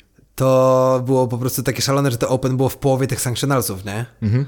A teraz jak Open jest najpierw, a wszystkie sanctionalsy później, to też sprawia, że ten sezon jest mniej idiotyczny, bo tam to było ciężko zrozumieć. Ktoś już wcześniej wygrał sanctionalsa, czy musi Aha. brać udział w Open, czy nie. Aha, aha, teraz bierzesz udział aha. w Open, a dopiero potem zaczyna się sezon sanctionalsów, których nawiasem mówiąc z tego co wiem jest trzy razy więcej, chyba 36. Tak, ma być więcej. No, no. no. E, I wiele z sanctionalsów, żeby nie zamęczyć zawodników, się zdecydowało na przykład na to, że Open jest kwalifikatorem dla ich sanctionalsa. Kozacko. Czyli nie musisz robić y, specjalnych treningów specjalnych jeszcze treningów, tylko jest kwalifikacyjnych, open. Okej. Też czytałem na Morning Talk Up wczoraj, że jakieś cztery sanctionalsy zrobiły po prostu wspólne kwalifikacje. Nie jest to open, ale już teraz za tydzień ruszają wspólne kwalifikacje na cztery. Wiesz, dzięki temu, wiesz, zawodnicy nie muszą, wiesz, całego swojego treningu, tak naprawdę całego tygodnia spędzać robiąc kwalifikacje. Rozumiem. No, no, no, no, no, które też są bardzo obciążające. Ale z nie? tego co wiem, to jeśli chodzi o Formułę Open, no to ona się rok temu zmieniła o tyle, że nie było tych super wysokobudżetowych eventów, Mhm. a przynajmniej w teorii ich nie było, no bo były trochę, ale nie robił ich już CrossFit i też CrossFit za nie nie płacił, tylko ktoś inny. A czy są, czym są wysokobudżetowe? W sensie to, że oni No organizowali bo jakiś zawsze był ten jakiś- announcement bo, po tak, prostu, tak, tak, że tak, Dave okej. Castro właśnie ten teatralny To- to- moment swój no, miał, no, wychodził, rzucał no, G-Shockiem no. za siebie, że Tak. dzisiaj będzie pierwszy raz na czas Tak, i tak, że, tak. wiesz, oni musieli tam przylecieć, przylecieć z wszystkim, Rozumiem. musieli przylecieć tam zawodników nierzadko z Islandii jakieś czy coś, Tak, no to tak, wszystko tak. kosztowało, nie? Rozumiem. Z tego, co Glassman mówił, to ka- zrobienie każdego regionalsa kosztowało CrossFit 2 miliony dolarów. Okej. No to wiesz, nawet jak, no bo y, kolejna jakby rzecz, którą w ostatnich dniach powiedział Glassman również w wywiadzie z Julie, że jak się skończy kontrakt z Reebokiem, to nie będzie żadnego tytularnego sponsora Gamesów. A kiedy się kończy kontakt z Bogiem? Za rok chyba. No, też I fajnie. powiedział, że nie będzie żadnego. Nie No, to, no, że no. będzie ktoś inny. Rozumiem. No to wiesz, można się zastanowić skąd pieniądze, ale zarazem pula nagród w tym roku na Gamesach to było 2,2 miliona dolarów, a na usunięciu regionalsów zaoszczędzili 18. No to wiesz, nawet jak mają z, nawet jak mają z własnej kieszeni wywalić, Tak. No już teraz, już teraz będą w stanie, nie? Bo No. to już się tak, e, tak rozrasta, że, że jak najbardziej. Fajnie, bardzo mi się to podoba, bo teraz nie, nie, nie zdawałem sobie z wielu rzeczy sprawy, ale patrząc z samego biznesowego punktu widzenia, tak jakby z tego jak, jak, jak on patrzy tak jakby trochę mm, kontrowersyjnie na to wszystko, jakie decyzje podejmuje, bardzo ciekawie i wydaje mi się, że fajnie y, to wszystko obserwować. On, on y, napisał jakąś książkę? Glassman? Tak. Nie. Okej, a bo ty bardzo często go cytujesz i myślałem właśnie, Co, że on się- bardziej... Pojawia rzadko. Mhm. Teraz, w tym zeszłym roku, w ogóle był taki moment, co niektóry, ja miałem wrażenie, że on jest może na emeryturze, nie? W ogóle się nie pojawiał, tylko Okej. właśnie widziałeś Castro, nie? Okej, okej. Te, on mówił, że właśnie A Castro jeszcze działa w tym wszystkim, czy Tak, no teraz na całych gamesach Castro był przecież, robił announcementy, wszystko, workouty programował. E, Glassman mówił nawet y, na początku, jak były te zmiany, że po prostu jakby ten departament gamesów, który był dodatkiem do crossfitu, rozrósł się tak, że prawie mu przejął po prostu to, o co mu chodzi, nie? I że on w końcu po prostu musiał tupnąć nogą i powiedzieć, nie o to chodzi, nie? Rozumiem. Fajnie, że są gamesy, ale zobaczcie, że ludzie boją się przyjść na crossfit, bo widzą zawodników gamesów, tak nie może być, nie? Dlatego I ja się teraz pod tym zmienili totalnie koncepcję. Tak, i ja się Jaka pod jest tym nowa podpisuję. koncepcja? Y, No, nowa koncepcja jest taka, że Zamiast pokazywać tych, e, te wielkie umieśnione świnie, Znaczy, to... Zacznijmy od tego, że crossfitu nie ma na Facebooku i Instagramie, więc jeśli chodzi o normalnych ludzi, no to crossfit już nikomu nie pokazuje jako A, firma, tylko no, my faktycznie, teraz jako no. afiliacje decydujemy, jaki jest nasz komunikat i do kogo my trafiamy. No i uważam, że to jest nasza odpowiedzialność. No, jeśli ktoś prowadził klub, nie wiem, w Stanach i teraz jest obrażony, bo jego marketing polegał na robieniu udostępnień na postach z, z crossfitu, no to trudno, nie? Ale my tak naprawdę robimy no, całą komunikację sami. To, że CrossFit zszedł z Facebooka i Instagrama, mnie to ani nie cieszy, ani nie smuci, mnie to po prostu nie dotyczy, nie? Okej. To jest ich sytuacja. Skoro oni uważają, że oni mają trafiać głównie do afiliacji takich jak e, ja, no to przez stronę internetową i YouTube'a to zrobią. CrossFit wrzucił na YouTube'a przez ostatnich e, parę tygodni kilka, jeśli nie kilkanaście pełnometrażowych, godzinnych, półtorej godzinnych wykładów przez jakichś tam profesorów, przez e, specjalistów od diety, przez specjalistów od zdrowia. I to jest jakby content, który oni dają. Czy ktoś, kto ma zacząć ćwiczyć, obejrzy półtorej godziny wykład z doktorem, który mówi o szkodliwości cukru? No nie, to jest content dla mnie. Tak, tak. Ale tak, to, tak, co ja z tym kontentem zrobię później, no to jest już moja odpowiedzialność, nie? Eee, tak samo Jeszcze co do tych zmian crossfitowych. No na przykład ludzie się martwili, jak będzie, wiesz, tak jak Armen Hammer mówił, że myślał, że, że ludzie myśleli, że teraz przyjadą na Gamesy, będą dwa krzywe banery wisieć i wiesz, jakieś pole na środku i tyle, nie? A tak naprawdę to wyglądało dokładnie tak jak wcześniej. Tak. Streaming wyglądał dokładnie tak jak wcześniej, no bo Rogue Fitness się za to wziął po prostu i zrobił to dobrze, ale no jako, że nie mieli łączności z wozem ani z tym, no to po prostu nie mieli wpływu na to, co jest pokazywane, tylko oni sobie oglądali to, co CrossFit wysłał i mówili o tym. No to, to był trochę niedogodność, ale mi się te gamesy dobrze oglądało, szczerze mówiąc mi się te gamesy oglądało najlepiej od lat, nie? Eee, Ja w sumie za bardzo nie śledziłem, co tam się działo. W sensie śledziłem tylko i wyłącznie workouty, w których e, występowali nasze, ale to głównie w formie powtórek. Ale widziałem, że oni się otworzyli troszkę, że mają tak jakby publiczne streamy, które można sobie wykorzystywać i, i samemu sobie robić e, Tak. swój stream. Tak To jakby. pewnie będzie kiedyś płatny, teraz było za darmo, więc wiesz, był stream na przykład French Throwdown. Tak, ale chodzi o to, że od jakby odrywali się od, tak jak kiedyś robili na Facebooku tylko i wyłącznie, później robili tylko i wyłącznie chyba na YouTubie, to teraz e, już jest tak, że można to oglądać w wielu różnych e, jakby kanałach. Znaczy przede wszystkim, wiesz, ten stream na przykład brał Rogue, nakładał Okej. na to swoje ten, nakładał Tak. na to swoje studio, swoich komentarzy. Tak. Ten streaming wziął French Throwdown. Mhm. To są w ogóle super zawody, które polecam, na których e, rok temu byłem sędzią. Eee, Sędzią byłeś. tak. Z jakiej paki? Wiesz co, to, to, to nie jest jakaś super trudna rzecz, nie? No, no, no, ale chodzi, że, że czemu zdecydowałeś się, żeby pojechać e, do Francji? Bo ty gdzie- w jakiej miejscowości to jest? W Paryżu. Okej, i pojechałeś Było. do Paryża. Dlatego w tym roku nie, nie pojechaliśmy właśnie z Sebastianem, naszym tutaj menedżerem, eee, bo w tym roku przenieśli się pod Paryż i już nie było takie atrakcyjne, nie? A Aha, tak to... Aha, okej. W ogóle to się wzięło wtedy stąd, że zakładaliśmy, że nasza e, Liliana, czyli nasz najsprawniejszy teens, się tam dostanie w kategorii teens. Mhm. I, my to po prostu, ja, ja już wtedy wiedziałem, że będę chciał posędziować, zawsze lubiłem sędziować na zawodach, organizowaliśmy też wtedy jeszcze, jak mieliśmy większego boksa ze wspólnikami, organizowaliśmy zawody duże ogólnopolskie, Okej. nawet Bronek je kiedyś wygrał, Jak się nazywały? e, Toughness Test Toruń. Okej. I to były takie czasy, co faktycznie w boksie można było zrobić dobre ogólnopolskie zawody. Teraz już crossfit jest na tyle rozwinięty, że uważam, że tym się powinni zająć ludzie, którzy zajmują się zawodami, nie? No wiesz, impreza tej rangi, co czy Ryn, czy kiedyś tam Amarok, czy Krotoszyn, Mhm. na których startowaliśmy właśnie z Lianą w parze parę tygodni temu. Ty też startowałeś? Tak, startowałem. Nie? Ja się nie traktuję jako zawodnika, No, no, no. ale jeśli jest okazja, to ja to bardzo lubię robić, nie? Okej. Więc wystartowaliśmy z Lilą w parze w e, Damsko-Męskiej, w Krotoszynie i nawet udało nam się zająć trzecie miejsce. Proszę bardzo. Bardzo fajnie. Wygraliśmy 300 zł, nie? Tak, nie chyba 300 albo 500. No, W każdym razie nigdy w życiu, jakbyś mnie zapytał, czy kiedykolwiek wygram pieniądze jako sportowiec, to powiedziałbym, że to jest najmniej prawdopodobne rzecz na świecie, nie? A jednak coś udało. takiego się udało, nie? Więc myśleliśmy, że Lila się tam dostanie na te zawody, a jej tam chyba jednego miejsca zabrakło. Okej. Yy, ale wiesz, yy, pojechaliśmy, to byliśmy wtedy właśnie ja, Sebastian, Lila, która jest jego dziewczyną i rodzice, którzy też nas trenują. I skończyło się to tak, że my w trójkę po prostu zostaliśmy wolontariuszami na tych zawodach, czyli sędziami. Okej. I to było super doświadczenie, nie?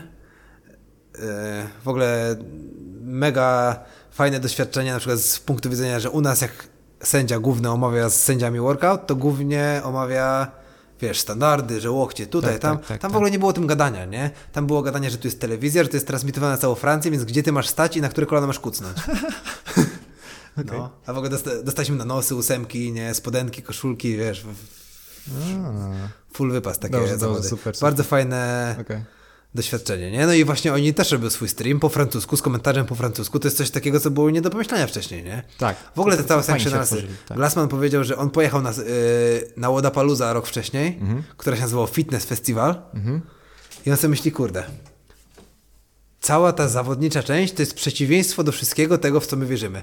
Robimy afiliację, mówimy, zapłać nam tylko trochę i rób z naszą nazwą co chcesz. Oferuj crossfit takie, jak uważasz. Tak to było do tej pory, w sensie tak to zauważyłem, tak że jest, tak jest zawsze z crossfitem, nie? No, no, no, ale... Przecież nikt mi nie mówi, jak ja mam prowadzić mój crossfit. No właśnie. No Prowadzę jak chcę. A, a potem pojechał na takie zawody i sobie myśli, że tutaj są zawody, które ewidentnie są crossfitem, Tak. na których głównymi sędziami są pracownicy jego firmy, Tak. którzy są tam seminar staff. I wszyscy tutaj udają, że to nie są zawody crossfit, bo to jest teoretycznie nielegalne, nie? No. A on musi wydawać 2, 2 miliony dolarów, żeby organizować inne zawody crossfit, skoro te mogłyby wykonać tę robotę, nie? Że to jest coś w ogóle przeciwnego, w co on czyli wierzy, za- że zamiast- zabranianie tym zawodów, zawodom nazywać się crossfitem, No. to jest w ogóle kolano, przeciwieństwo całego open source y, mentalności, Aha. jaką CrossFit posiada, nie? Czyli mój programming, proszę, wiesz, to się tak przecież zaczęło. Grassman codziennie workout na stronę za darmo wrzucał, nie? Afiliacja, tak, rób tak, co tak, chcesz, tak. tylko jak chcesz się I, I nazwać... w ten sposób się zaczęły sankcjonalsy. I w ten sposób on wymyślił, że mówi, że jego olśniło, że oni tutaj całą tą część zawodniczą robią odwrotnie niż powinni. I postanowił A, całą część zawodniczą, Czyli oni teraz za darmo robią robotę za niego troszkę. znaczy za darmo, oni płacą mu za to. No, jeszcze, jeszcze. Okej. Okej, no Ale to- oni też, no, wiesz, no taki, taka łoda paluza czy coś na pewno zarabia na siebie, nie? No, to wiadomo, jest, ale, e, chodzi, chodzi o to, że pieczesz w tym momencie dwie pieczenie na Tak. jednym ogniu, nie? No, I e, no, to działa. ja uważam, się- że to jest teraz model, który ma znacznie większy potencjał, nie? A jak zawsze patrzyłem na CrossFit, na to, co oni robią, to zawsze myślałem sobie, jakie to jest proste, jakie to jest e, genialne w tej swojej prostocie, to, co oni zrobili, nie? No. Jakby, I za, cały czas się zastanawiam, czy oni faktycznie chcą pomagać ludziom, czy oni faktycznie chcą, żeby świat był e, zdrowszy i lepiej się ruszał i, e, i faktycznie propagują taki styl życia, czy to jest właśnie biznes? Czy oni robią to wszystko po to, żeby jak najwięcej hajsu z tego No wiesz, on zaczął, on zaczął z jednego klubu, nie? To urosło organicznie, co jest jak, dla mnie przemawia za autentycznością tego Ta, przedsięwzięcia. i, I właśnie, i to jest następne, że, że wydaje mi się, że jeżeli nie jesteś autentyczny i nie, nie robisz No. tego w taki sposób, żeby faktycznie pomóc ludziom, to to nie, nie, nie zadziała. Dlatego według mnie to, to, to, faktycznie, yy, to faktycznie ma pomóc. To faktycznie ma zrobić dobrą robotę. No, Jakby- poza tym wiesz, oni nie każą ci płacić pieniędzy, jak chcesz trenować crossfit. Oni każą ci tylko płacić pieniądze, jak chcesz zarabiać na ich nazwie. No to, Mhm. to nie jest jakby nic, uważam, z, z, strasznego, nie? M- Na crossfit.com jest codziennie trening do wykonania za darmo.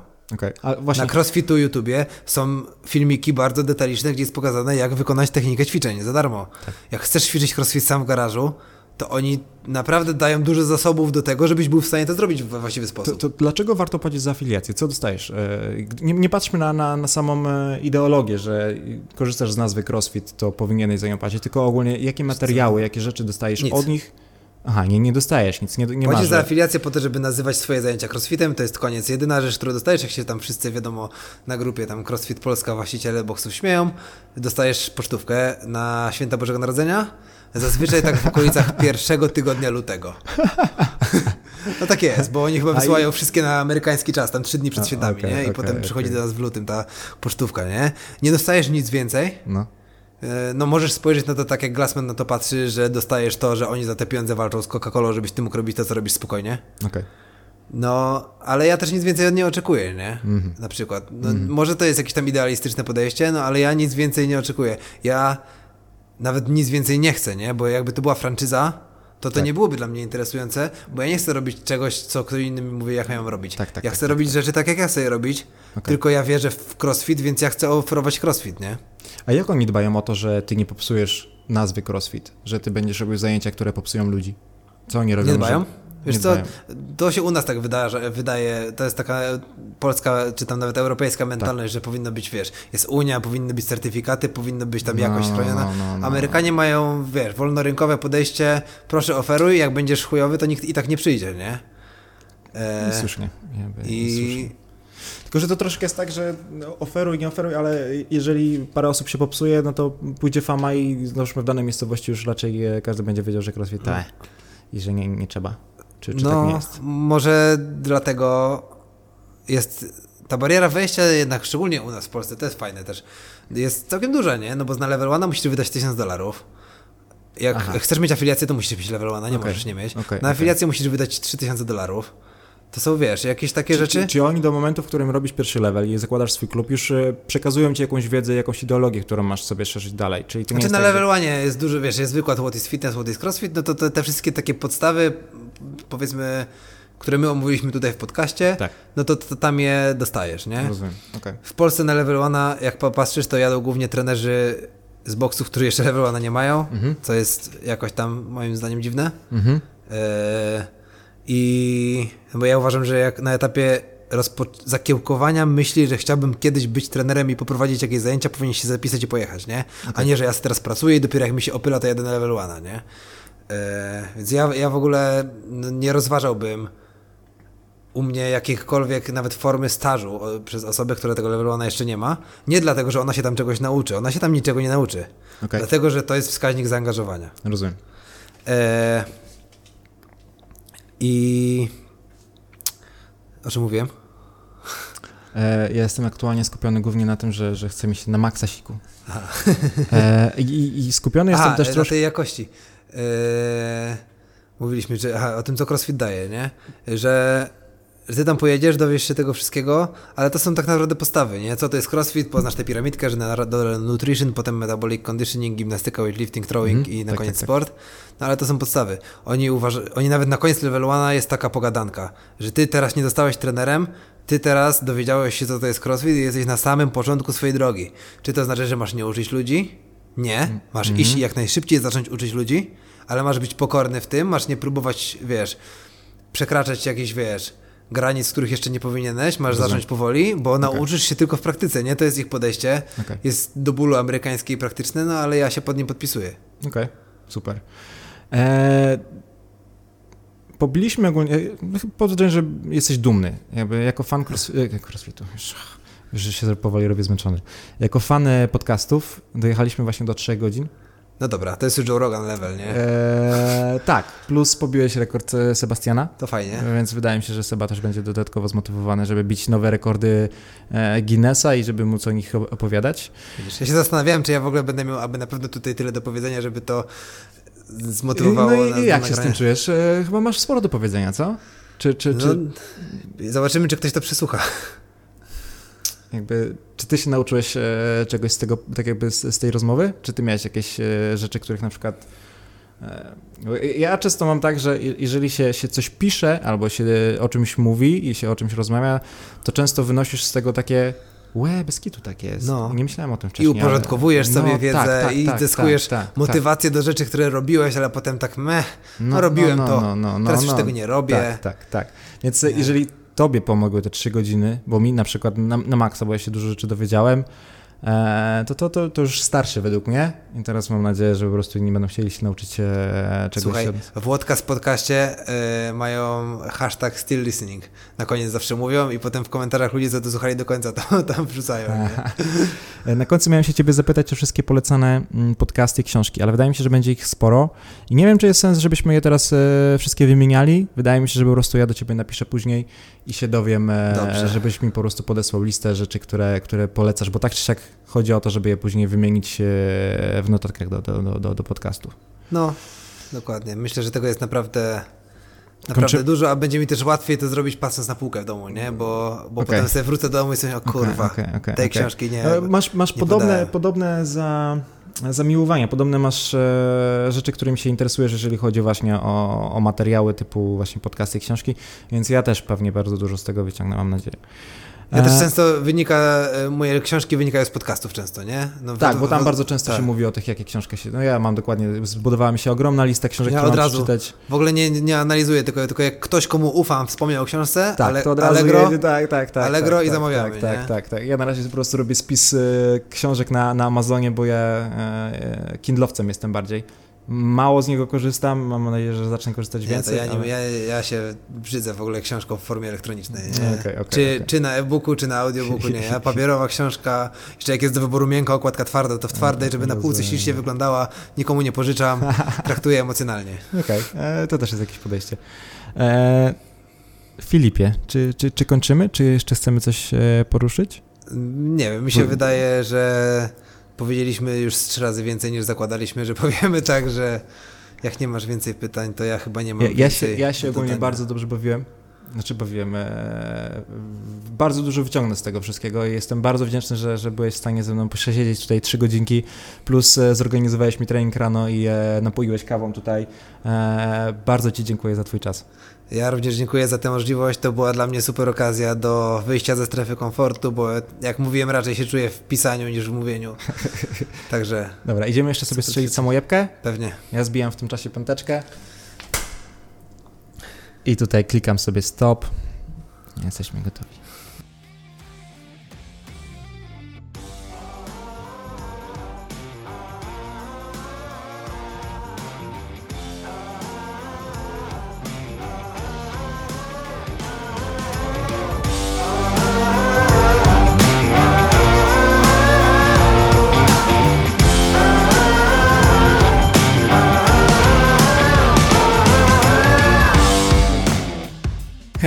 Tutaj Tomek.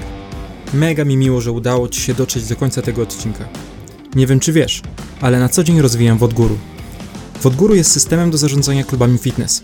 Aktualnie najczęściej wykorzystywany w klubach crossfit, szkołach sztuk walki, studiach fitness lub pole dance. Wodguru wspiera pracę klubu na każdym jego etapie, od rejestracji klubowiczów, poprzez zapisy na zajęcia, zarządzanie całą bazą klubowiczów, komunikację z nimi, sprzedaż itd. itd. W zasadzie wszystko, czego trzeba do spokojnego prowadzenia klubu. Do tego system jest bardzo intuicyjny, a jego wdrożenie zajmuje dosłownie chwilę. Więc, jeżeli otwierasz klub i szukasz systemu, lub już go prowadzisz i obecny system nie do końca się sprawdza, bo na przykład jest za drogi lub zbyt skomplikowany, bardzo gorąco zapraszam do darmowej rejestracji na Wodguru albo umówienia się ze mną na całkowicie bezpłatne demo. Więcej informacji o Wodguru, kontakt do mnie, więcej artykułów na temat prowadzenia klubu fitness więcej odcinków tego podcastu znajdziesz na naszej stronie wod.guru. Jeszcze raz dziękuję za wysłuchanie dzisiejszego odcinka i do usłyszenia w kolejnym. Cześć!